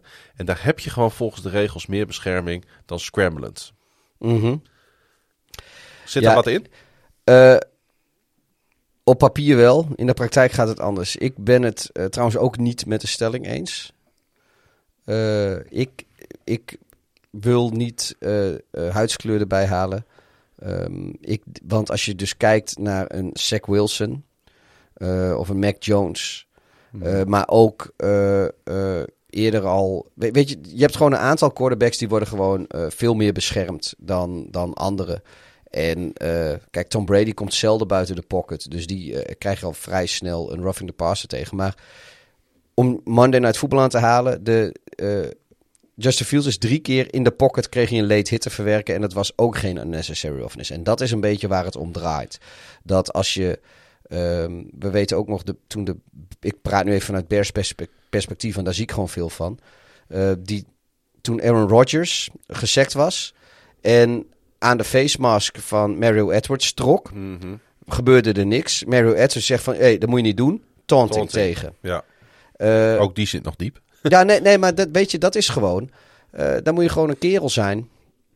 En, van, en ook, we, we weten ook dat het in ieder geval bij een deel van de arbitrage zo leeft. Want er zijn geluidsopnames van scheidsrechters die tegen jonge quarterbacks zeggen. En volgens mij gaat. Oh, kut, nu, ja, daar zit ik weer met verhaspelde naam. Ik weet niet meer over welke quarterback dit ging, maar ik kan dit opzoeken. Eh, dat dat een, eh, een scheidsrechter tegen een quarterback zegt die op een gegeven moment gaat klagen bij de arbitrage tussen plays in van waarom krijg ik die roughing the passer niet mee? En die zegt van jij bent te jong om een roughing the passer mee te krijgen. Dat is letterlijk dat en toevallig was die quarterback was mic'd up. Dus het staat op audio dat de scheidsrechter dat zegt.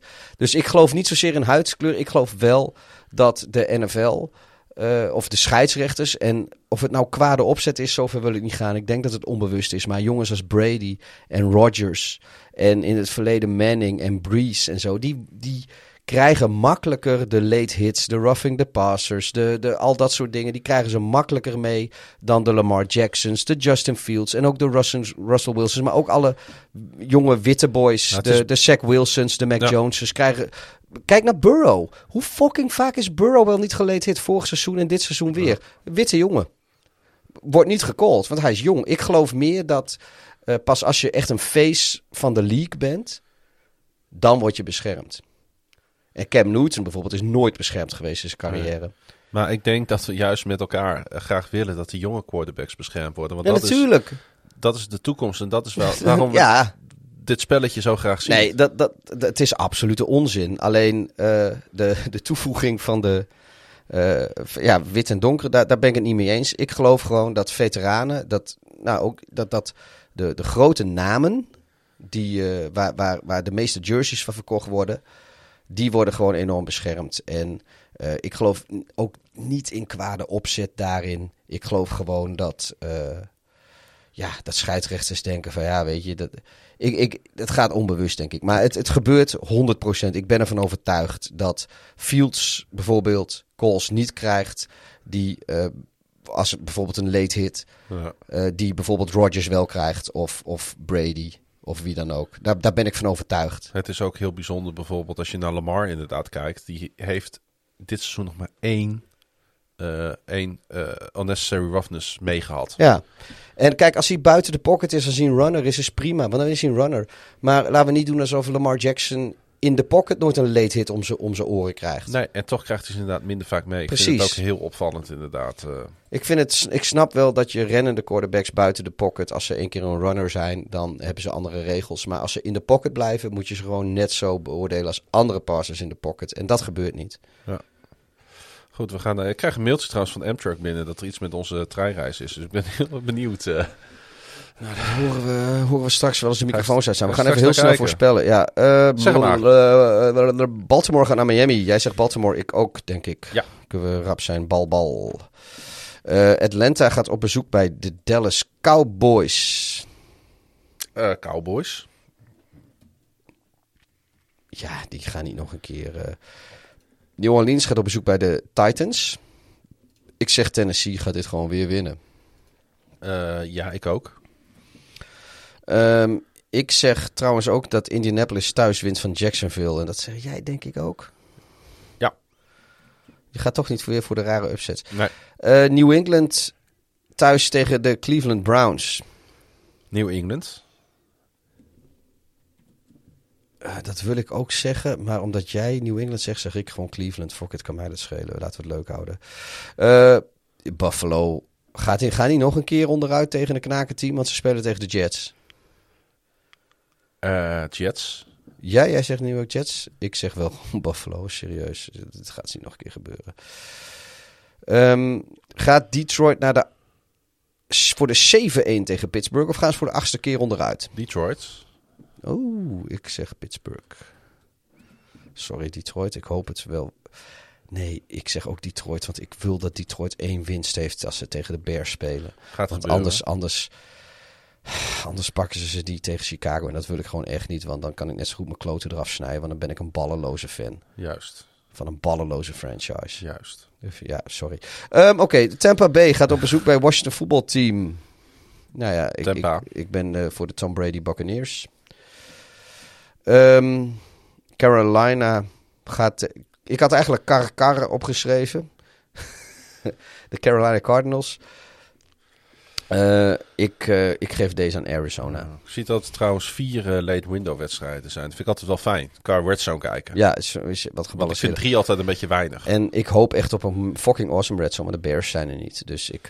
Ja, jij gaat lekker onderuitgezakt naar die andere teams kijken.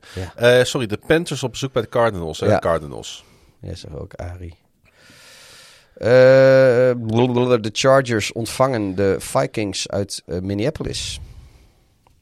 Ik eh, geef deze gewoon lekker aan eh, Justin Herbert. Ik Ja, geef hem aan de Vikings. ja, dat dacht ik wel, daarom doe ik dat ook. Ja. Oké, da- daar komt hij. Die wedstrijd die je niet eh, durfde te voorspellen. Philadelphia en Denver. Op Mile High. Op- aan de rand van de, van de Rocky Mountains. Op basis van scorebordjournalistiek zou ik Denver moeten zeggen. Maar op basis van dat de Broncos keer op keer teleurstellen. Of juist niet. Ze verrassen iedere keer. Als je ze op winst zet, verliezen ze. Als op Ja. verlies zet, winnen ze. Ja. Ik heb ze dit seizoen nog maar één keer goed, voorspel, eh, goed voorspeld. En dat was tegen Baltimore. Denk ik. Zijn, daar, Eh, zijn daar ook gewoon statistieken? Ja, er zijn statistieken van trouwens. Maakt niet uit. Ik eh, geef, geef hem gewoon aan Philadelphia. Sorry, ik was even wat aan het drinken. Ik heb hem aan Denver gegeven. Oké. Oké, Russell Wilson keert terug op de Frozen Tundra van Lambeau Field, waar Aaron Q. Aaron Rodgers ook terugkomt van zijn retraite tussen de wappies, omdat hij medisch advies aan heeft genomen van, eh, van Joe Rogan. Ja. Weet je, waarom zou je een dokter vertrouwen als je ook gewoon de host van Fear Factor en een of andere knakerige kut podcast kan eh vertrouw nooit podcast host mensen. Absoluut niet. Packers. Ik, eh, uit, uit principe zeg ik gewoon Seattle. Sunday Night Ik Football. heb nog nooit zo neutraal een wedstrijd. eh, Sunday Night Football. De Chiefs en de Rave- Ra- Raiders. ja. Eh, geef ik aan. Je hebt mijn volgorde door, hè? Vegas. Nee, want we hebben nu. Ik weet nu dat we nog maar twee wedstrijden te gaan hebben. En ik wist dat dit de Sunday Night Football was. En eh, ik denk dat Las Vegas dat thuis gaat doen. En ik hoop het ook. Ik hoop het ook, ik, maar ik geef hem aan een KC. Ik Want, denk dat eh, het lek boven komt nu. hoe- nu hoe- komt het lek Hoe boven. ongelooflijk awesome wordt die divisie als de Raiders deze wedstrijd weer, weer, Ja, weer, ik- weer weten te winnen. Nee, nee, vorig klopt, jaar. klopt. Ik, ik hoop gewoon dat. Maar op de een of andere manier vind ik het ook gewoon leuk om. Ja, nee, ik, ja, ik zeg KC. Ondertussen is dat de underdog ook, vind ik gewoon. Ja, ik heb ook trouwens helemaal niks tegen KC of zo. Maar ik heb wel, omdat het toch mijn eigen divisie niet is, Uh-huh. hoop ik dat het gewoon Ja, nee, spannend snap ik. wordt. Ja. Eh, de Rams, die dus in de divisie, zoals we net zeiden, op bezoek gaan in Santa Clara Oh, bij jongen, de zou San Francisco zo, 49ers. Zo typisch 49ers zijn dat ze dit dan wel weer winnen. Oké, ik, eh, ik heb hem voor de Rams, want ik denk dat eh, Stafford zich beter voelt. Het is allemaal klaar. Trouwens, 49ers. ik wil nog even, dat wil ik niet jou ontzeggen, maar zeker de luisteraars niet. Voor de tweede week op rij heb je mij verslagen met voorspellen. En wederom met dezelfde cijfers als vorige week. De glorieuze, vernederende cijfers van 8-7. Goed man. En eh, ja, daarmee sta je nog steeds niet, eh, niet bovenaan. Ik, ik, ik leid nog steeds comfortabel, geloof ik. Weet je wie hier komend weekend in Chicago optreedt? Nou, Saggy Miller. Ja, ik heb de hele eh Als hij de verdomme volgende week nou was. Ja, Moet je je voorstellen wij gewoon zaterdagavond anders even naar Zack Miller heb waren je zijn eh, tour schedule ook eh, bekeken? Nee. Ik ook niet. Hij, weet, je, weet je trouwens... Hé, hey, we hebben nog die andere. Zet even die andere op van hem. Welke is dat? ja. ja. Lekker hè? Zoek even zijn toerschema erbij. Oh ja, ik heb nog niks gehoord van de producer. Oh, Was hoping I could catch her on her way to school. Yeah, Ik zoek in the nog het past, tussen- on the toeschema shoulder, op. man, I try to play it cool. als ik het kan vinden. Ja, mensen die hier niet in geïnteresseerd zijn, die kunnen ondertussen gewoon stoppen met luisteren. Want hierna komt niks zinnigs meer. Ik ga je vast verklappen. Die kunnen We- naar nflopwoensdag.nl. Ja, en, eh, en even doneren. Maar we gaan jullie zo meteen bedanken voor het luisteren. Dan komt het eindriedeltje. Dan zegt Klaas-Jan nog wat. Dan zeg ik nog even het beste maar weer. En dan is het klaar. Maar ondertussen zoek ik een toerschema. Weet je wat wel een eh, probleem is? Dat als we geen script hebben, dan lopen we nog meer uit de pas als het om de tijd gaat. Zijn Ja, maar dat 3 komt- uur en 20 minuten bezig. Ja, maar weet je waar we het langst... We hebben het langst ges- gesproken over de gescripte dingen. Want we waren al bijna een uur bezig voordat we de wedstrijden begonnen. Maar dat komt dus gewoon omdat er zo fucking andere veel shit gebeurd is. Dat is waar. En daar kwam er tussendoor rens van mij over vaccineren en over scheidsrechters. En eh, over alle andere dingen waar ik ook over rent. Ik rent iedere week wel een keer. Maar deze keer vaker. Kan het niet vinden. Maakt Maar niet goed. uit. Maar goed, maar ik vind dat hij volgende week weer in Chicago moet zijn. En anders, Thanksgiving Detroit lijkt me mooi. Hey, iedereen bedankt voor het luisteren. Dat je het met ons volhoudt is iedere, iedere week weer een, een wonder voor ons. Dat wij het zelf ook volhouden is ook een wonder. Godverdomme, echt wel. Nog één week, eh, nog één gewone reguliere uitzending, Pieter. De hoeveelste wordt dat volgende week? De vijftigste. Moet daar nog wat voor doen? Eh, moeten we een taart gaan eten in de uitzending of zo? Eh, ach, ik ben niet zo van het eten. Laten we dat niet doen. Oké. Ed Darf, laagstreepje Hiddy is om te volgen op Twitter. Ed Klaasie Gun, dubbel A, dubbel S, dubbel N, om Klaas Jan te volgen op diverse social media, waaronder dus Twitter.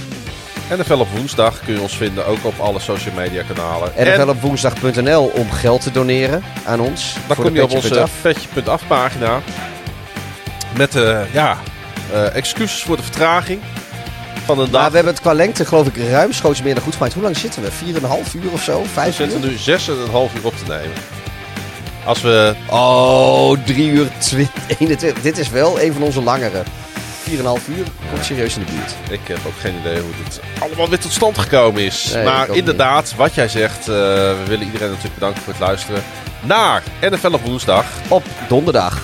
seizoen 2, aflevering 25. Beste maar weer.